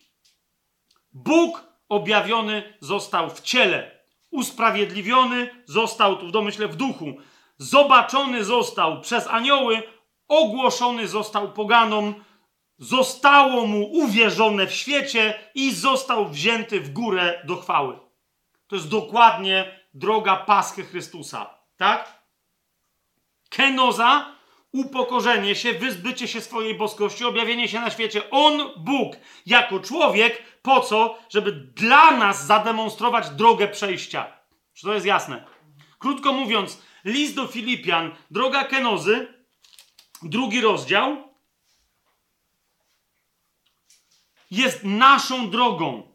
Paweł to przypomina. Dlaczego, y, zauważ, trzeci rozdział listu do Filipian. Owszem, ósmy werset. Wszystko uznaje za stratę dla znakomitości poznania Chrystusa. Czemu? Bo kiedy go poznaje, poznaje jego paschę. Zauważcie, dziesiąty werset. Poznać jego, moc jego zmartwychwstania oraz mój udział w jego cierpieniach. Aby umrzeć, jak on umarł, i zmartwychwstać, jak on zmartwychwstał, i żyć, jak on żył, żyje razem z nim. Amen? Teraz, co znaczy poznać jego? Poznać jego paschę. Je, czyli jeżeli ja chcę być tak jak on, to ja chcę być kompletnie. Nie chcę zapuścić włosów długich i brody, jak, jak hipisi zapuszczali na Jezusa. Nie? Brodę, włosy i niektórzy wyglądali włącznie z Johnem Lennonem w pewnym momencie jak Jezus. Taki wiecie, z wyobrażeń hipisów. Nie?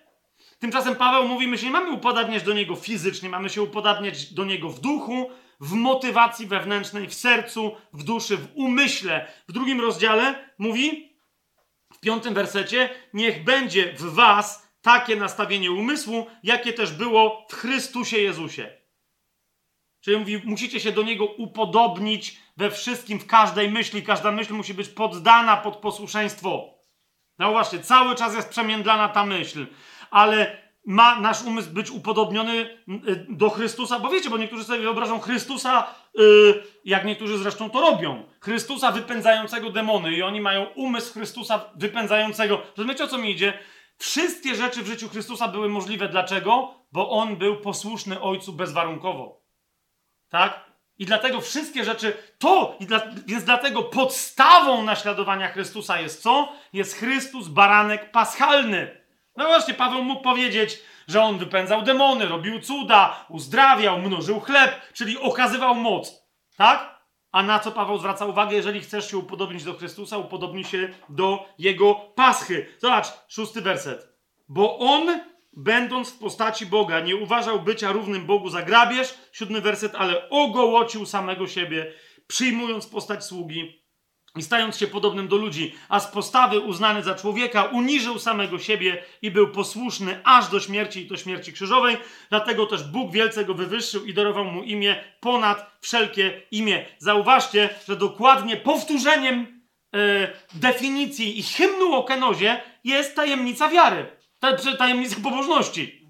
Nie? Trzeci rozdział, szesnasty werset. Bóg objawiony został w ciele. Wysp, tak? Kenoza on istniejąc w postaci Bożej. Nie, zobaczcie, aż do końca wzięty został w górę do chwały. To jest dokładnie ta droga, widzicie to? I dokładnie o co tutaj chodzi? musisz zrozumieć to, co się stało z Chrystusem.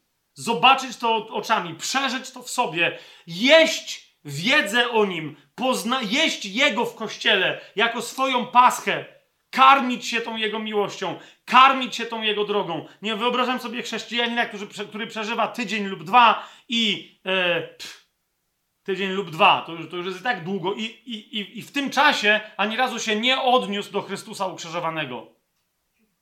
Postanowiłem nie znać nikogo innego jak tylko Chrystusa i to Chrystusa ukrzyżowanego.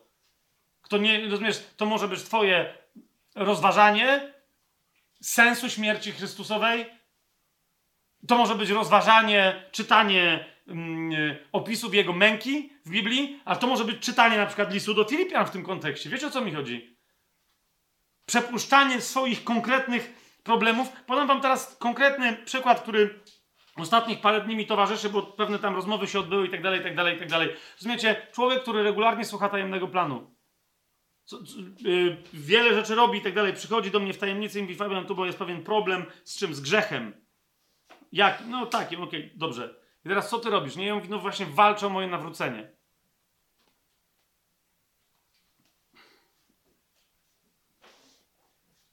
Dosłownie to była moja reakcja, w sensie z cierpliwością jeszcze raz weszliśmy w długą debatę, trwającą za trzy dni. No nie non-stop, ale wiecie, co mi chodzi, tak?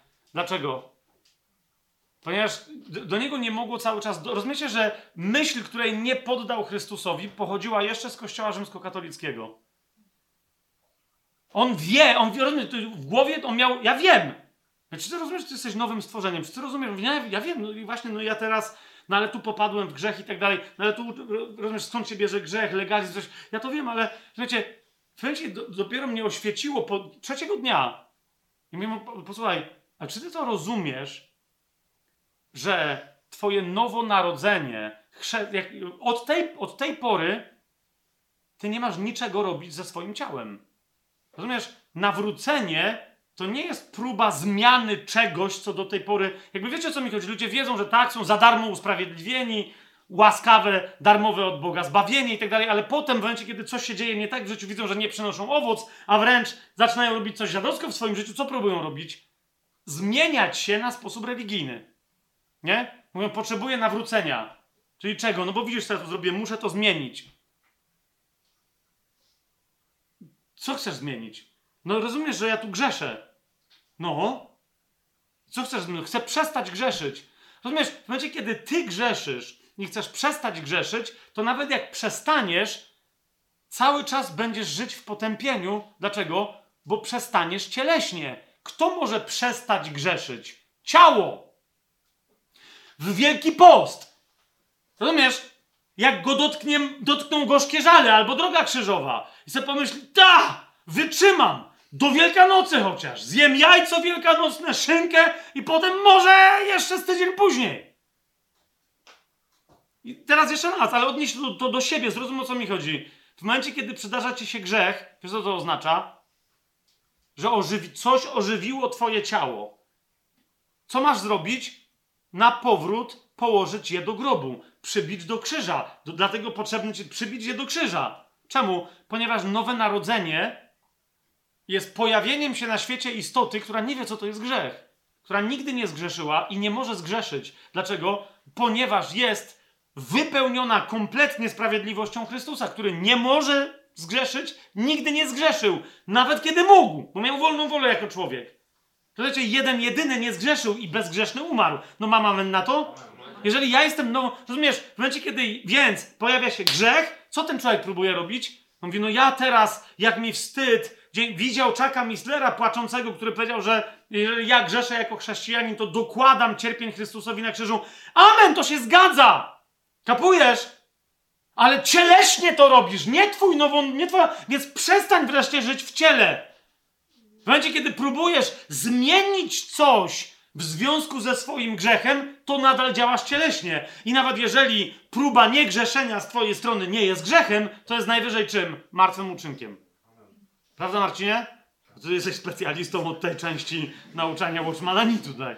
Czy, słyszy, tylko wiecie, uśmiechnęliśmy się teraz, ale Kto z nas nie, nie musiał, rozumiesz, jeżeli nie masz przed oczami cały czas wymalowanego Chrystusa ukrzyżowanego, to co? Rozumiesz, jak pamiętasz, że ci ktoś wymalował, ale zaczynasz patrzeć gdzie indziej, lądujesz jak Galacjanie, którzy mieli wymalowanego. W legalizmie. I przy pomocy legalizmu narzucasz sobie swoje prawidła, przez siebie wymyślonego legalizmu, obiecujesz coś Bogu, rozumiesz, że teraz już nie będziesz robić to, rozumiesz, rozumiesz, wystarczy zacząć żyć jako syn Boży, jako córka Boża, jako dziecko Boże. Jan mówi wyraźnie, kto się z Boga narodził, nie grzeszy. No ale ja zgrzeszyłem, ten mi mówi. To, to, to znaczy, że zgrzeszyło ciało. Więc przestań nim być wreszcie. Przestań nim być. Jak się przestaje nim być? Tak jak w chrzcie. Rozumiesz? Chrzest jest cały skoncentrowany, żeby móc żyć życiem zmartwychwstałego Chrystusa. Chrzest koncentruje cię na czym? Na śmierci Chrystusa. Po prostu połóż to ciało do grobu. I zacznij żyć życiem, które On ci dał, a nie życiem, które to zombie ci wmawia, że jeszcze w sobie ma, bo nie ma. Po prostu. To jest kogut z uciętym łebem, co jeszcze biega bez łeba. Widzieliście kiedyś? Nie, no nie, bo to dzisiaj to nie wolno zabijać zwierzątek i tak dalej, ale ja jestem ze wsi oryginalnie i widziałem parę razy, jak kurze czy kogutowi ktoś łeb odciął i... Nawet nie byłem wstrząśnięty, tylko byłem taki, ty serio? Ty, chłop nie ma głowy, dalej leci. No a potem już był koniec, ale jeszcze trochę leciał, nie? To jest dokładnie grzeszenie chrześcijan. To jest idealny obraz grzeszenia kogoś, kto już jest po chrzcie, kto się kiedyś zdecydował, że nie będzie żył, a potem jeszcze od, nagle okazuje się, że ciało ma swoje odruchy. Rozumiesz? Bo tam jest zwierzchność, która się nazywa grzech. Po prostu, która tylko czeka, żeby, żeby jej pozwolić na ożywienie tego trupa. I będziecie straszyć zombie. Dlatego, dlatego, nie rozumiesz, zobacz jak łatwo w praktyce życia, bo ten w praktyce życia co zaczął robić? Nakazał sobie, że on nie będzie w ogóle włączał komputera. Nie będzie, a jak włączy, to on tylko pisze, ale nie będzie z internetu korzystał, bo internet to jest narzędzie zła. Rozumiesz? Wszędzie nagle jest diabeł. Ja mówię, gościu, zostaw diabła. Chrystus już wygrałeś w Chrystusie. Ty masz problem z czym? Z ciałem, któremu pozwalasz cały czas żyć. Jak? No właśnie w taki sposób. Ciało się absolutnie cieszy. Mówi, tak, to nie ja, to internet jest winny. Mhm. Potem się okazało, że mu się jedna druga babeczka zaczęła podobać, rozumiesz, na spotkaniu kościoła. No to baby znowu są złe, nie? Potem się okazało, że w zasadzie to jego żona jest zła, bo ona powoduje, że... No rozumiecie, gdzie wylądujesz? klasycznej gnozie na samym końcu, która ci powie, no po prostu, musisz żyć odcięt... Najlepiej nie jeść mięsa, bo ono powoduje wojny, tak? Najlepiej się wykastrować jako facet, no bo ono powoduje wojny, to co jest do wykastrowania, tak? Odciąć się w ogóle od pożycia małżeńskiego, od ambicji chrześcijańskich bożych, żeby przynosić jakiekolwiek owoce w kościele, w życiu swoim. Najlepiej jest po prostu stać się mumią, zabandażowaną, którą ktoś będzie nosił na nabożeństwo i z powrotem, żeby tylko słuchać, bo internetu też nie możesz włączać, żeby tylko słuchać, jak, co tam ktoś nadaje, wrócić i jakoś dożyć, Bóg by dał do powrotu Pana Jezusa. A ja go wtedy postraszyłem, mówię, no jak Pan Jezus wróci i powie, co żeś zrobił ze swoim czasem i mówi, wiedziałem, że tak będzie. Mówi, to jest koło, to jest błędne koło, to jest koło bez... Mhm. To, to, jest, to jest błędne koło, że Pan Jezus powróci. Serio, gościu? Czy może błędne koło to jest, dla Twojego ciała, które jest tutaj przyczyną wszystkiego. Rozumiecie o co chodzi? Ożywione przez Twoje próby cielesnego rozwiązania problemu, który nie jest Twoim problemem jako nowego stworzenia. Po prostu. Jedna siostra w Chrystusie kiedyś nauczając yy, powiedziała taką, taką rzecz, że yy, jak ona odkryła, jak łatwo jest walczyć z grzechem, yy, to, to, to jedno miała parę takich dni, że jednocześnie płakała i się śmiała, dosłownie na przemian, nie? waliła się w głowę, wyzywała samą siebie, potem się uspokajała, że tak nie wolno, po czym mówi, że właśnie, że wolno i tak rozumiesz, bo miała po prostu odlot, jak odkryła, jak łatwo jest walczyć z grzechem, nie? Ja tak nie byłem pewny, jak ktoś ma takie szały, czy rzeczywiście wie, jak łatwo walczyć z grzechem, więc zapytałem, co ona odkryła, nie?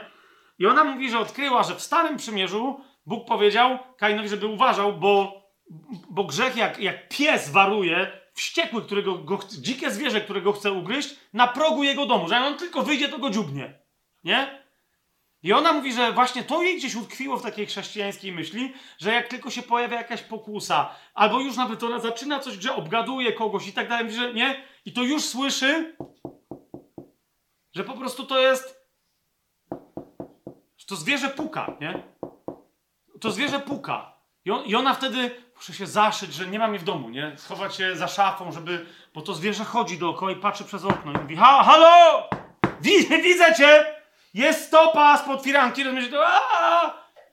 nie, i ona mówi, że nagle zrozumiała, że zaraz, ale ja żyję w domu, na posiadłości, w królestwie, duchu. Jaki tu, gdzie to jaki, du, gdzie to jaki grzech ma chodzić i pukać? Co w ogóle jest grane? To mi się śni. Ja się muszę obudzić. Nie, ja się muszę obudzić. To nie jest prawda. Tam, gdzie ja jestem, skąd ja pochodzę, gdzie ja żyję w duchu, w królestwie, tam nie ma. Chrystus wygrał. I to jest właśnie, On jest rzeczywistością, a nie to tutaj cielesne. Więc co to znaczy? Ktoś mnie oszukuje, że puka do mnie, a to jest po prostu jakaś hiena cmentarna, która pomyślała, że mój trup miał złotego zęba i mi chce włożyć. Niech wyrywa. Nie ma żadnego pukania. To jest, to jest próba przywołania, ożywienia mnie, bo, bo ona mówi, to jest próba wmówienia mi, że ja leżę żywa w trumnie i że zaraz ktoś wejdzie i mi wyrwie zęba. Nie, po pierwsze, niech wyrywa, po drugie, ja nie leżę w żadnej trumnie. Ja nie jestem żadnym gnijącym trupem, nie, nie jestem osaczona przez... Rozumiecie, o co chodzi? Więc po prostu dla niej to, to było tak, jak ona mówi, jak tylko słyszę teraz takie pukanie, sobie uświadomiłam, że zaczynam się śmiać, nie? Mówię, o! Ktoś się zbliżył na odległość dziubnięcia! Super! A! Nie chcę, przypomnę, jak się to zadaje, ten cios, no nie? Jaki to jest... I ona tylko wtedy, nie? Mówi, że szuka właściwego słowa, no bo to musi być mieczem Słowa Bożego. Tak? I ona mówi, że wtedy najpierw się cieszy, mówi, okej, okay, okej, okay. także nie odchodź, zaczekaj. Jakie to było pchnięcie? Okej, okay, on tu stoi. Wiecie, tak jak w sztukach walki. Mówi, okej, to dziubnę go w ten sposób, nie? Znaczy, dziubnę go właściwym słowem. I ona mówi, jak już tylko szuka, gdzie to było w Biblii, to mówi, że pukanie nagle ustaje. Pukanie nagle ustaje, bo ten zawodnik albo cię straszy, albo zakłada pułapkę, albo jak walczy, to strzela tylko z daleka. Wiecie o co mi chodzi? Nie? W momencie, kiedy ty mówisz, o dobrze, że jesteś blisko. Jakby, a jeżeli dobrze znasz Słowo Boże, to znaczy znasz Jezusa dobrze. Nie? To ty nawet nie wiesz, nie musisz wiedzieć, gdzie w Biblii, rozumiesz, o co mi chodzi, gdzie to w Biblii jest napisane, ale znasz Chrystusa ukrzyżowanego. Nie? Ona mówi, że właśnie wtedy to odkryła, że potem nawet przestała szukać Biblii, tylko jak słyszy grzech, nie? I dla niej to jest z automatu Chrystus ukrzyżowany. Co, to, co dla mnie oznacza zabity baranek na krzyżu, nie? I mówi, to jest natychmiast chwytasz go za gardło, nie? I mówi, nie, ja nie muszę szukać Biblii. Bo postanowiłam nie znać nikogo, jak tylko Chrystusa i to ukrzyżowanego. Nie? I mi to jest moje słowo. Miecz, dziub, dziub, dziub, dziub, dziub, dziub, dziub, dziub. I 68 tysięcy demonów spada do piekła, bo to rozumiecie, to może być cała banda, która tam puka. Naraz chwytasz ich wszystkich hurtowo, pff, wszystkich za te świńskie ryje i koniec, potem dziub, dziub, dziub, dziub. Tyle. Dlaczego? Bo znasz słowo, którym jest Chrystus ukrzyżowany i zmartwychwstały. Znasz swoją paschę. Słyszycie, co mówię? Dosyć już w chrześcijaństwie ze zmienianiem swojego życia.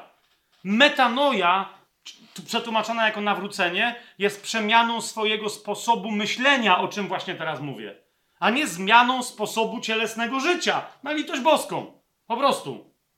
W momencie, kiedy grzeszysz, to nie, nie, nie, nie mówcie nikomu, żeby ktoś przestał grzeszyć, bo Biblia mu to nakazuje. Po prostu powiedz mu, że prze, przestań udawać, że to jest życie. Zacznij, że żyć. Życiem, które masz. Przestań udawać, że cały czas zdychasz, że jesteś przed krzyżem, bo już jesteś za krzyżem, po krzyżu, z drugiej strony. A przejście na drugą stronę zawsze co oznacza? Zostawienie całego ciała martwym na krzyżu. A tak skutecznie martwym, że cały zapis wyrażony w przepisach i prawach jest zniweczony jako zapis dłużny. Amen? To rozumiesz, dlaczego, dlaczego tajemnica pobożności to jest teologia, ale fundamentalna, polegająca na przeżywaniu paschalnego Chrystusa w sobie. Ma, ma to sens, co ja teraz mówię? To jest, to jest to. I dlatego rozumiesz, jeżeli ktoś nie rozważa, najlepiej. I teraz znowu będzie, o, że teraz muszę rozważać o codziennie Chrystusa ukrzyżowanego. Weź, przestań. Masz żyć tym życiem, którym on jest, rozumiesz? Jak kiedyś opowiadałem i to jakieś tam kontrowersje wywołało, aż dopóki nie zaczęli, potem sobie pomyślałem, dobra, może przesadziłem, może, nie, co prawda tak było, to była prawda, ale opowiadałem o, nie wiem czy pamiętacie, tak opowiadałem o gościu, który miał problem z, masturba z masturbacją i z pornografią. Ja i w pewnym mu poradziłem, żeby po prostu Pana Jezusa tam wreszcie zabrał. Mówi, co to znaczy, że on ma nie tu, jak on tu jest uzależniony i tak dalej. Mówi, Pana Jezusa tam zaproś. Ja nawet miał takie, że w ogóle co, kto tu jest bardziej opętany, czy nie wiem co, rozumiesz, kto tu jest. Rozumiesz, ale to jest dokładnie to. Przestań postrzegać, rozumiesz, bo Chrystus poniósł dokładnie ten syf, rozumiesz, każdy inny syf on wziął w siebie i on się zamienił, kurna, w twoją masturbację i w twoje oglądanie pornografii. Rozumiesz, o co mi chodzi? I on to przybił do krzyża, ale teraz ty cudujesz, rozumiesz, ty z niego robisz to, to co w katolicyzmie się robi, rozumiesz, że biedny Chrystus umarł na krzyżu, a my teraz naszymi grzeszami, grzechami przebijamy jego serduszko i musimy potem zadośćuczynić, bo on nie wie, co z tym zrobić. Rozumiesz, co to jest? To jest satanizm ukryty. On, to rozumiesz, on lepiej wie, jakim syfem jest twój grzech, niż ty, kiedy grzeszysz. Po, po prostu. Więc weź go tam zaproś. To jest dokładnie to, na czym to polega. To jest tak proste. Weź go tam zaproś. Ktoś tam, y, z kim ostatnio rozmawiałem, to nawet nie było takie drastyczne, ale to samo powiedziałem, nie? Ktoś mi mówi, że ogląda godzinami jakieś rzeczy głupie na, na YouTubie, na, na nich nie może się od tego oderwać, nie? Że coś robi, potem zaczyna oglądać mówi, no ale w sumie to nie jest jakiś taki grzech, ale w sumie strata czasu to jest grechem, nie wiem co mam robić. No to mu tłumaczę to wszystko, co teraz, nie? Przestań to zmieniać, no ale jak, nie? Weź tam życie Chrystusa, no jak już nie umiesz tego skonfrontować, zaproś to i oglądaj z Chrystus, naprawdę, nie? Ty coś oglądasz i się z czegoś zaśmiejesz, z czegoś, nie wiem, to jest głupie, rozważasz jakieś kwestie, weź zacznij rozmawiać o tym z Jezusem. Niech to będzie twoją, bo ten mówi, nie mam w sumie co robić, jestem bezrobotny. No to bym się mógł modlić 6 godzin dziennie. Jasne! Już jak to brzmi, nie? Bym się mógł modlić 6 godzin dziennie, ale nie chcę być dowodką. Oczywiście, że nie jesteś chłopem. Zawsze, że twoje wyobrażenie o modlitwie jest jakie? Jakieś takie typu, wiecie, nie, że coś bym musiał robić dla Boga, co jest nudne, ale jemu się to podoba. Halleluja, albo zdrowaś Maria. No, ludzie mają różne wyobrażenia. Na to samo wychodzi. Pogaństwo wielomówne. Tak? Więc ten ma myśl, modlitwa, nuda. No rozumiesz, że ty nie znasz Boga. Jak mo- rozumiesz, że kto zna prawdziwą modlitwę, zaczyna go denerwować życie, ponieważ życie powoduje, że nie możesz do końca skoncentrować się na modlitwie. Jeżeli dla ciebie modlitwa nie jest czymś takim, to znaczy, że się nigdy w życiu jeszcze nie modliłeś. Czas najwyższy nie zacząć się modlić, bo ludzie z powrotem robią to samo. Nie? Nie, nie, nie reformuj swojej modlitwy. Skończ z tym wszystkim, co w twoim życiu było nazwane modlitwą, a nie przyniosło ci radość. Po prostu przestań. Ja dlatego niektórzy też to słyszą. Nie temu mówię zaproś Pana Jezusa na oglądanie pornografii, temu, temu mówię przestań się modlić.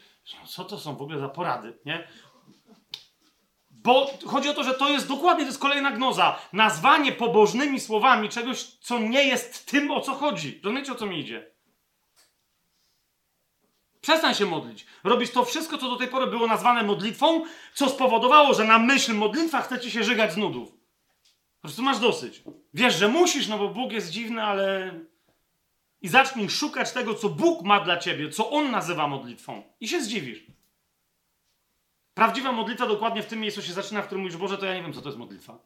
Bo moja, moja modlitwa nigdy nie jest pasjonująca, ekscytująca i tak dalej, i tak dalej. Proszę Cię, Ty mnie naucz. Wtedy zobaczysz, co się będzie działo. Rozumiesz? Jak nagle zaczniesz nazywać modlitwą rzeczy, które jak potem innym zaczniesz opowiadać, to Ci powiedzą co? To jest takie rzeczy? To ja tak nawet na rollercoasterze nie miałem. Ja nawet w Luna Parku tak nie miałem. Ja tak nawet z żoną nie miałem. Dokładnie takie komentarze miałem. Nie? Co ty w ogóle gadasz? To ja nawet... Najlepsze było to, tak? No, no, ja tak nawet z żoną nie miałem. No akurat to nie jest jakieś wielkie osiągnięcie, żeby z żoną mieć złą relację. Jeszcze raz, kochani, rozumiecie? Ja mówię o tym, nawet jakbyśmy mieli dzisiaj nieskoń... To jest tak kluczowe. To jest pobożność. Takie znanie Chrystusa, Rozumiesz? Nie wmawianie sobie, że ja muszę znać Chrystusa, bo reszta to są śmieci. Rozumiecie o co chodzi? To jest takie znanie Chrystusa, że ty się nie musisz przekonywać, że reszta to są śmieci. Nie? I, więc pobożność w pierwszej kolejności to jest pytanie, czy ty masz pragnienie czegoś takiego.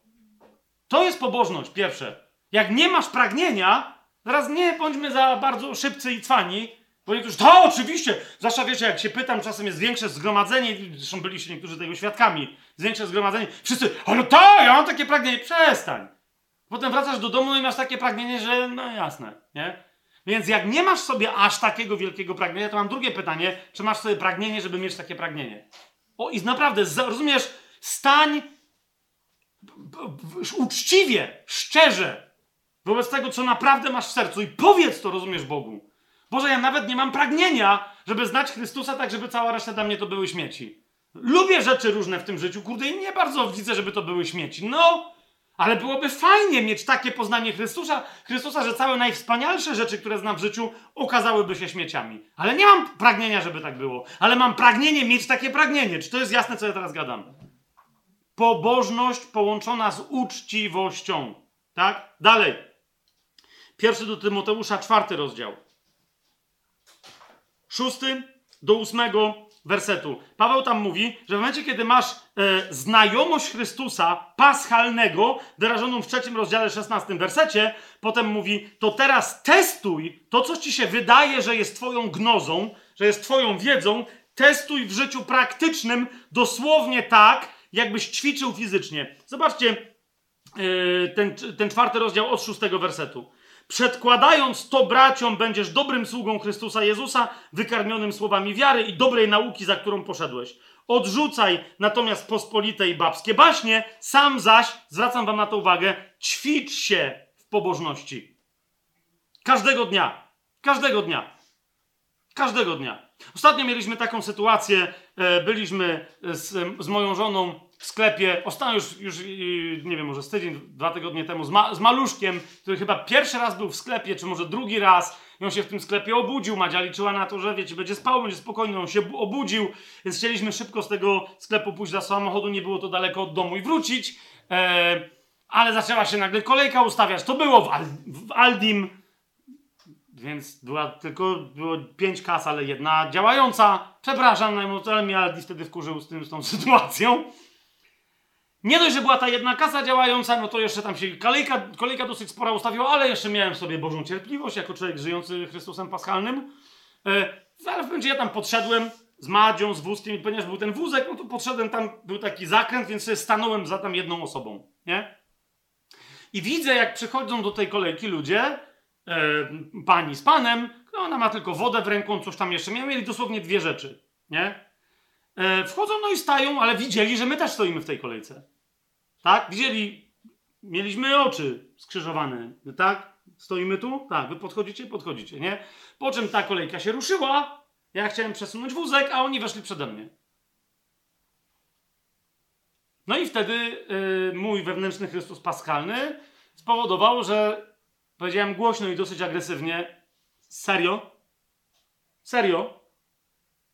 Pani udawała, że nie wie, co się dzieje, Pan udawał też, że nie wie, co się dzieje, bo nie wiedział, co zaraz się stanie, bo naprawdę ja to powiedziałem, nie, nie byłem wulgarny czy coś, ale naprawdę sam, sam sobie przez chwilę z dumą stwierdziłem, że wow, brzmi jak prawdziwy taki karkus z Wisły Kraków. Jak prawdziwy Huls taki. Serio? No nie, no nie, bo to teraz zabrzmiałem jak Hitlerowie. Wiecie o co mi chodzi, tak? Więc oni w ogóle nie chcieli się patrzeć, tylko nie, ta pani, pani mówi, że co, jakiś problem jest. Mówię, no kurde, jest problem! Nie? Bo to przecież wleźliście przed, przede mnie. I wtedy ta pani zaczęła się tłumaczyć, no ale my mamy tylko dwie rzeczy. Ja to rozumiem, trzeba było mi powiedzieć, tak? Bo my tu z dzieckiem... I tylko zobaczyłem Madzie, która miała w sobie prawdziwego Chrystusa Paschalnego i stwierdziła, że jakby, okej, okay, co za różnica, nie mają tylko dwie rzeczy, nie? Ale ja, wiecie, wstałem tam bardzo dumny z tego, że się nie denerwuję, mimo że sytuacja jest wymagająca ode mnie bycia samcem alfa, a jednak nie krzyczę na całą kolejkę, na jakby nie denerwuję się, tylko okazuje spokój. Do momentu, dopóki ci nie weszli i nie okazali mi odpowiednio dużej bezczelności, żeby nagle, rozumiecie, żeby mi się mój Chrystus paschalny skończył. Rozumiecie, o co mi chodzi? Ćwicz się w pobożności, to było dokładnie to, nie? Bo ja potem jeszcze wychodziliśmy z tego sklepu, nie? Pakowałem te rzeczy, a, a ci państwo, co byli przed, nie wiedzieli, co powiedzieć, czy coś, czy się kłócić, jeszcze, rozumiecie, to było to, nie? Ja tak czekałem, mówię sobie, w imieniu Jezusa Chrystusa, chciejcie się pokłócić. Więc, a z drugiej strony powoli to pakowałem, bo nie wiedziałem, co im tam wtedy wyjaśnię, nie? Madzia tylko na mnie popatrzyła, że... Nie, więc ja powoli pakowałem, a oni powoli nie wychodzili z tego sklepu, nie? I wtedy dopiero Madzia mi powiedziała, dosłownie, Chrystus. I to był koniec, no nie? Jakbym dostał takim młotem w łeb, po prostu to było dokładnie to, uspokój się, no nie? Bo cię nie usprawiedliwia nic, to, że mamy małe dziecko, że ja jestem zmęczona, że coś, że to cię, to cię nie usprawiedliwia. Tylko gorsze rzeczy z tego wyjdą. No co się pokłócisz, te, co, w mordę dasz komuś, tej babie? Serio? No pewnie, że nie. No to ale od, no to co teraz chcesz zrobić? Nie? Chcesz się zemścić Za to, że ci ludzie nie zadziałali po twojej myśli, prawda? Prawda, tak było. Ćwicz się w pobożności. Tymoteuszu. O to, o to Pawłowi chodzi. Rozumiesz? Ja mówię, no ale bo ci ludzie, nie, ale wróciłem do domu i to było jasne, nie? Czy masz odmalowanego, czy miałeś wtedy odmalowanego przed oczami Chrystusa ukrzyżowanego? Czy po tylu nauczaniach i tak dalej, naprawdę mogłeś wtedy w, ta, w, tam, w tej kolejce powiedzieć, postanowiłem nie znać nikogo, jak, to, jak tylko Chrystusa i to ukrzyżowanego. Czy rozumiecie, co ja mówię? I dalej w ósmym wersecie Paweł wręcz mówi tak, to jest troszeczkę deprymujący mnie i demotywujący, bo ja ostatnio zacząłem nawet, jak brat Łukasz tu wie, że zacząłem nawet troszeczkę nie tylko chodzić dużo, ale nawet biegać. Mi poradził, jak wzmocnić kolana. I tu, a, a nagle się okazało, że mam nau, nauczać na temat pierwszego do Tymoteusza, a Paweł tu mówi ćwiczenie cielesne, bowiem przynosi niewiele pożytku. No masz. no ale ja wiem po co, dobra, po co mam to robić, więc rzeczywiście to jest niewiele pożytku, ale zawsze jakiś. Nie ma, że w ogóle pożytku. Niewiele pożytku. Więc on mówi, ćwiczenie cielesne przynosi niewiele pożytku, lecz pobożność do wszystkiego jest przydatna. I chcę wam zwrócić uwagę na końcówkę tego zdania, która jest według mnie absolutnie sensacyjna. Zobaczcie, co tu się dzieje. Pobożność do wszystkiego jest przydatna, gdyż zawiera obietnicę życia obecnego i przyszłego. Wow! Wow! Jakie to są obietnice? No, na temat życia przyszłego? Jasne, bo my staniemy na Trybunale Chrystusowym i będziemy rozliczeni, to wiecie, jaką mamy dostać wypłatę za to, co zrobiliśmy w ciele. To jest pobożność, tak? Ale dobra, to to będzie na przyszłość. A tu? A tu podaję wam przykład, na przykład list do Filipian. Paweł mówi, że skoro owoc, który przynosi moja praca, decyduje o tym, czy będę żył, czy nie, to postanawiam, żeby jeszcze żyć. To jest jeden z przykładów obietnicy, jaką masz, rozumiesz? Pobożność jest czymś, co cię może utrzymać przy życiu. Pobożność jest czymś, co może pomnożyć owoc twojej pracy. To yy, pełnienia woli Bożej. To, że ty przynosisz owoc, niech nie będzie, nawet to, niech nie będzie dla ciebie usprawiedliwieniem, że przecież przynosisz owoc. Rozumiesz, bo nadal powinieneś testować się w wierze, czy to jest owoc 30-krotny, 60-krotny, czy 100-krotny. Tak? Bo owoc owocowi nierówny. Samo, nawet samo, dlatego Paweł mówi, zapominając o wszystkim, co za mną. O porażce wczorajszej, o grzechu wczorajszym, ale i o owocu wczorajszym. To było wczoraj. A dzisiaj? Dzisiaj nie mogę chwalić wczorajszym owocem, bo dzisiaj jest dzień. Carpe diem. Jak renesansowiec i oświecie, oświeceniowiec humanistyczny. Naprawdę, my powinniśmy dokładnie tym żyć. Chwytaj dzień. Wykorzystaj chwilę, żeby przynieść owoc. Kolejny. A więc e, widzisz, praktyka życia przynosi nam pytanie, czy my aby na pewno zgłębiamy tajemnicę Chrystusa Paschalną, a zgłębianie tajemnicy Paschalnej Chrystusa automatycznie przynosi owoc e, w życiu. Jasne to jest? To od razu widzisz, co modlitwa wtedy robi. Nie? To, to po prostu to jest to. Zresztą wtedy się krótko, ale, bo krótko, ale bo też droga do domu nie była długa, tak? 10 minut, ale pomodliliśmy się wtedy z Madzią. Ona się o mnie pomodliła, ja się w ogóle pomodliłem o tych ludzi i tak dalej. Rozumiecie? To było, był konkret. Był konkret.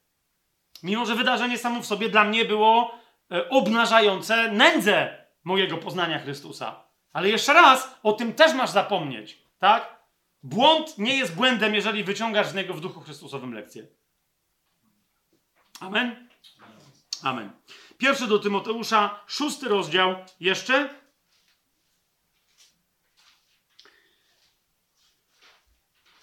Wersety piąty i szósty. To jest bardzo istotne. Pamiętaj, o, po prostu przeczytam. Przeczytam obydwa te wersety. To jest rozdział szósty, wersety piąty i szósty. Później, jak starczy nam czasu, to nieco więcej o tym powiem, bo niektórzy mówią, że tutaj że, że tu dochodzi do kontradykcji, do, do, para, do, do, do sprzeczności wewnętrznej, tak? Ponieważ Paweł mówi, przewrotne spory ludzi o wypaczonym umyśle, pozbawionych prawdy, którzy uważają, że pobożność jest zyskiem. Strącie od takich. A w szóstym wersecie mówi, że pobożność jest zyskiem. I wszyscy mówią, no i co? To jest czy nie jest? Yy, wyjaśnijmy sobie jedną rzecz. Paweł mówi, że niewłaściwe rozumienie pobożności zawsze prowadzi do próby uzyskania czegoś materialnego przy pomocy pobożności. Nie? Słowem, piąty werset mówi, że e, ci ludzie, którzy mają przewrotne, yy, yy, którzy toczą przewrotne spory, mają wypaczone umysły i są pozbawieni prawdy, to między innymi po tym się poznaje, nawet, bo to nie chodzi o to, że oni są złośliwie pozbawieni prawdy, czasem po prostu są w błędzie. Jest to jasne? Ale zazwyczaj poznasz to po czym? Po tym, że tak nauczają na temat pobożności, a więc znajomości yy, Chrystusa, znajomości Boga, że na końcu tego nauczania okazuje się, że jak ty będziesz praktykować to, co oni ci mówią, to będziesz mieć z tego jakiś zysk materialny. Pieniądze, jakieś dobro. Teraz jakie dobro? Na przykład dobro cielesne, typu zdrowie. Nie? Właściwe poznanie Boga prowadzi do właściwych pozna, do poznania właściwych zasad, a znanie tych zasad prowadzi cię do na przykład tego, że będziesz uzdrowiona. Albo, że będziesz mieć technikę czy technologię, żeby uzdrawiać innych. Czy to jest jasne? Nie? Właściwe poznanie doprowadzi cię do czego? Że będziesz mieć odlot i pójdziesz do nieba.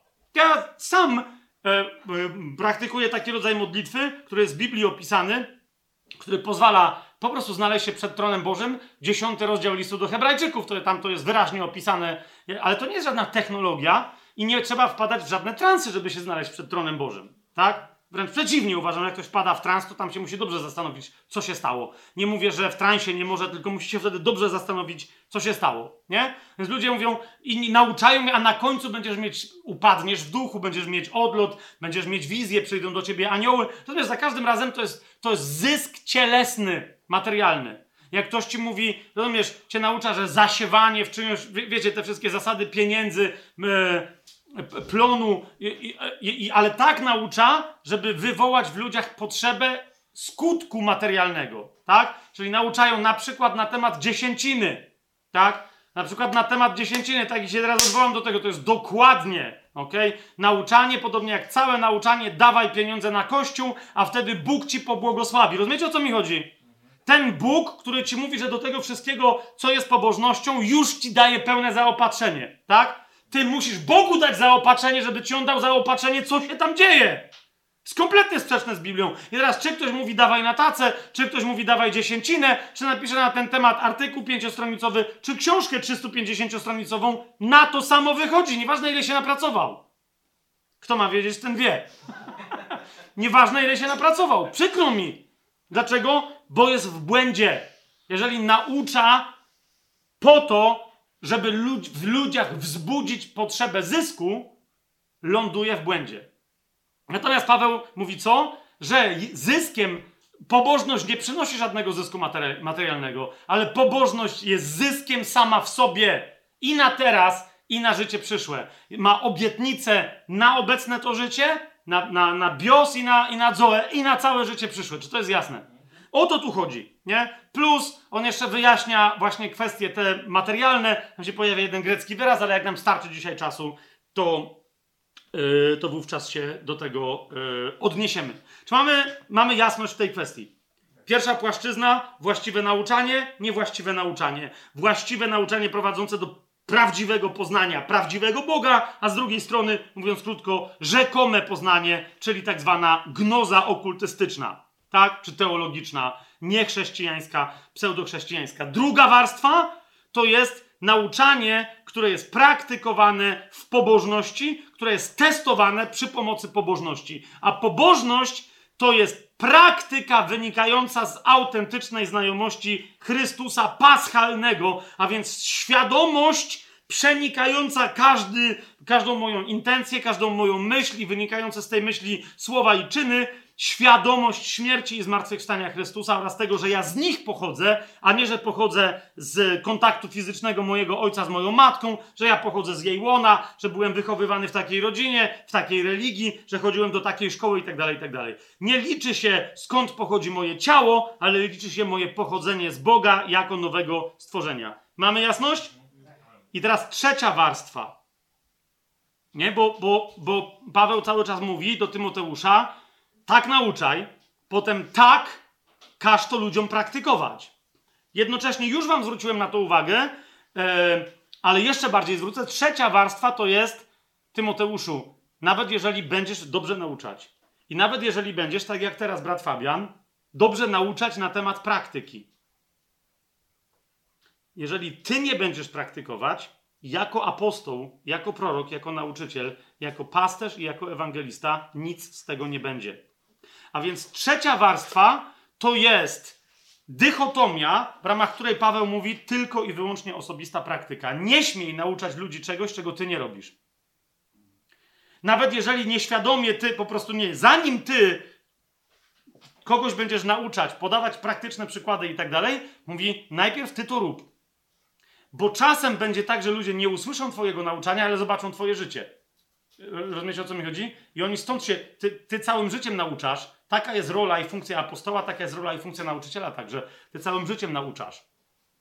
Ok? Ty całym życiem nauczasz. I to Paweł kontrastuje i mówi, a zobacz, jak robią ci, którzy nauczają, ale mają ukryte intencje, jaką, jakimi oni są hipokrytami. Ok?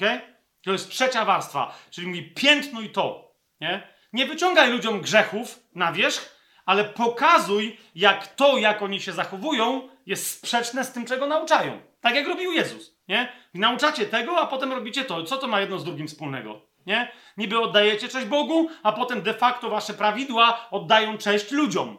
Nie? Ktoś przeznaczył pieniądze niby dla Boga, a Bóg chce, żeby się troszczyć o swoich rodziców, a wtedy przychodzi ktoś religijny i powie, nie, to są pieniądze dla Boga, bo ma na myśli dla mnie, na moją świątynię i w związku z tym rodzice zostają biedni, bo są odcięci od tych pieniędzy. Wiecie o co mi chodzi, tak? To to jest dokładnie, Jezus nie mówi, że, że komuś wyciąga straszne grzechy, ale czasem ludzie publicznie robią pewne rzeczy, tak? Yy, i, I Paweł mówi, nie, nie, to musi być skonfrontowane. Tu się pojawia też jedna bardzo istotna koncepcja, ale wszystko po kolei. Zobaczcie pierwszy list do Tymoteusza, pierwszy rozdział. Kiedy Paweł o tym mówi, to jest bardzo y, y, ciekawe, że najpierw atakuje ludzi, którzy nauczają niezwykle zapalczywie, że, że, że po czym wystarczy im się bliżej przyjrzeć i widać, że w ogóle nie wiedzą o co chodzi. To jest pierwszy rozdział, wersety 5 do 7. Końcem przykazania, naucza tam Paweł, jest miłość płynąca z czystego serca, z prawego sumienia i wiary nieobłudnej. Nie? Od czego niektórzy odstąpili i zwrócili się ku czczej gadaninie. To jest dokładnie to. Gadanina, która może mieć. Ale czemu jest czcza? Bo z niej nie wynika owoc. Ani w ich życiu, ani w niczym innym. Tak? Chcąc być nauczycielami prawa, nie rozumiejąc natomiast ani tego, co mówią, ani tego, co stanowczo twierdzą. To jest czcza gadanina. Tam nie ma ani wiary, ani miłości, ani prawego sumienia. Dobrego sumienia, ale okej. Okay. Nie? W drugim do Tymoteusza, w czwartym rozdziale, w drugim wersecie, e, o dokładnie takich nauczycielach, e, którzy jeszcze przyjdą w przyszłości, wtedy mówił, prorokował Paweł Tymoteuszowi, on mówi wprost, że oni mówią kłamstwo w obłudzie, mając napiętnowane sumienie. Zwróćcie uwagę, drugi raz pojawia się w kontekście nauczania o, o, o uczciwości, kontra hipokryzji pojawia się wyraz sumienie. Mam nadzieję, że to widzicie. Tak on mówi, że mają napiętnowane sumienie, kłamią w obłudzie. Mówią, że się rzeczy mają tak i że oni robią coś, a tak naprawdę są obłudni i kłamią. W pierwszym do Tymoteusza, w szóstym rozdziale, dokładnie od trzeciego do piątego wersetu, e, tak Paweł ich, na, e, ich nazywa i tak ich podsumowuje, że nie trzymają się zdrowych słów naszego Pana Jezusa Chrystusa i nauki zgodnej z pobożnością, ale są nadęci i nic nie wiedzą, natomiast mają chorobliwą skłonność do dociekań i sporów o słowa. Zajmują się nazewnictwem, genealogiami, jaka jest definicja w Biblii tego, a tamtego w kółko, rozumiecie, nie wiedzą, co w Biblii jest napisane, ale jak im wyraźnie powiesz, co jest, to oni po prostu nie chcą potem przynieść owoców w życiu. Tak? Z których rodzą się zawiść, spory, złorzeczenia, złośliwe podejrzenia, przewrotne spory ludzi o wypaczonym umyśle, pozbawionych, e, pozbawionych prawdy. W drugim liście do Tymoteusza, w trzecim rozdziale, to są ci ludzie, którzy, którzy zachowują pozór pobożności. Oni mówią, że wiedzą, oto jest tajemnica pobożności. Bóg objawił się w ciele. Oni wszystko wiedzą, co mają mówić. Ale potem widzisz, że w ich życiu nie ma mocy miłości. Żadnej mocy, która, wiecie, moc nam się kojarzy z czymś nadprzyrodzonym. Ludzie mówią, nie, to musi być, wiesz, moc działająca cuda. Z całym szacunkiem, z całym szacunkiem, ale mi wtedy w tamtej kolejce była potrzebna nadprzyrodzona miłość do tych ludzi. Rozumiecie o co mi chodzi? Ja nie potrzebowałem tam nikomu przywrócić wzroku, wypędzić demona, a oni nic takiego. Potrzebowałem mieć dla nich nadprzyrodzoną miłość. To jest moc. I mi jej zabrakło tam wtedy. Czy to jest jasne? Tak? Oczywiście to jest też wypędzanie demonów, yy, yy, yy, cuda wszelkiego rodzaju, uzdrawianie, prorokowanie też, ale w pierwszej kolejności to jest aktywna miłość nadprzyrodzona, ona może być tylko nadprzyrodzona, tak? I teraz, co o tych ludziach, dokładnie, którzy mm, mm, zachowują pozór pobożności, ale wyrzekli się jej mocy, czyli nie praktykują tego, co mówią. Co, zauważcie, co mówi Paweł. Znowu, tak jak zobaczcie w pierwszym liście do Tymoteusza, w szóstym rozdziale, w piątym wersecie, jak podsumowuje tych ludzi, to mówi: stroncie od takich, nie? to potem jak zaczyna ich podsumowywać, to też mówi, żeby od nich stronić. To jest trzeci rozdział drugiego listu do Tymoteusza, piąty werset. Mówi, że ludzie będą ludzie przybierający pozór pobożności, ale wyrzekający się jej mocy. Takich ludzi unikaj. I teraz tu się zaczyna od tego dalsze podsumowywanie tych ludzi. Paweł mówi tak: Z takich bowiem są ci, którzy wkradają się do domów i usidlają naiwne kobietki już obciążone grzechami, wiedzione przez rozmaite porządliwości, które zawsze się uczą, a jakoś nigdy nie mogą dojść do poznania prawdy. Jak Jannes i Jambres sprzeciwiali się Mojżeszowi, tak też oni to byli, pamiętacie, ci, yy, jak się nazywa, kapłani czy czarnoksiężnicy faraona, tak? Jak Jannes i Jambres sprzeciwiali się Mojżeszowi, tak też oni sprzeciwiają się prawdzie, ludzie o wypaczonym umyśle, odrzucenie, jeżeli, odrzuceni, jeżeli chodzi o wiarę, lecz daleko nie zajdą, bo ich głupota będzie jawna dla wszystkich, jak to się stało i z tamtymi. Jasne? Ale mówi Tymoteuszu, ty nie bądź taki. Bo wcześniej, czy łatwo jest pójść w tamtą stronę i potem ciężko stamtąd, bardzo ciężko jest stamtąd, yy, bardzo ciężko jest stamtąd wracać. W drugim liście Piotra czytamy, dokładnie Piotr to samo mówi o tym, żeby uważać, bo po prostu bardzo szybko w chrześcijaństwie się tacy ludzie pojawią i się pojawili do, do, do dzisiaj pasożytują na chrześcijaństwie. To jest drugi list Piotra, drugi rozdział. W zasadzie cały drugi rozdział, ale zwłaszcza wersety od 1 do 3. Piotr mówi, byli też fałszywi prorocy wśród ludu, jak i wśród was będą fałszywi nauczyciele, którzy potajemnie wprowadzają herezję zatracenia, wypierając się Pana, który ich odkupił i sprowadzą na siebie rychłą zgubę. Wielu zaś podąży za ich zgubną drogą, a droga prawdy z ich powodu będzie bluźniona.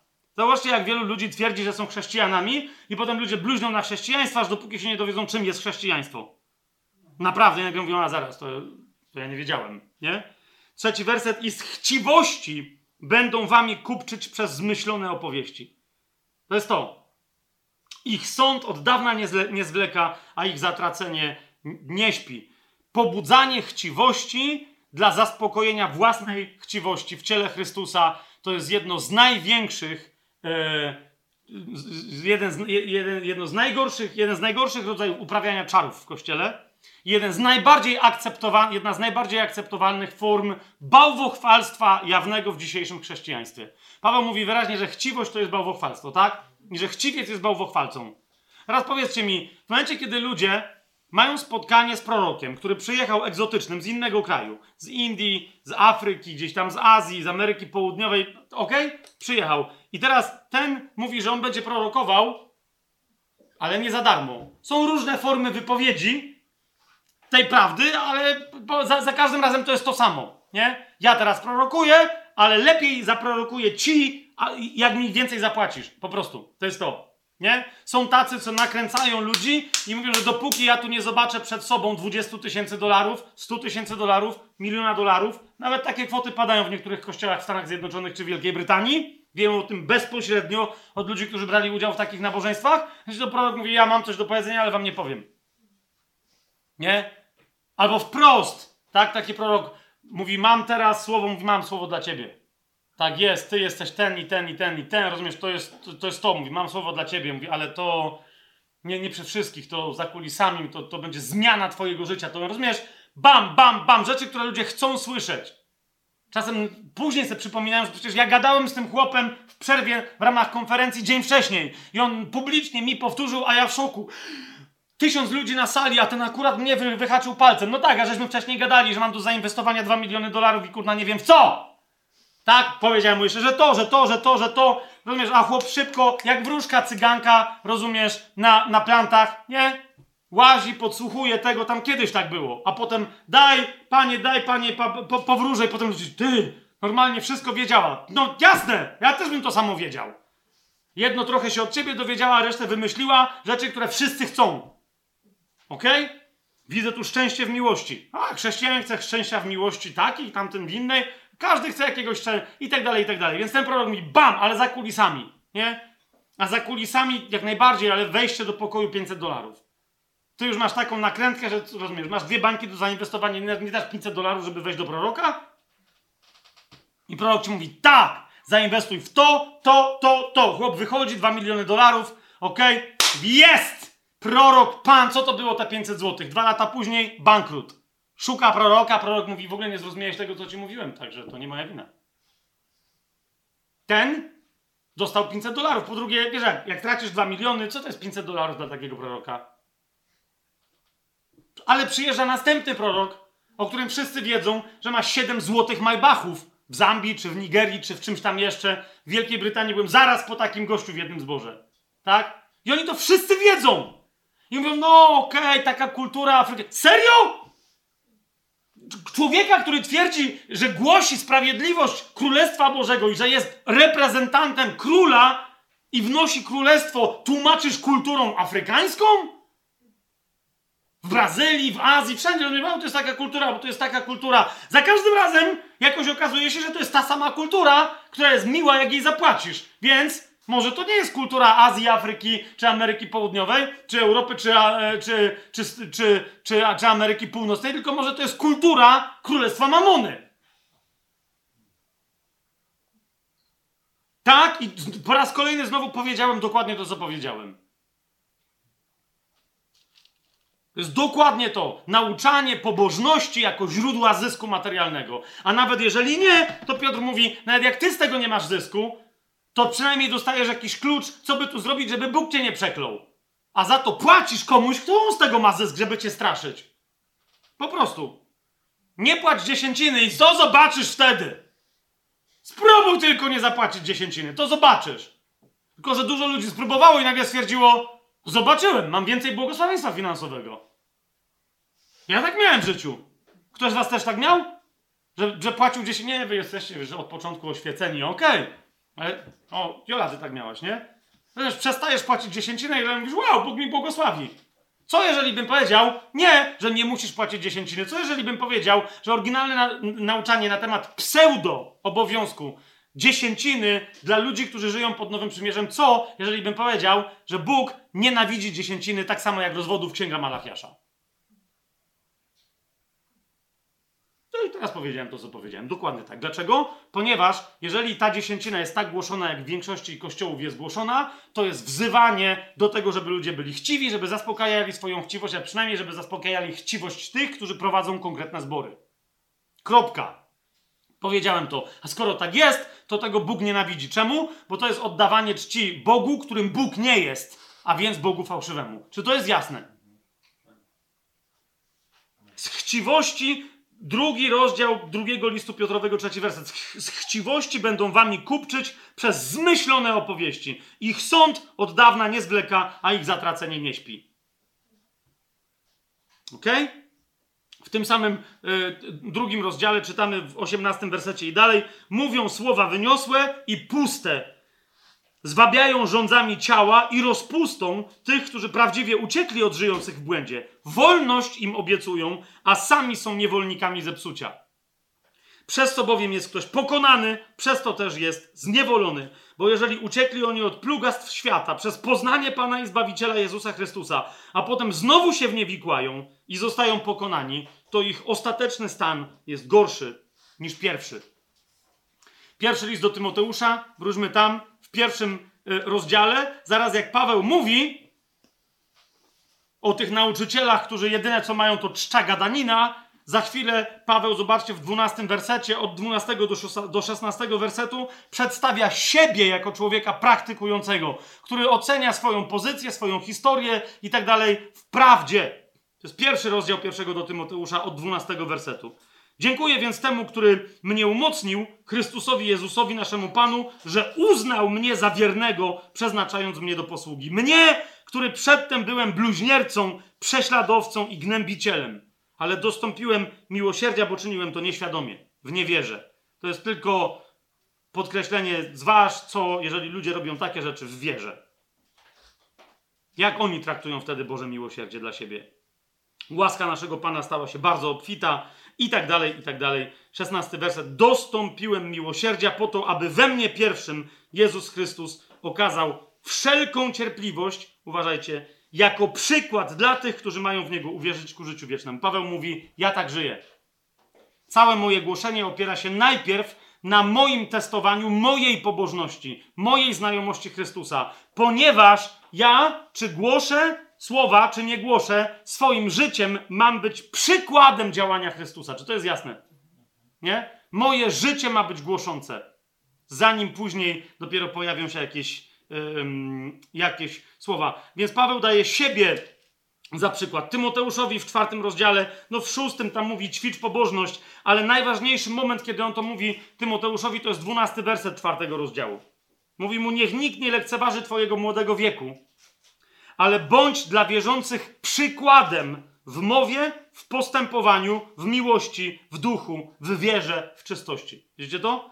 Nauczaj tego, ale potem twoje ćwiczenie się w pobożności ma do czego doprowadzić, że ty będziesz przykładem dla nich. Nawet jak nic nie powiesz, potem ktoś przyjdzie i powie, ok, słyszę tu jednego, drugiego gościa, ale patrz na Tymoteusza. Czy to jest jasne?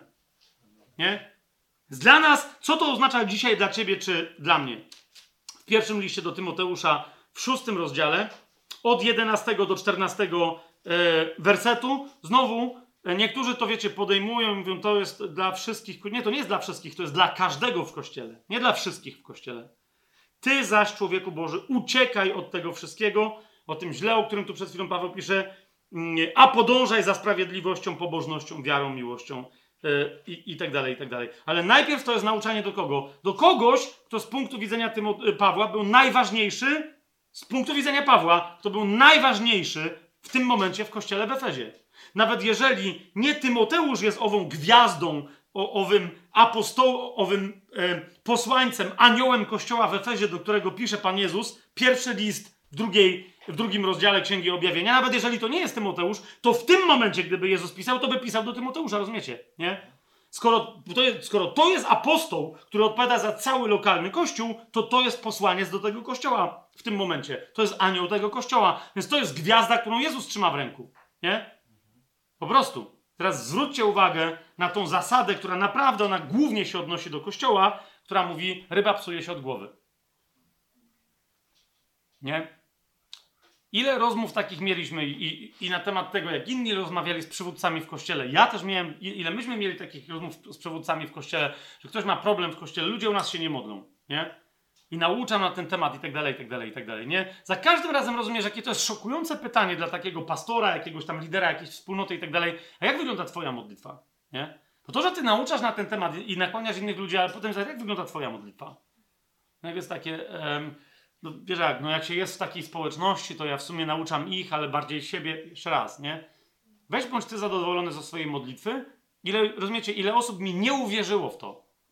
I parę tylko na, na dosłownie palcach jednej ręki mogę policzyć takich przywódców. Nie mówię, przestań nauczać na ten temat, ale ty znajdź w, w sobie to, tą praktykę, do której próbujesz nakłonić swój, swój zbór. Wiesz o co mi chodzi?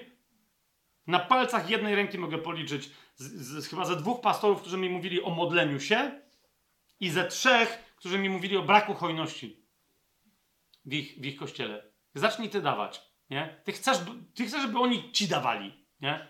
No bo ja jestem przejęty zborem, że zbór jest biedny. Ja cię rozumiem, nie? Weź ty dawaj, od kogo ty się uczysz? Nie? Od kogo ty czerpiesz w kościele? Gdzie ty dajesz? No ale jak ja mam dawać, jak ja nic nie dostaję? No masz. Może jest odwrotnie. Ty jako przywódca zacznij i wtedy zobacz, co się będzie działo z twoim kościołem, nie? Mówię wam, dwóch, trzech maksymalnie posłuchało tej, tej, tej, tej mojej rady i, i, i, ze zdumieniem jeden już po paru tygodniach wrócił mówi, człowiek, ja nie wiem, co się stało. I pierwszy tydzień, jak ja zacząłem dawać, nie? I ludzie zaczęli łożyć w kościele zupełnie inaczej. Nie? Zaczęli się angażować, przychodzić, robić jakieś rzeczy. Remont zaczęli. Tego ja niczego nie ogłaszałem. Nie? Na to zbierałem. Ale tu niektórzy po prostu Pan ich sam pobudził. Nie? Właśnie to jest dokładnie to. Jest dokładnie to. Ty bądź najpierw przykładem tego, czego się spodziewasz od innych. Ok?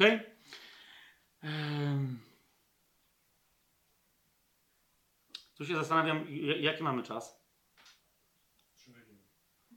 Musimy, musimy o jednej rzeczy powiedzieć, kochani. Bo to jest tyle, to są te trzy warstwy. Te trzy dychotomie. To rób, tamtego unikaj. To rób, z tamtym walcz. Nie? Na koniec u samego siebie. To rób, tego, a, a, a z tym u siebie walcz. Nie?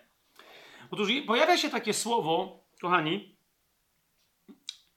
dla mnie jest zdumiewające, naprawdę zdumiewające, jak wielu ludzi nauczających Słowa Bożego i tak dalej, i tak dalej, bo, bo, bo naprawdę czuję się zaszczycony tym, że dużo ludzi chce ze mną rozmawiać, o coś pyta, ja się też ich pytam i tak dalej. Jak wielu ludzi zdaje się nie, nie wierzyć w to, że w Biblii w ogóle się pojawia naprawdę, nie jako złe tłumaczenie, słowo sumienie. A nawet jeżeli uważają, że się to słowo w Biblii pojawia, to uważają, że jakby to się odnosi do starego człowieka. Stary człowiek się posługuje przecież sumieniem. Nowy człowiek jest przecież usprawiedliwiony z wiary, jakby po co mu jest sumienie potrzebne? Kochani, misja Tymoteusza byłaby niemożliwa do, do wypełnienia w Efezie. I misja Kościoła jest w ogóle niemożliwa do wypełnienia. Ludzie, którzy usługują w Kościele, ale mówię całego Kościoła, jeżeli my zapomnimy o tym, że istnieje w każdym i w każdej z nas sumienie i zapomnimy, po co ono w nas istnieje. Mówię o sumieniu nowonarodzonej osoby. Ok? Tak, owszem, sumienie działa w ludziach nienowonarodzonych. To jest coś, do czego my powinniśmy się odwoływać, kiedy głosimy Ewangelię na przykład. W, w umiejętny sposób oczywiście, nie w niewłaściwy. Ale wiecie, ja odnoszę wrażenie, że Kościół tak bardzo zapomniał o istnieniu sumienia, że przestał przemawiać do sumienia nowonarodzonego, a w związku z tym zaczął tolerować zepsute sumienie ludzi nienowonarodzonych, przez co wpuścił ich do kościoła. Ludzie nienowonarodzeni nie byliby w stanie wytrzymać w kościele nawet jednego spotkania, dowolnie rozumianego, gdyby kościół pamiętał o sumieniu i głosił tak, jak Paweł cały czas głosi, do sumienia, przez sumienie i wszystko weryfikował sumieniem. Kochani, ja tu sobie zapisałem taką myśl, zastanawiałem się, czy ją dzisiaj, po, ale jednak ją podejmę. Mianowicie, kiedy my mówimy o pobożności, o, o, o tej właściwej nauce, o właściwym poznaniu Boga, właściwej teologii, która się zamienia we właściwą praktykę eklezjalną, kościelną, wspólnotową, a potem we właściwą praktykę życia pojedynczego, indywidualnego, wierzącego, to strażnikiem jedynym tego życia, które jest wypełnione pobożnością, jest sumienie i nie ma żadnego innego strażnika. Tylko i wyłącznie do sumienia nowo, nowo, Twojego nowonarodzonego możesz Ty się odnieść, tylko i wyłącznie ze swoim własnym sumieniem możesz się porównać. Nie, wolnie, nie to, że nie możesz, nie wolno Ci się porównywać z nikim innym w kościele, ponieważ nie masz podstaw. To Twoje sumienie jest jedynym strażnikiem Twojej pobożności i Twojego życia przynoszącego owoce, albo nie. Jeżeli pozwolisz swojemu sumieniu się zepsuć, jeżeli pozwolisz swojemu sumieniu zdziczeć, wówczas nie masz strażnika. Masz strażnika pijaka, strażnika hulakę, który, który cię nie pilnuje, i to jest koniec Twojego chrześcijańskiego życia. Musisz najpierw naprawić swoje sumienie. Kościół, który o tym zapomina i nie głosi z sumienia do sumienia, zaraz wam, tak, zrobimy to bo to jest bardzo istotne, żeby sobie przypomnieć o istnieniu sumienia, zacząć z nim rozmawiać w sobie. Ok? Kościół, który przestaje mówić z sumienia do sumienia, przestaje prowadzić się, czy ci, którzy mówią w kościele, nauczają, są przywódcami w kościele i nie mówią z sumienia do sumienia, przestają konfrontować sumienia i pozwalają, najpierw usypiają sumienia w ludziach, potem tolerują to, że ich sumienia tolerują różne złe prowadzenie się, a potem pojawiają się ludzie, którzy nie mają sumienia, czyli mają nie nowonarodzone sumienie i dalej ich przyjmują, ponieważ oni się, ponieważ nikt nie wie, jak ich odróżnić w kościele od tych, którzy są nowonarodzeni. Rozumiesz? Tylko sumienie rozpozna nowonarodzone sumienie. Ok? Co to jest sumienie? Najpierw, żebyście zobaczyli, o, o, o co mi chodzi. W, w liście do Tymoteusza, spójrzcie, co się dzieje. Pierwszy list do Tymoteusza, ja już akurat przywołałem chyba ze dwa te fragmenty, zwróciłem wam na to uwagę. Nie? Zobaczcie, pierwszy list do Tymoteusza, pierwszy rozdział, piąty werset. Końcem przykazania jest miłość płynąca z czystego serca, to co potem Paweł nazwie miłość nieobłudna, ok? Nie po prostu miłość. Są tacy, co tak głoszą miłość, że trzeba od niej jak najdalej uciekać. Ok? Miłość płynąca z czystego serca jest, patrzcie, mamy na końcu wiarę nieobłudną, ale co jeszcze mamy z tym połączone? Co powoduje, że my wiemy, że wiara jest nieobłudna, a miłość płynie z czystego serca. To jest mianowicie prawe sumienie. Ja od razu y, nie pamiętam, jak to jest w tym miejscu. Yy, ale chodzi o to, że to sumienie, jeżeli jest po prostu się pojawia tu i w Biblii sumienie, tak o po prostu sumienie, to najczęściej chodzi o nie nowonarodzone sumienie, po prostu każdego człowieka. Ale jeżeli chodzi o sumienie chrześcijańskie, ono zwykle jest nazywane agatos albo kataros, czyli albo dobre sumienie, albo czyste sumienie. Nie? Tu nie wiem, który to jest przymiotnik, bo z jakiegoś powodu tłumacze Biblii bardzo często uważają, że te, to nieważne jaki to jest przymiotnik, tylko sobie go wymieniają. Nie? Ja teraz nie będę się w to wdawać, ale trzeba by sobie za każdym razem było dobrze sprawdzić, bo moja taka jeszcze nie do końca przeze mnie do końca dogłębnie zbadana teza, jest taka moja hipoteza, prawie że teza, jest taka, że w Nowym Testamencie dobre sumienie oznacza sumienie wolne nie tylko od grzechu, sumienie chrześcijanina wolne od grzechu i od martwych uczynków a więc niepotrzebnych, mm, etycznie neutralnych czynów, ale niezgodnych z wolą Bożą. Czy to jest jasne? To jest dobre sumienie, nie? Czyste sumienie to jest tylko i wyłącznie sumienie, które jest wolne od grzechów. Ok? I teraz za każdym razem, jak będziecie mieli ym, w, w, tych nawet fragmentach, nawet jak ja tu teraz, ja nie wiem, czy, który tu jest przymiotnik, bo nie wiem, jaki? A, czyli tu jest czyste. Tak? No ale to jest znowu, to jest czyste sumienie, a nie prawe.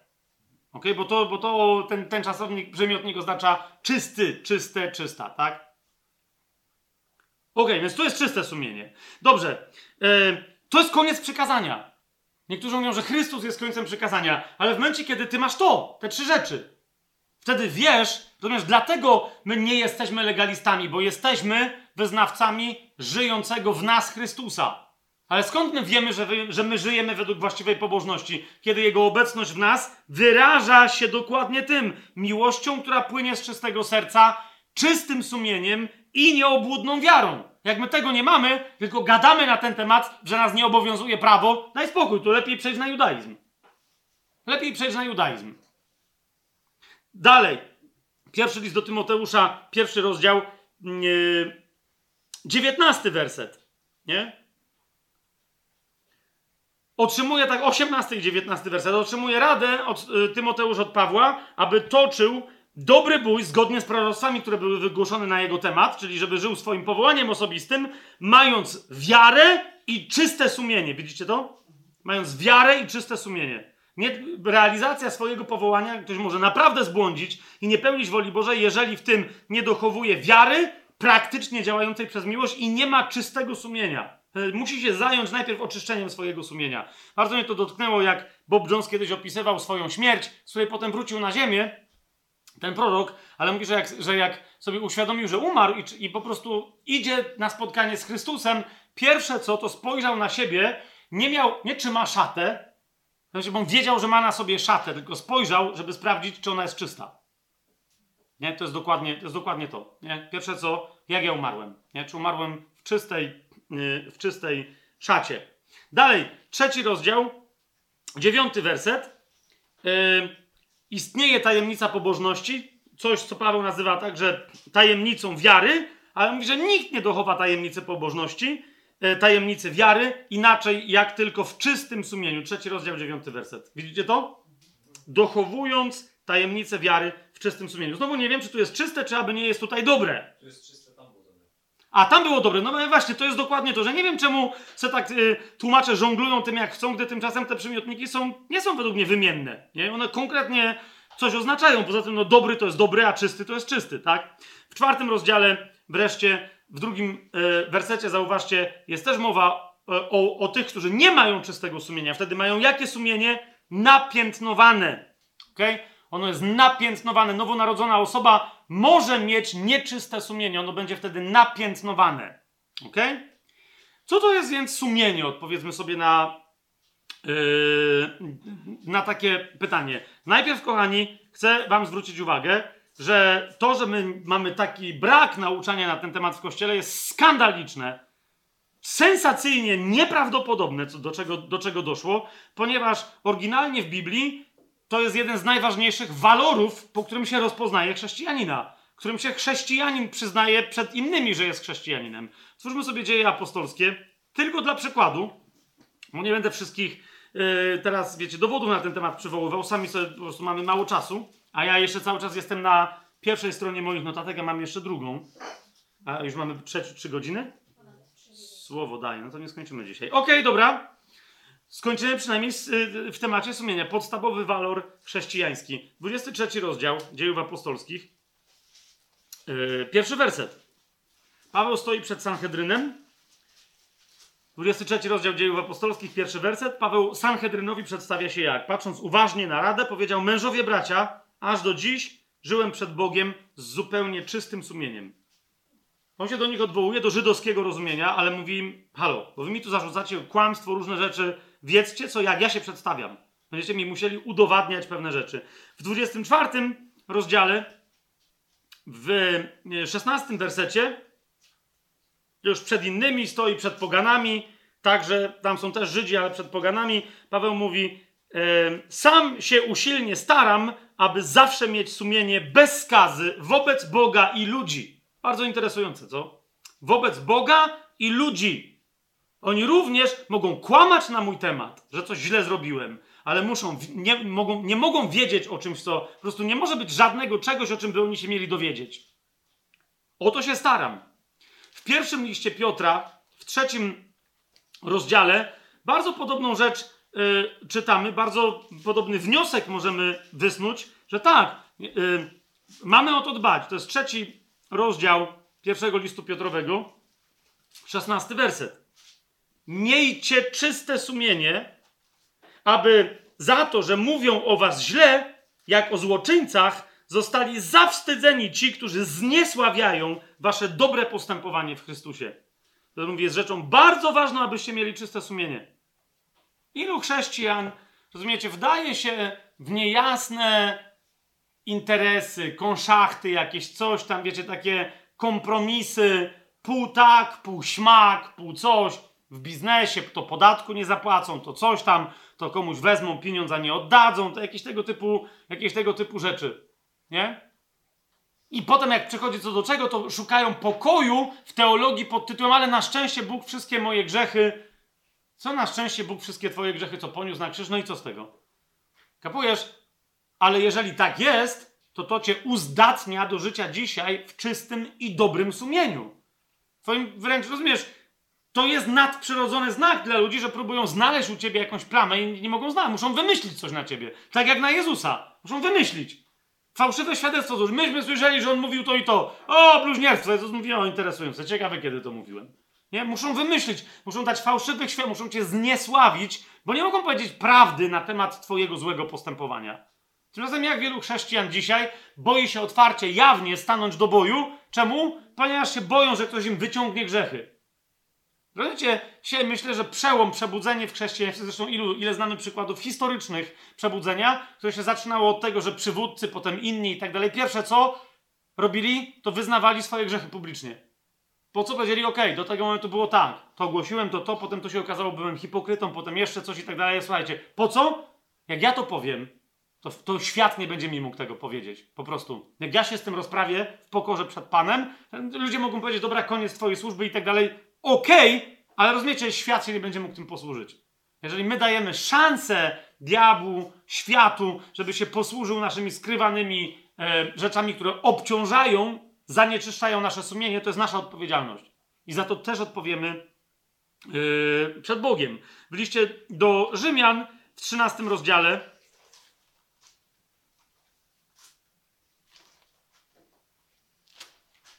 w liście do Rzymian w 13 Mm, rozdziale, w piątym wersecie, Paweł mówi, że są takie rzeczy, z których ludzie się tłumaczą, że a ja tu jako chrześcijanin coś tam se tłumaczą. Paweł mówi, ej, róbcie pewne rzeczy wobec państwa, na przykład, nie tylko dlatego, że państwo tak nakazuje, ale dlatego, że jeżeli ludzie zrozumieją coś jako zły czyn, jako coś gorszącego, to mimo, że z naszego punktu widzenia to jest nie do końca zły czyn, to wy macie być naprawdę, na ile to możliwe, nieskazitelni wobec wszystkich ludzi. Zobaczcie, 13 rozdział 5 werset, dlatego trzeba być poddanym czemu? Władzy. Mówi Paweł, nie tylko z powodu gniewu, no tej władzy, bo ona nie bez przyczyny y, miecz przy boku nosi, tak? Ale i ze względu na sumienie. Zwróćcie uwagę, nie? Dalej, drugi list do Koryntian sobie yy, otwórzmy. Drugi list do Koryntian, piąty werset. Piąty rozdział, przepraszam.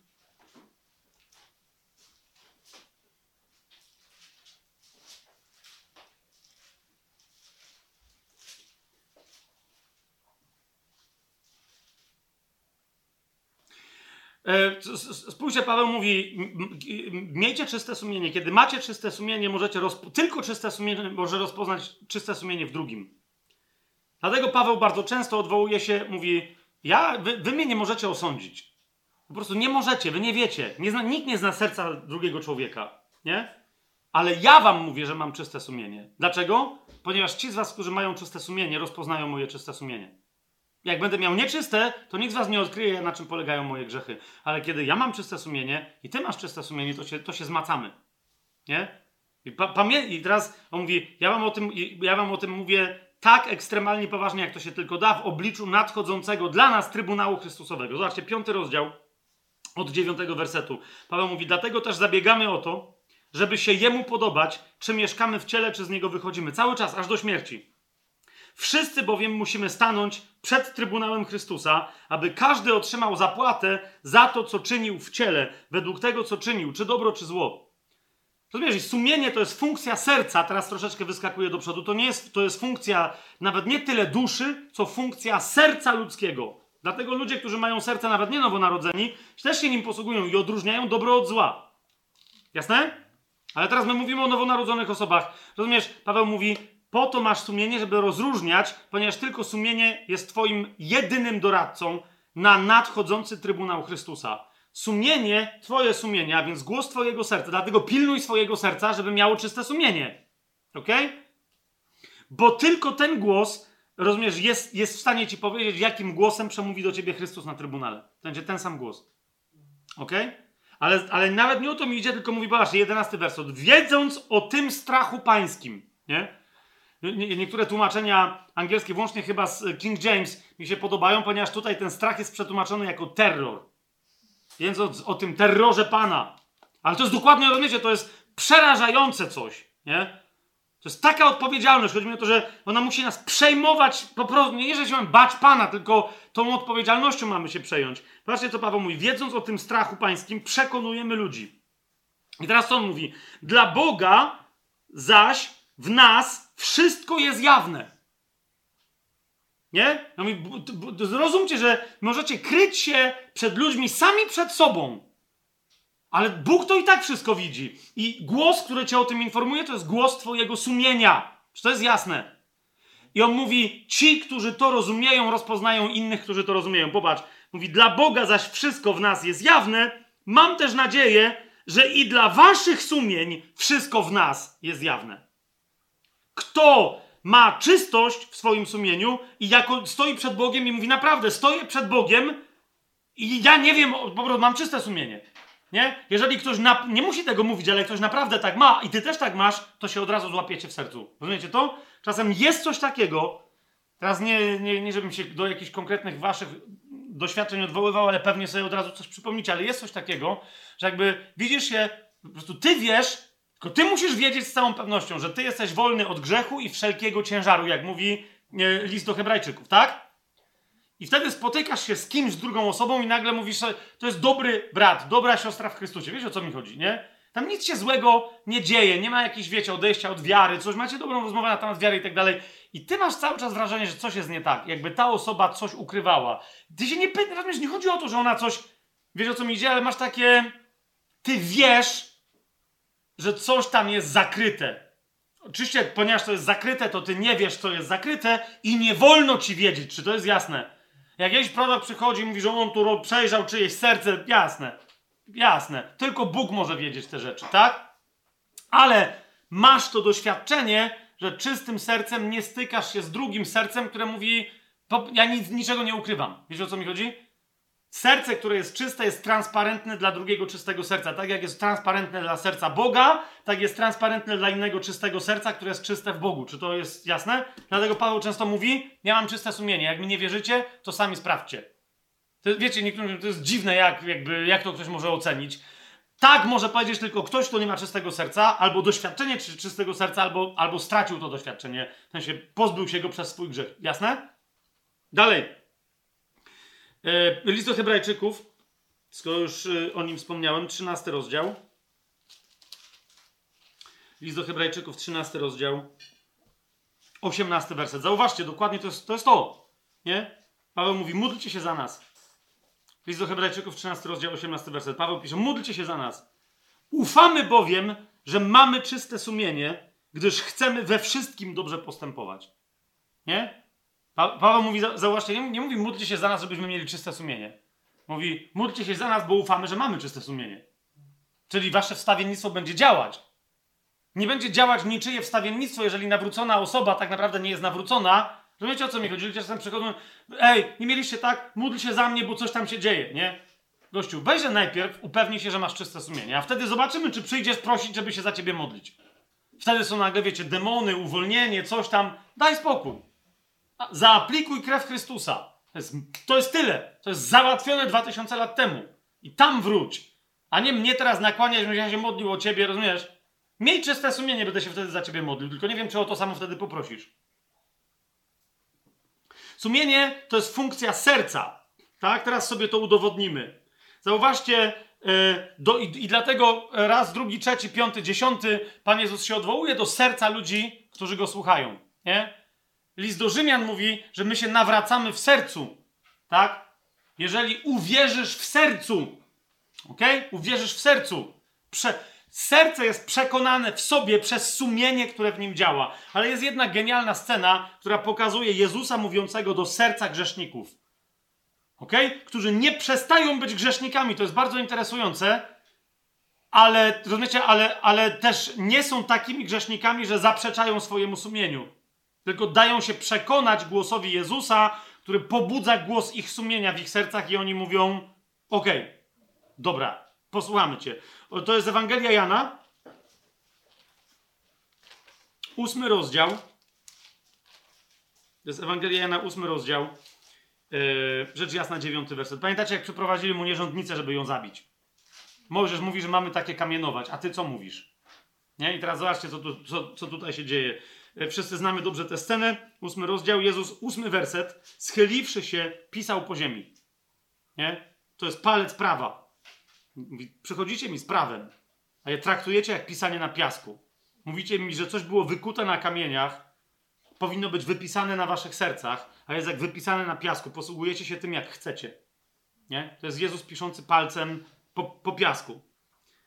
Ale na to, nie tylko to, Okay? Ale Jezus im powiedział, bo, bo, bo kiedy, co on im powiedział? Gdy nie przestawali go pytać, siódmy werset, no, powiedział, kto z was jest bez grzechu, niech pierwszy rzuci w nią kamieniem. Nie? Jak jesteście tacy wobec prawa wszyscy czyści, kto z was jest taki, to niech rzuci. Nie? I zaczął pisać tym, tym palcem po piasku. I zobaczcie, co się dzieje w dziewiątym wersecie. A gdy oni to usłyszeli, będąc przekonani przez sumienie, każdy po kolei, odchodzili jeden po drugim, począwszy od starszych aż do ostatnich. Pozostał tylko sam Jezus i ta kobieta stojąca po środku. Co ich przekonało? Każdego z nich sumienie. Jezus przemówił do ich sumień. Nie? Jeżeli, jeżeli kto ma prawo rzucić? Ktoś, kto reprezentuje prawo. A prawo jest jakie? Bezgrzeszne, bo ono wynajduje prawo. Wy jesteście bezgrzeszni? To wara mi od niej. Natomiast Jezus został. Czemu? Bo on akurat nie miał grzechu, ale nie miał ochoty też rzucać kamieniem. Tak? Jezus przemówił do sumienia. Zauważcie, sumienia grzeszników zostały pobudzone. W liście do Rzymian Paweł w drugim rozdziale mówi o tym, że to jest naturalne zjawisko i my o nim musimy pamiętać, kiedy rozmawiamy z grzesznikami. A często sami będąc, mając nieczyste sumienie, próbujemy pobudzić nieczyste sumienie grzesznika. gdy bywa, że w sensie moralnym czy etycznym czasem grzesznicy są bardziej moralni czy etyczni niż niektórzy chrześcijanie. Nie? Paweł tak to wyjaśnia w drugim rozdziale listu do Rzymian od 14 wersetu. Mówi tak: Gdy bowiem poganie, to jest, to jest 14-15 werset nam wystarczy. Gdy bowiem poganie, którzy nie mają prawa, z natury czynią to, co jest w prawie, oni, nie mając prawa, sami dla siebie są prawem.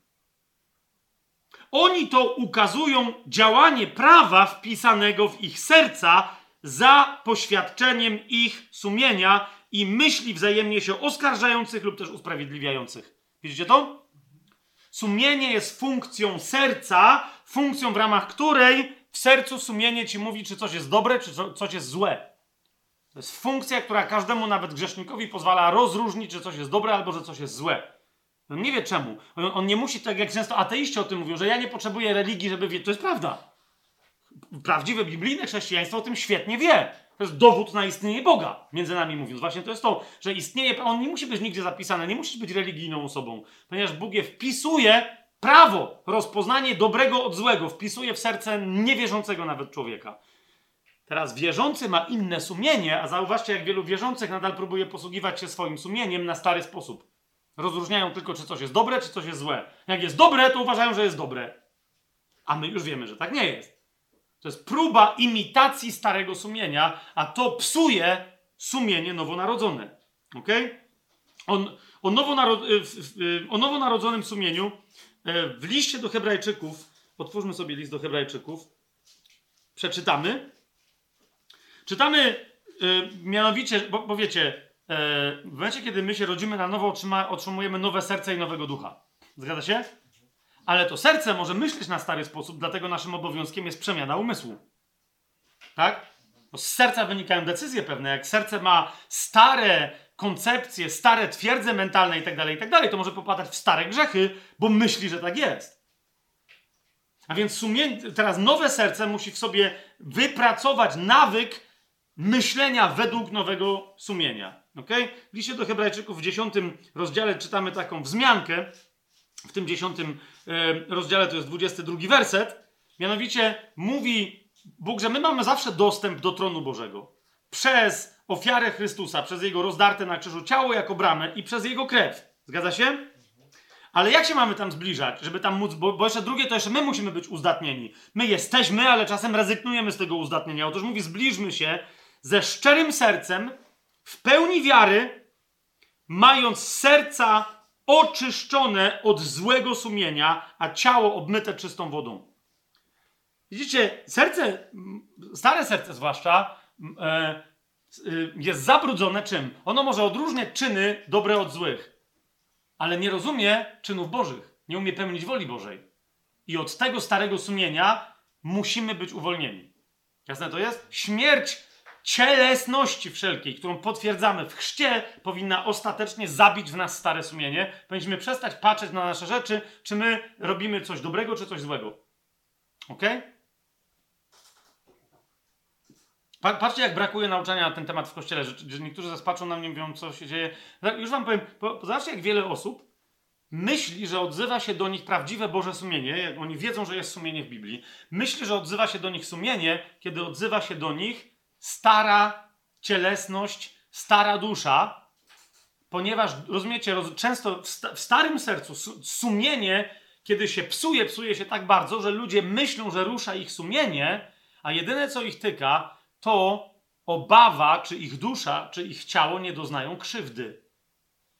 Ten odruch nazywa się wstydem. Lub drugi poczuciem winy. Okay? Rozumiesz? I ludzie, jedni, ludzie sami siebie manipulują tym czymś i manipulują innymi ludźmi. Nie? Jak rodzice nie wiedzą, jak mają do dziecka przemówić, wmawiają mu poczucie winy. Nie?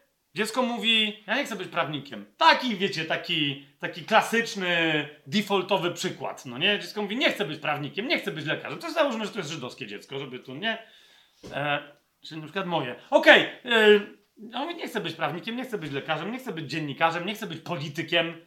Kim chcesz być? Chcę być piosenkarzem rockowym. No co to za kariera? Wiesz, o co mi chodzi? I nagle jest takie, nie umiesz go przekonać, ty myślisz, że chcesz dla niego dobrze, ale to są twoje niespełnione ambicje. Co się wtedy dzieje, nie? Nagle dziecko słyszy, widzisz tą siwiznę? Mamusia przez ciebie osiwiała.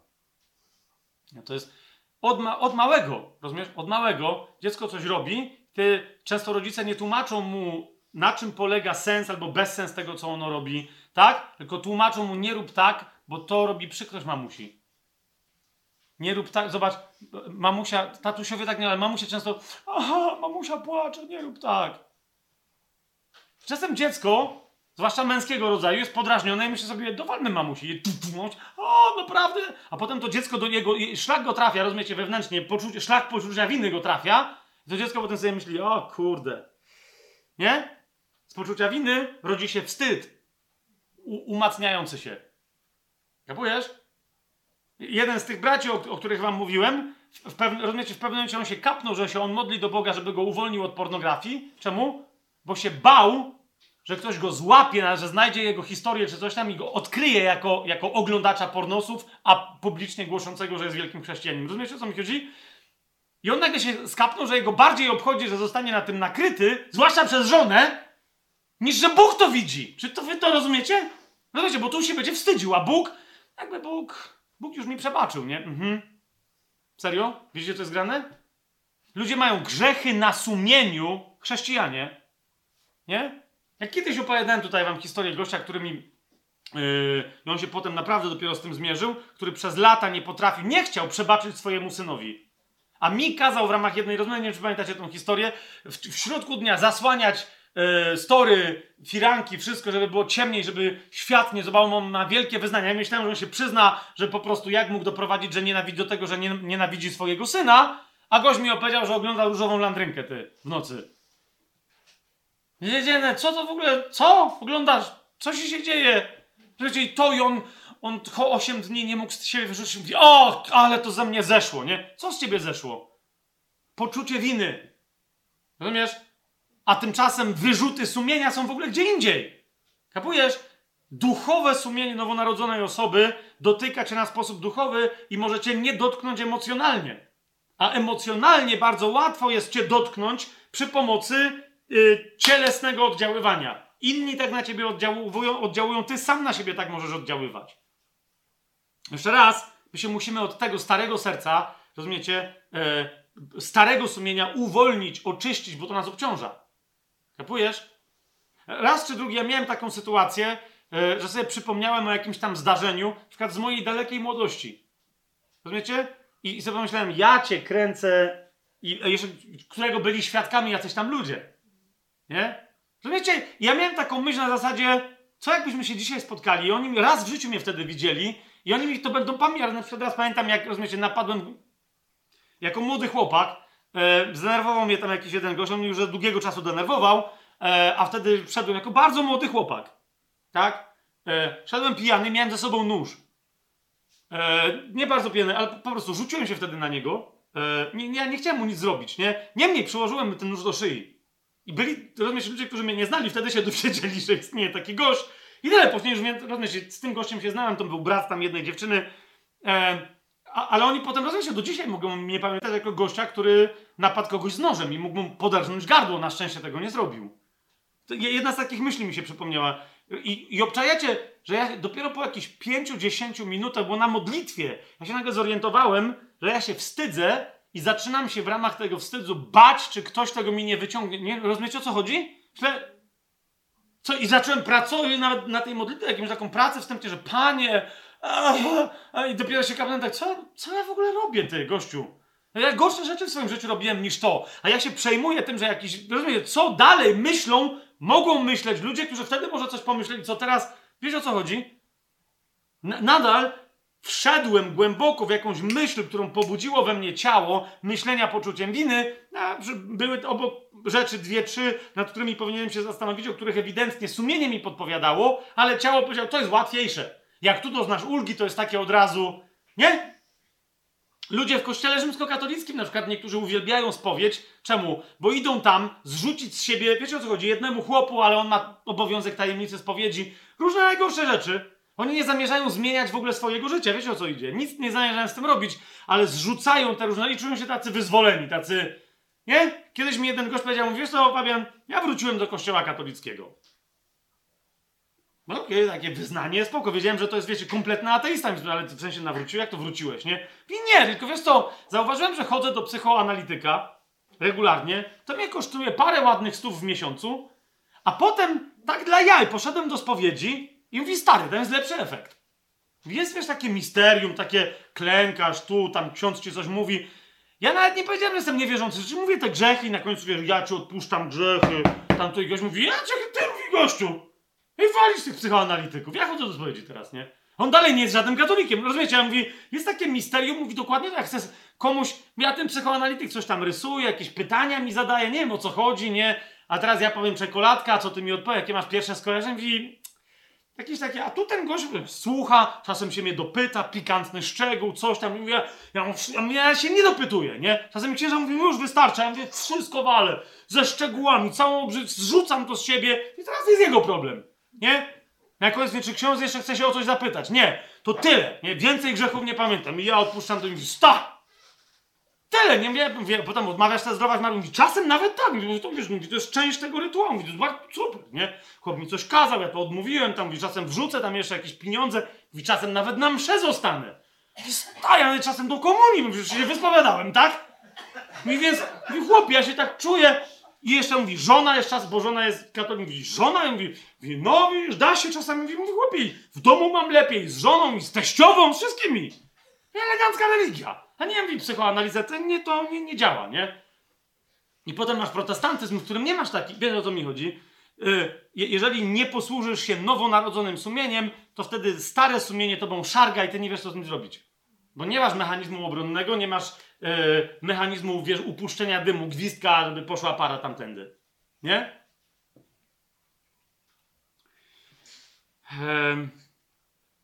W pierwszym liście Piotra o, o tym fakcie, yy, że, że my otrzymujemy w darze nowonarodzone sumienie wraz z nowonarodzonym sercem.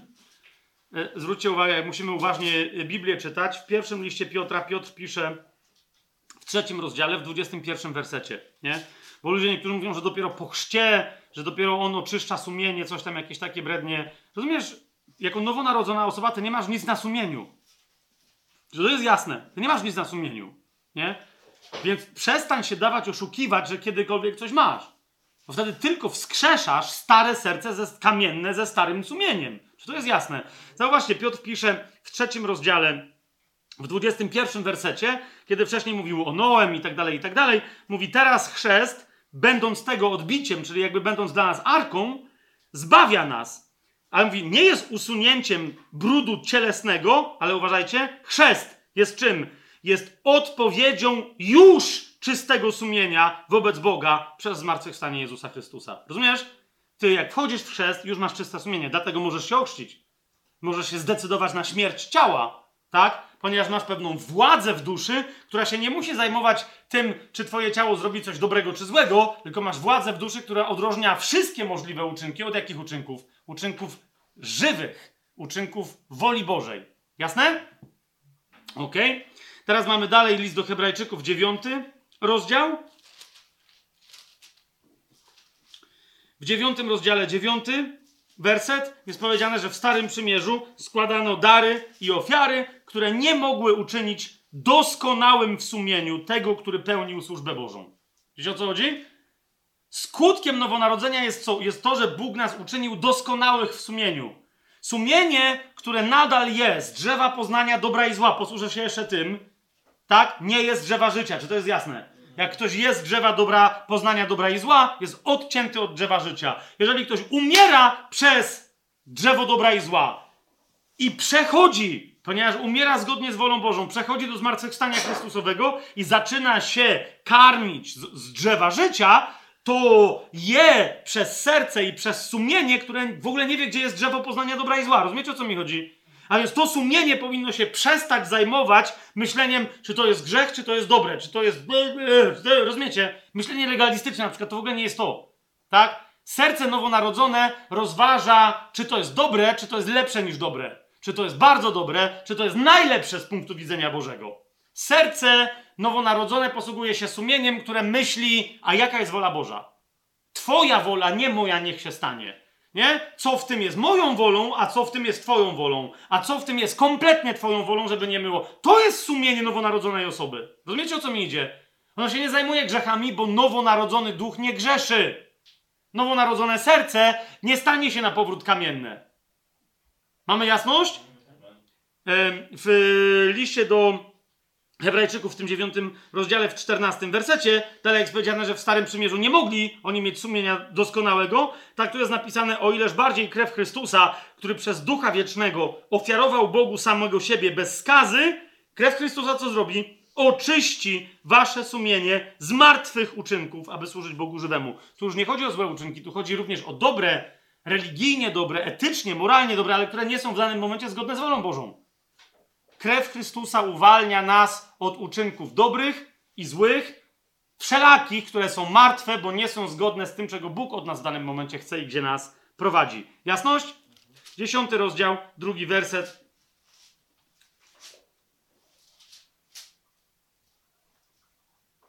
Dlaczego nie przestaną składać ofiar w Starym Testamencie? No bo one nie, nie, nie dokonywały ostatecznego rozwiązania. Krew Chrystusa je dokonuje. Gdyby tamte dokonywały, to tu jest powiedziane, yy, w przeciwnym razie przestaną by je składać, dlatego że składający je raz oczyszczeni nie mieliby już żadnych grzechów na sumieniu. Widzicie o co chodzi? A raz oczyszczeni krwią Chrystusa mamy grzechy na sumieniu? Nie, nie mamy. Dlaczego? I dlatego Pan mówi, waszych grzechów ani przewinień więcej już nie wspomnę. Bo ja nie mam czego wspominać. Tak? Waszych nowonarodzonych, bo wy nie macie starych, no, to, no ale tamta stara osoba jest kompletnie zanihilowana. Ok? I ostatnie, rzeczywiście, rzeczywiście na, tym, na tym skończymy, a o strukturze pierwszego do Tymoteusza jednak powiemy następnym razem. Ale rozumiecie, to, to, to bez rozumienia pobożności i sumienia jako strażnika pobożności, to, to, to wszystko byłoby nasze rozumienie pierwszego do Tymoteusza byłoby żadne.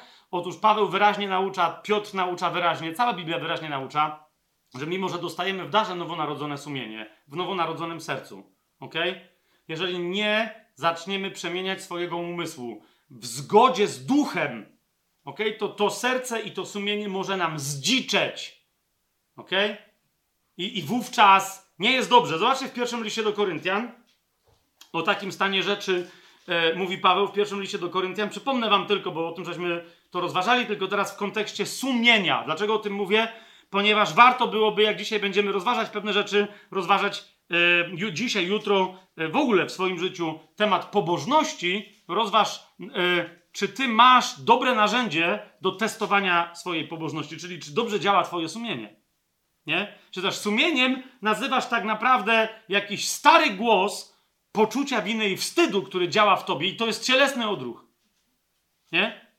Otóż, zobaczcie, Paweł mówi, że w nowonarodzonych osobach, e, w niektórych ludziach sumienie może być słabe, może być zanieczyszczone, może być zaburzone, może być zamieszane, i naszym zadaniem jest w sobie mieć czyste sumienie, które się bierze z właściwego poznania woli Bożej, z poznania tajemnicy Chrystusa Paschalnego, z tajemnicy pobożności i chodzenia w niej.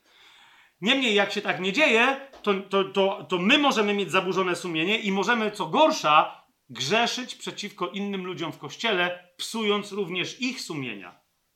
Zobaczcie ósmy rozdział pierwszego listu do Koryntian od siódmego wersetu.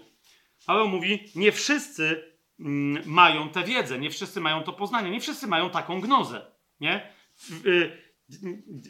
Jaką? Y, no, o pełnej wolności dziecka Bożego w Chrystusie. Tylko myślą, że pewne rzeczy im wolno, innych nie wolno i tak nie wiedzą, jak to rozeznawać.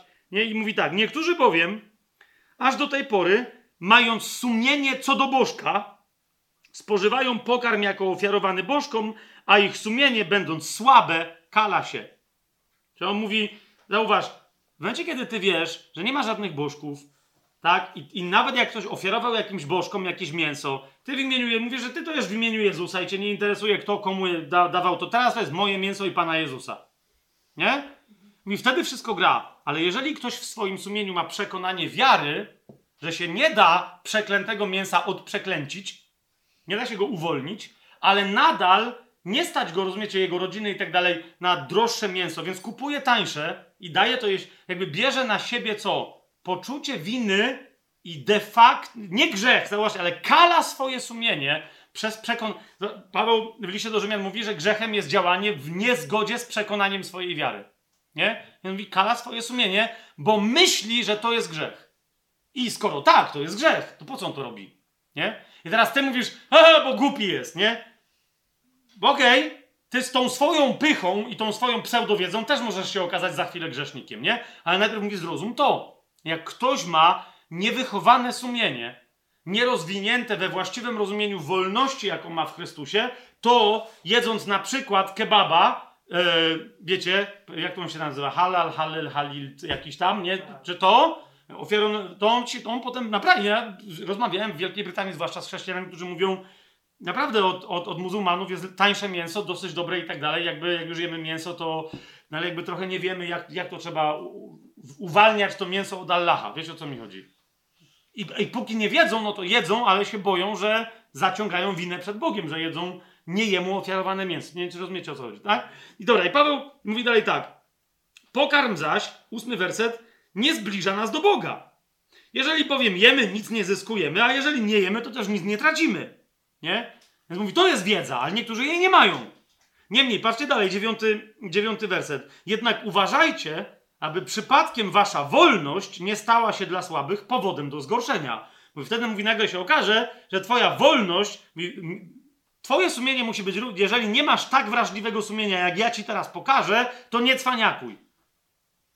Że jesteś bardziej wolny od innych, którzy są niewolni. Patrzcie, Paweł mówi tak, gdyby bowiem ktoś zobaczył ciebie, który masz wiedzę, gnozis, wracamy, widzicie, do punktu wyjścia listu do Tymoteusza pierwszego, tak? Ty masz gnozę.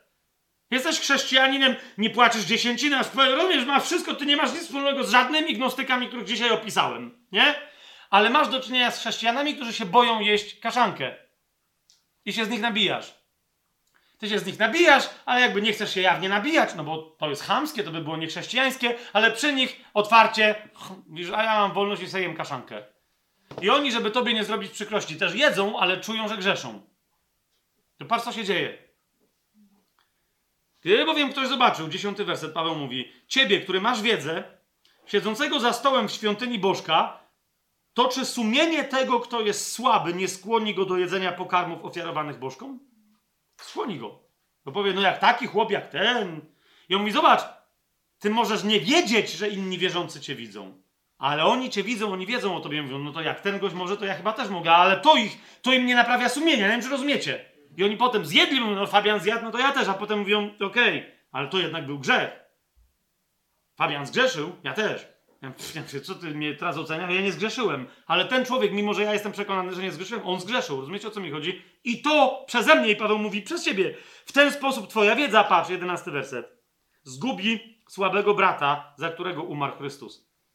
Grzesząc tak przeciwko braciom, patrzcie na to, i raniąc ich słabe sumienie, grzeszycie przeciwko Chrystusowi. Dlatego, jeżeli pokarm gorszy mojego brata, przenigdy nie będę jadł mięsa, żeby nie gorszyć mojego brata. Paweł mówi, ja nie mam z tym żadnego problemu, ale mam problem z tym, że nie będę teraz się wygłupiał i teraz sarkał na brata i go wyśmiewał, że ma słabe sumienie. Trzeba coś z tym zrobić, tak? Ale zanim my coś z tym zrobimy, to najpierw jest posiłek. Jak to, czy ja twierdzę, że chcę pomóc mu w oczyszczeniu, w uwolnieniu jego sumienia, po czym co robię? Jeszcze bardziej je osłabiam. Wiecie o co mi chodzi? Więc Paweł mówi, jak twoje sumienie, rozumiesz, nie pokazuje ci, że twoja wiedza jest pozbawiona miłości, to już jest coś nie tak z twoim sumieniem. Więc w związku z tym twoja pobożność będzie. Widzicie, dlaczego to jest taki ważny temat? Jak działa twoje sumienie? Czy ono jest w stanie ocenić twoją pobożność? Nie? W pierwszym liście do Koryntia, dalej w dziesiątym rozdziale Paweł jeszcze wraca do tego wątku e, i mówi od 23 wersetu: Wszystko mi wolno, to jest dokładnie to. Ale moje sumienie, tu bym dodał, rozumie, że nie wszystko mi przynosi korzyść, nie wszystko jest pożyteczne, tak naprawdę. Nie? Wszystko mi wolno, ale nie wszystko buduje. Niech nikt nie szuka własnego dobra, ale niech, domyślę, każdy szuka dobra bliźniego. Wszystko, co sprzedają w jadkach, jedzcie. I teraz zauważcie, co Paweł mówi, nie? Zawsze jak potem wierzący jakiś ci powie, a ja cię widziałem, że jadłeś mięso. Ty nie widziałeś, ale ja widziałem i przez ciebie potem myśmy jedli, jak ktoś mnie uświadomił, że to jest grzech. Nie? Ciekawa rzecz, Paweł mówi, pamiętaj, żeby coś naprawdę dotknęło twojego sumienia, musi być yy, świadome, musisz mieć świadomość, że to przynosi zło i musi być dobrowolne. To na, musisz naprawdę tego chcieć. Jasne to jest? Jasne to jest? Świadome i dobrowolne, świadomie niezgodne z przekonaniem Twojej wiary i świadomie przez Ciebie zechciane, zachciane. Nie? Więc Paweł mówi: Pamiętaj, chcesz zjeść mięso, chcesz, nie? Czyli dobrowolnie chcesz zjeść to mięso.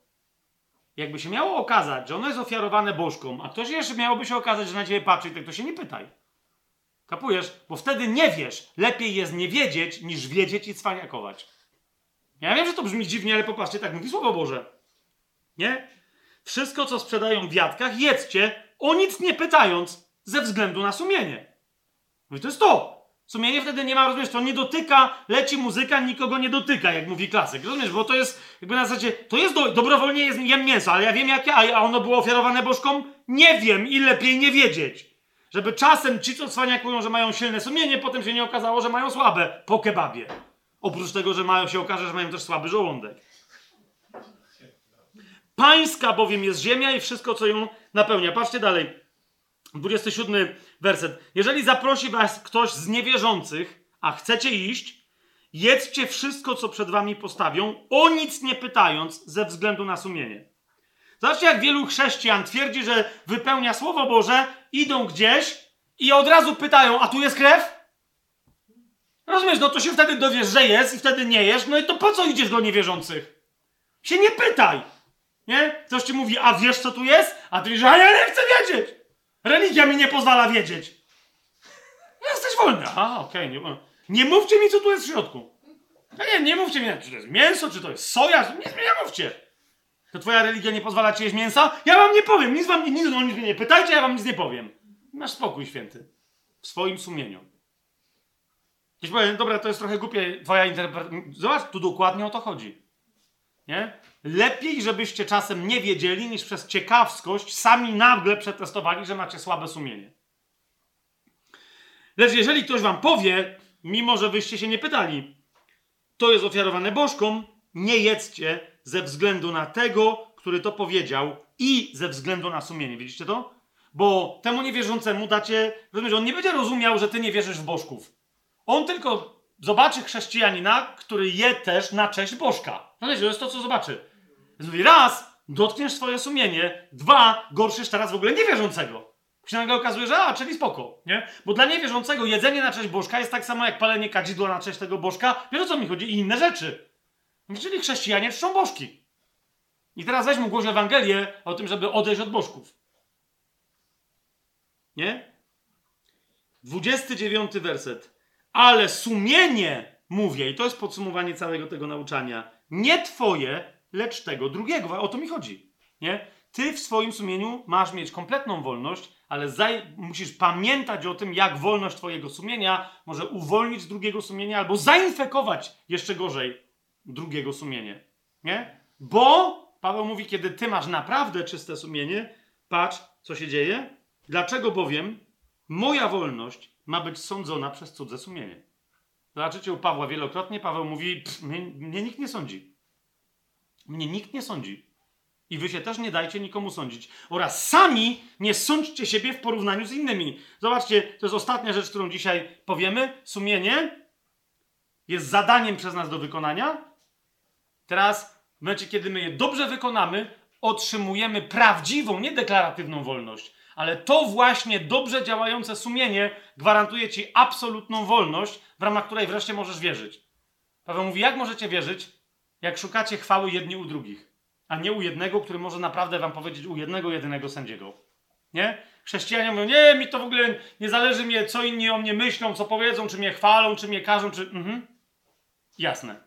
Po czym wszyscy chodzą i najbardziej rozpamiętują, co ktoś komuś przypieprzył dwa lata temu, dwa miesiące temu i tak dalej, i tak dalej. A ten temu udziubał, a ten temu sprzedał igłę, a ten temu szpilka. Najdrobniejsze rzeczy ludzie chodzą i pamiętają. Czemu? Bo to myślą, że jakoś świadczy o nich, co ktoś inny o nich myśli. To znaczy, że mają słabe sumienie. Jeżeli ty masz ten problem, co inni o tobie myślą, tak? Rozważasz to, dialogi w sobie prowadzisz, co inni o tobie myślą, co powiedzieli, jakie opinie wyrażają, dowiadujesz się nagle, że ktoś o tobie za moimi plecami i nagle jest ci z tym źle. Rozumiesz? Znaczy, że jest coś nie tak z twoim sumieniem. Przyjmij to, uciesz się tym. W sensie, wow, cierpię z powodu tego, co inni o mnie myślą. Czemu się ucieszysz? Bo to, rozumiesz, bo to jest znak, że od tej pory możesz coś zrobić ze swoim sumieniem. Jak zrobisz coś właściwego, to w następnym ruchu zobaczysz, jak, jaką masz wolność. Ok? Ostatnie raz, dwa, trzy, cztery, pięć, sześć, siedem, osiem, szesnaście cytatów i idziemy do domu. E, sumienie, sumienie, kochani, na koniec powtórzę, dlaczego jest tak ważnym elementem, ponieważ kiedy my mówimy o pobożności, o tym ja cały czas pokazuję pewne przykłady i tak dalej, myślę, aha, to bym zrobił to, to bym zrobiła tamto, ale koniec końców, jedynym twoim pewnym sędzią twoich działań, pewnym, rozumiesz, jakby punktem odniesienia, który ci pozwoli zobaczyć, co ty naprawdę robisz, jest tylko i wyłącznie twoje sumienie. Nie ma żadnej osoby, do której się możesz porównać, najświętszej, największego wzoru nawet i tak dalej. Nie ma takiej osoby, do której ty się możesz porównać i powiedzieć, o, ten, ten Smith Wigglesworth tak robił, to ja też tak będę robił. Nie jest pytanie, a ty jesteś Smith? Rozumiesz? Czyli co twoje sumienie, twoje serce ci podpowiada, że masz wyciągnąć od Smitha Wiggleswortha? Czy od kogoś innego, kogo masz za wzór wiary? Twoje sumienie ci to podpowiada. Ale tak Pan Jezus zrobił. To Pan Jezus tak robił. Jak ty spotkasz Samarytankę, masz ją zrąbać i jej coś tłumaczyć o psach? Może tak masz zrobić, rozumiesz? Ale może nie. I teraz kto ci to powie? Pan Jezus mi powie. Ale jak ci Pan Jezus to? On ci to powie przez głos twojego sumienia. Rozumiecie? Patrzcie. W liście do Galacjan mamy napisane o, ostatnich parę, yy, parę wersetów. Ach, jakie to jest ważne. Pa, patrzcie, ile, ile się musieli nagadać Paweł z Tymoteuszem, że, że Paweł Tymoteuszowi tylko rzuca hasła i o pewnych rzeczach przypomina hasłowo, a nie musi mu tego tłumaczyć. A my sobie to wszystko musimy tłumaczyć. List do Galacji najpierw zobaczmy. Yy, dokładnie o tej prawdzie Paweł mówi, tylko nie powołuje się tam na sumienie, ale dokładnie o to chodzi. Nie? On mówi, nigdy pod żadnym pozorem nie, nie dawajcie ludziom się porównywać z innymi, ani wy się nie porównujcie do nikogo innego. Nigdy pod żadnym pozorem tak nie róbcie. To jest błąd. To jest cielesne. Patrzcie, bracia, od pierwszego wersetu czytam, Paweł pisze, bracia, jeśli przydarzy się komuś jakiś upadek, wy, którzy jesteście duchowi, a zaraz sobie zobaczymy, że ci, którzy, czyli ci, którzy mają naprawdę dobre poznanie, właściwą pobożność i czyste i dobre sumienie, tak? Wy, którzy jesteście duchowi, poprawiajcie, szósty rozdział listu do Galacjan od pierwszego wersetu. Wy, którzy jesteście duchowi, poprawiajcie takiego, który upadł w duchu łagodności, jednocześnie, patrzcie, uważając każdy na samego siebie, abyś i ty nie był kuszony. Ludzie często nie zauważają, jak sami zaczynają grzeszyć w momencie, kiedy mają do czynienia z ludźmi, którzy grzeszą, którym się zgłaszają na ochotnika, że będą pomagać. Ani się obejrzą. Kiedy tego nie robią z właściwym sędzią w swoim sercu, czyli czystym i dobrym sumieniem, zaczynają robić dokładnie to samo. Bo sędzia by im powiedział, po co tam się w ogóle pchasz?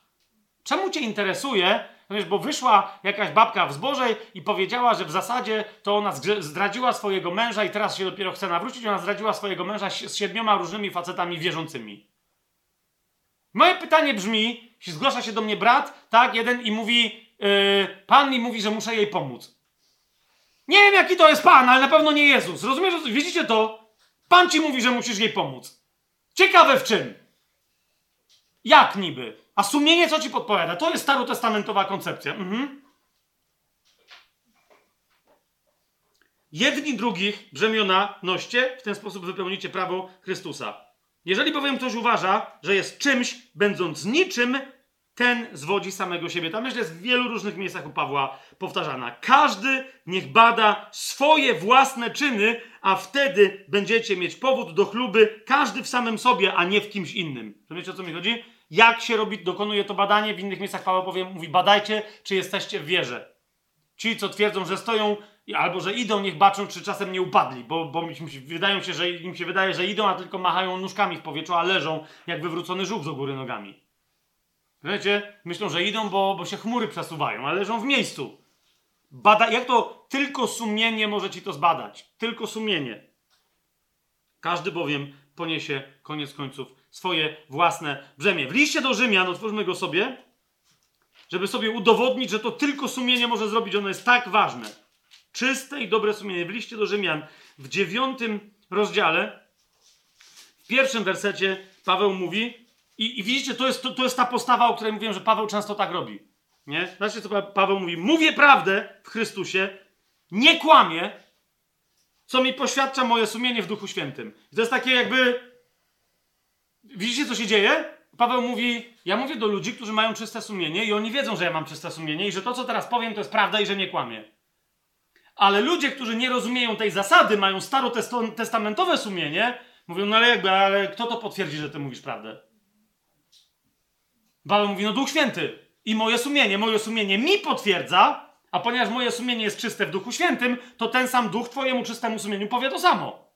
A jak ci nie mówi, to nie jest, że Duch Święty nie mówi, to ty masz coś nie tak z radioodbiornikiem, czyli z Twoim sumieniem w sercu. Rozumiecie o co idzie? Drugi list do Koryntian. Pierwszy rozdział sobie otwórzmy. Drugi list do Koryntian. Pierwszy rozdział, dwunasty werset. To bowiem jest naszą chlubą. No tam Paweł tu ma, dobra, to bowiem jest naszą chlubą. Świadectwo naszego, co? Świadectwo naszego sumienia. Zauważcie, to co, Paweł, to, to co Paweł mówił w liście do Galacjan. Ludzie przychodzą i mówią, wow, jakie dzieło Boże wykonaliście, tu, tam, siam, a Paweł mówi, co z tego się mam cieszyć, że mi ktoś coś mówi, że zauważył, że ja tyle ludzi nawróciłem? A co mi mówi moje sumienie? I wtedy Paweł pisze do Koryntian i mówi, to jest nasza chluba. Co? świadectwo naszego sumienia, że w prostocie i w szczerości Bożej, nie w cielesnej mądrości, ale w łasce Boga, postępowaliśmy na świecie, a szczególnie względem Was. I on mówi: Nie wiem, co Wy o mnie myślicie, ale ja wiem, ponieważ właściwy sędzia mi mówi, że postępowaliśmy wśród Was jak najlepiej. Więc jak Wy się z tym nie zgadzacie, to Wy macie problem. Po prostu posłuchajcie mojego sumienia. Jak? Włączcie sobie swoje. Drugi do Koryntian, czwarty rozdział. Paweł mówi wyraźnie o sobie, o swojej służbie apostolskiej, ale każdy chrześcijanin powinien się pod tym podpisać. My, mówi, wyrzekliśmy się ukrytych, haniebnych czynów, nie postępując podstępnie, ani nie fałszując Słowa Bożego, ale przez ujawnianie prawdy polecamy samych siebie, czemu? Sumieniu każdego człowieka w obliczu Boga. I tylko ludzie, którzy mają sumienie, tylko nowonarodzeni, wiedzą, że ja też mam czyste sumienie, nie mam żadnych ukrytów, ukry, nie mam nic za pazurami. I że głoszę Słowo Boże w prawdzie. Jak chcesz ty wiedzieć, że ktoś ci głosi, ty chcesz głosić Słowo Boże w prawdzie, chcesz przenieść wiedzę i poznanie tajemnicy pobożności na praktykę pobożności w swoim życiu, żeby ćwiczyć, jakby to były ćwiczenia cielesne, potrzebujesz zdrowego, prężnego sumienia. Pierwszy list do Tymoteusza, Zobaczcie, jeszcze raz, teraz w tym, jak już to wszystko wypowiedziałem, zobaczcie, jak to brzmi. Pierwszy list do Tymoteusza, pierwszy rozdział, 18-19 werset. Nakazuje Tobie, synu Tymoteuszu, według wcześniej wygłoszonych o Tobie proroctw, abyś toczył zgodnie z nimi dobry bój, mając wiarę i czyste sumienie które niektórzy odrzucili i stali się rozbitkami w wierze. Odrzucenie czystego sumienia. Nawet jak masz wiarę, masz proroctwa, masz namaszczenie, masz właściwe nauczanie, staniesz się rozbitkiem w wierze i w końcu to wyjdzie. Ostrzegam siebie i was, ostrzegam nas, ostrzegam cały Kościół, tak jak Paweł ostrzegł, yy, ostrzegał yy, Tymoteusza. W drugim liście do Tymoteusza, w pierwszym rozdziale, zobaczcie, w trzecim wersecie, jak Paweł się przedstawia. Jeszcze raz wam to przypomnę, zobaczcie teraz w tym kontekście. Dziękuję Bogu, któremu jak moi przodkowie służę z czystym sumieniem, że nieustannie Ciebie wspominam w swoich modlitwach w nocy i we dnie. Służę Bogu z czystym sumieniem, nie mam na sumieniu żadnego grzechu. W liście do Tytusa, w pierwszym rozdziale, yy, wtedy Paweł mówi, po, widzisz, tu od razu poznasz, E, co się dzieje, nawet jak masz do czynienia z braćmi i siostrami. Nie? Że coś się z nimi, że oni nie mają tego, nie mają tego, tej funkcji serca w sobie właściwie zachowanej albo wykształconej. To jest ta zasada, którą, na którą niektórzy się powołują, a potem, no właśnie, Paweł mówi, to jest pierwszy, e, to jest do Tytusa, pierwszy rozdział, e, werset 15. Dla czystych wszystko jest czyste. Natomiast dla skalanych i niewierzących nie ma nic czystego, lecz skalany jest zarówno ich umysł, jak i sumienie. Zwróćcie uwagę, dla kogo? Dla kogo? Dla niewierzących i dla tych, którzy mają skalane sumienie wierzących. Widzicie to? Dla skalanych i dla niewierzących wszystko jest nieczyste. Zawsze będą gdzieś się doszukiwali czegoś. Rozumiecie? Ktoś coś powie, będą się doszukiwać jakichś intencji ukrytych, jakiegoś, wiecie, ukrywania czegoś i tak dalej, tak dalej, tak dalej. Teraz to nie znaczy, że jak ktoś ma takie zachowanie, to znaczy, że on ma e, koniecznie grzechami świadomymi skalane sumienie, ale z całą pewnością ma niedorozwinięte sumienie i trzeba coś z tym zrobić. Przykładem tego są ci, którzy mają problem z jedzeniem takiego czy innego rodzaju, ale inni, wiecie, wszędzie widzą e, grzech. Tacy, szesnasty werset, twierdzą, że znają Boga, ale swoimi uczynkami temu przeczą, budząc obrzydzenie, będąc nieposłusznymi i niezdolnymi do wszelkiego dobrego uczynku. Wiecie, że w rozumieniu Pawła dobry uczynek to jest ten, który jest zgodny z wolą Bożą. I skończmy drugim listem do Koryntian,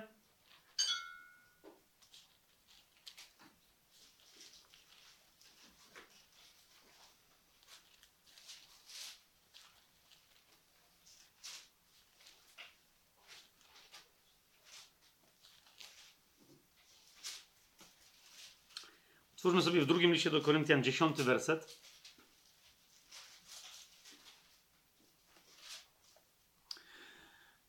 Bo jakby musimy zakończyć to jeszcze jednym. Pamiętaj, Twoje sumienie ma służyć Tobie do oceniania Twoich własnych zachowań. Czy to jest jasne?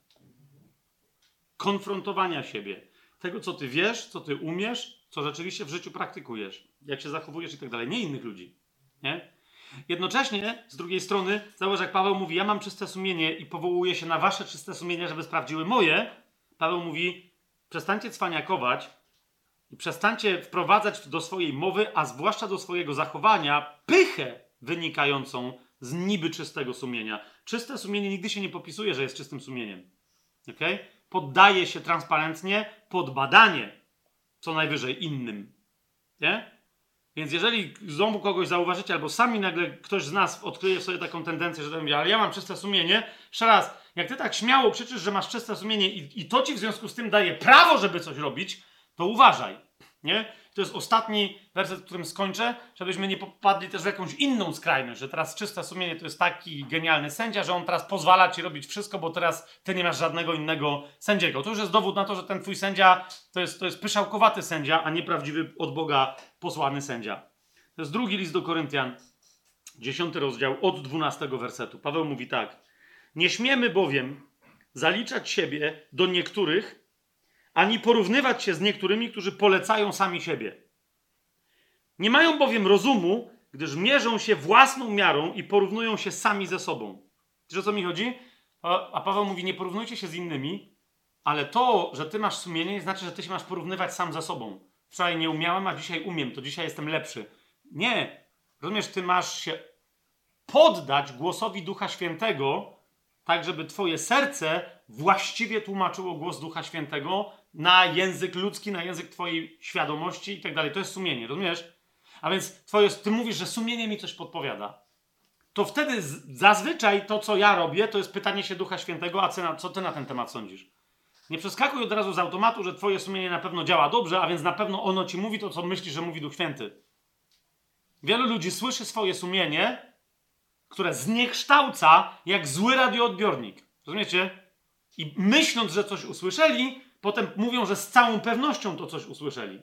A potem się okazuje, że Duch Święty powiedział coś bardzo podobnego, ale konkluzje były kompletnie niezgodne z tym, o co mu chodziło. Po prostu. Tak? Jak masz popsuty radioodbiornik, to przez ten głośnik źle usłyszysz, o co Duchowi Świętemu chodzi. Więc naprawdę, za każdym razem, jak serce ci podpowiada, to jest to, to pytaj się Ducha Świętego.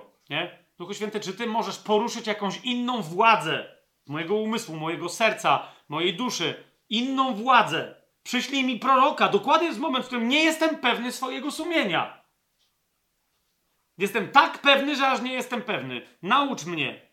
I to jest moment, że przyszedł do ciebie prorok i powiedział: To mówi Pan. Nie wiem, co ty teraz rozważasz, ale Pan mi powiedział to. I ty mówisz: O, rzeczywiście, to jest dokładnie. A czyli jednak, dobrze, czyli moje sumienie działa. Rozumiecie, o czym gadam? A Paweł mówi: Niektórzy przychodzą i myśląc, że w sumienie mają czyste, jedyne co mają, to zgodność nie z sumieniem, ale ze swoim pyszałkowatym postrzeganiem samych siebie i tą pychą się demonstrują, mówiąc, ja jestem czysty. Nie? Paweł mówi, nie, nie jesteś. Jesteś narcyzem. Trzynasty werset. ale my nie będziemy się chlubili ponad miarę, a tylko według miary zasad, które Bóg nam wymierzył. Miary, która sięgnęła aż do was, w sensie wy ją zobaczyliście. Nie przekraczamy bowiem ponad miarę samych siebie, jakbyśmy nie dotarli aż do was, bo przyszliśmy i aż do was z Ewangelią Chrystusa. I nie chlubimy się ponad miarę z pracy innych, ale mamy nadzieję, że gdy wzrośnie w was wasza wiara i my wzrośniemy obficie wśród was zgodnie z naszymi zasadami. Żeby głosić Ewangelię poza waszymi granicami, nie chlubiąc się na cudzym obszarze tym, czego już inni dokonali. No, to myśmy kiedyś rozważali ten fragment, ale chodzi mi o to, żebyście, żeby zobaczyć cały kontekst. Paweł na końcu mówi, kto więc się chlubi? Zauważcie, w Panu niech się chlubi. Twój głos sumienia będzie zgodny z tym, co Pan mówi o tobie. A więc w pewnym sensie ludzie czystego sumienia w kościele potwierdzą ci, czy ty masz czyste sumienie, kiedy myślisz, że masz. Ponieważ, kiedy mówisz, wydaje mi się, że moje sumienie w imieniu Bożym mówi mi, że ja jestem taki i taki i zrobiłem to i to, cała reszta w kościele powie ci, wiesz co, też nam się tak wydaje. Wiecie o co mi chodzi?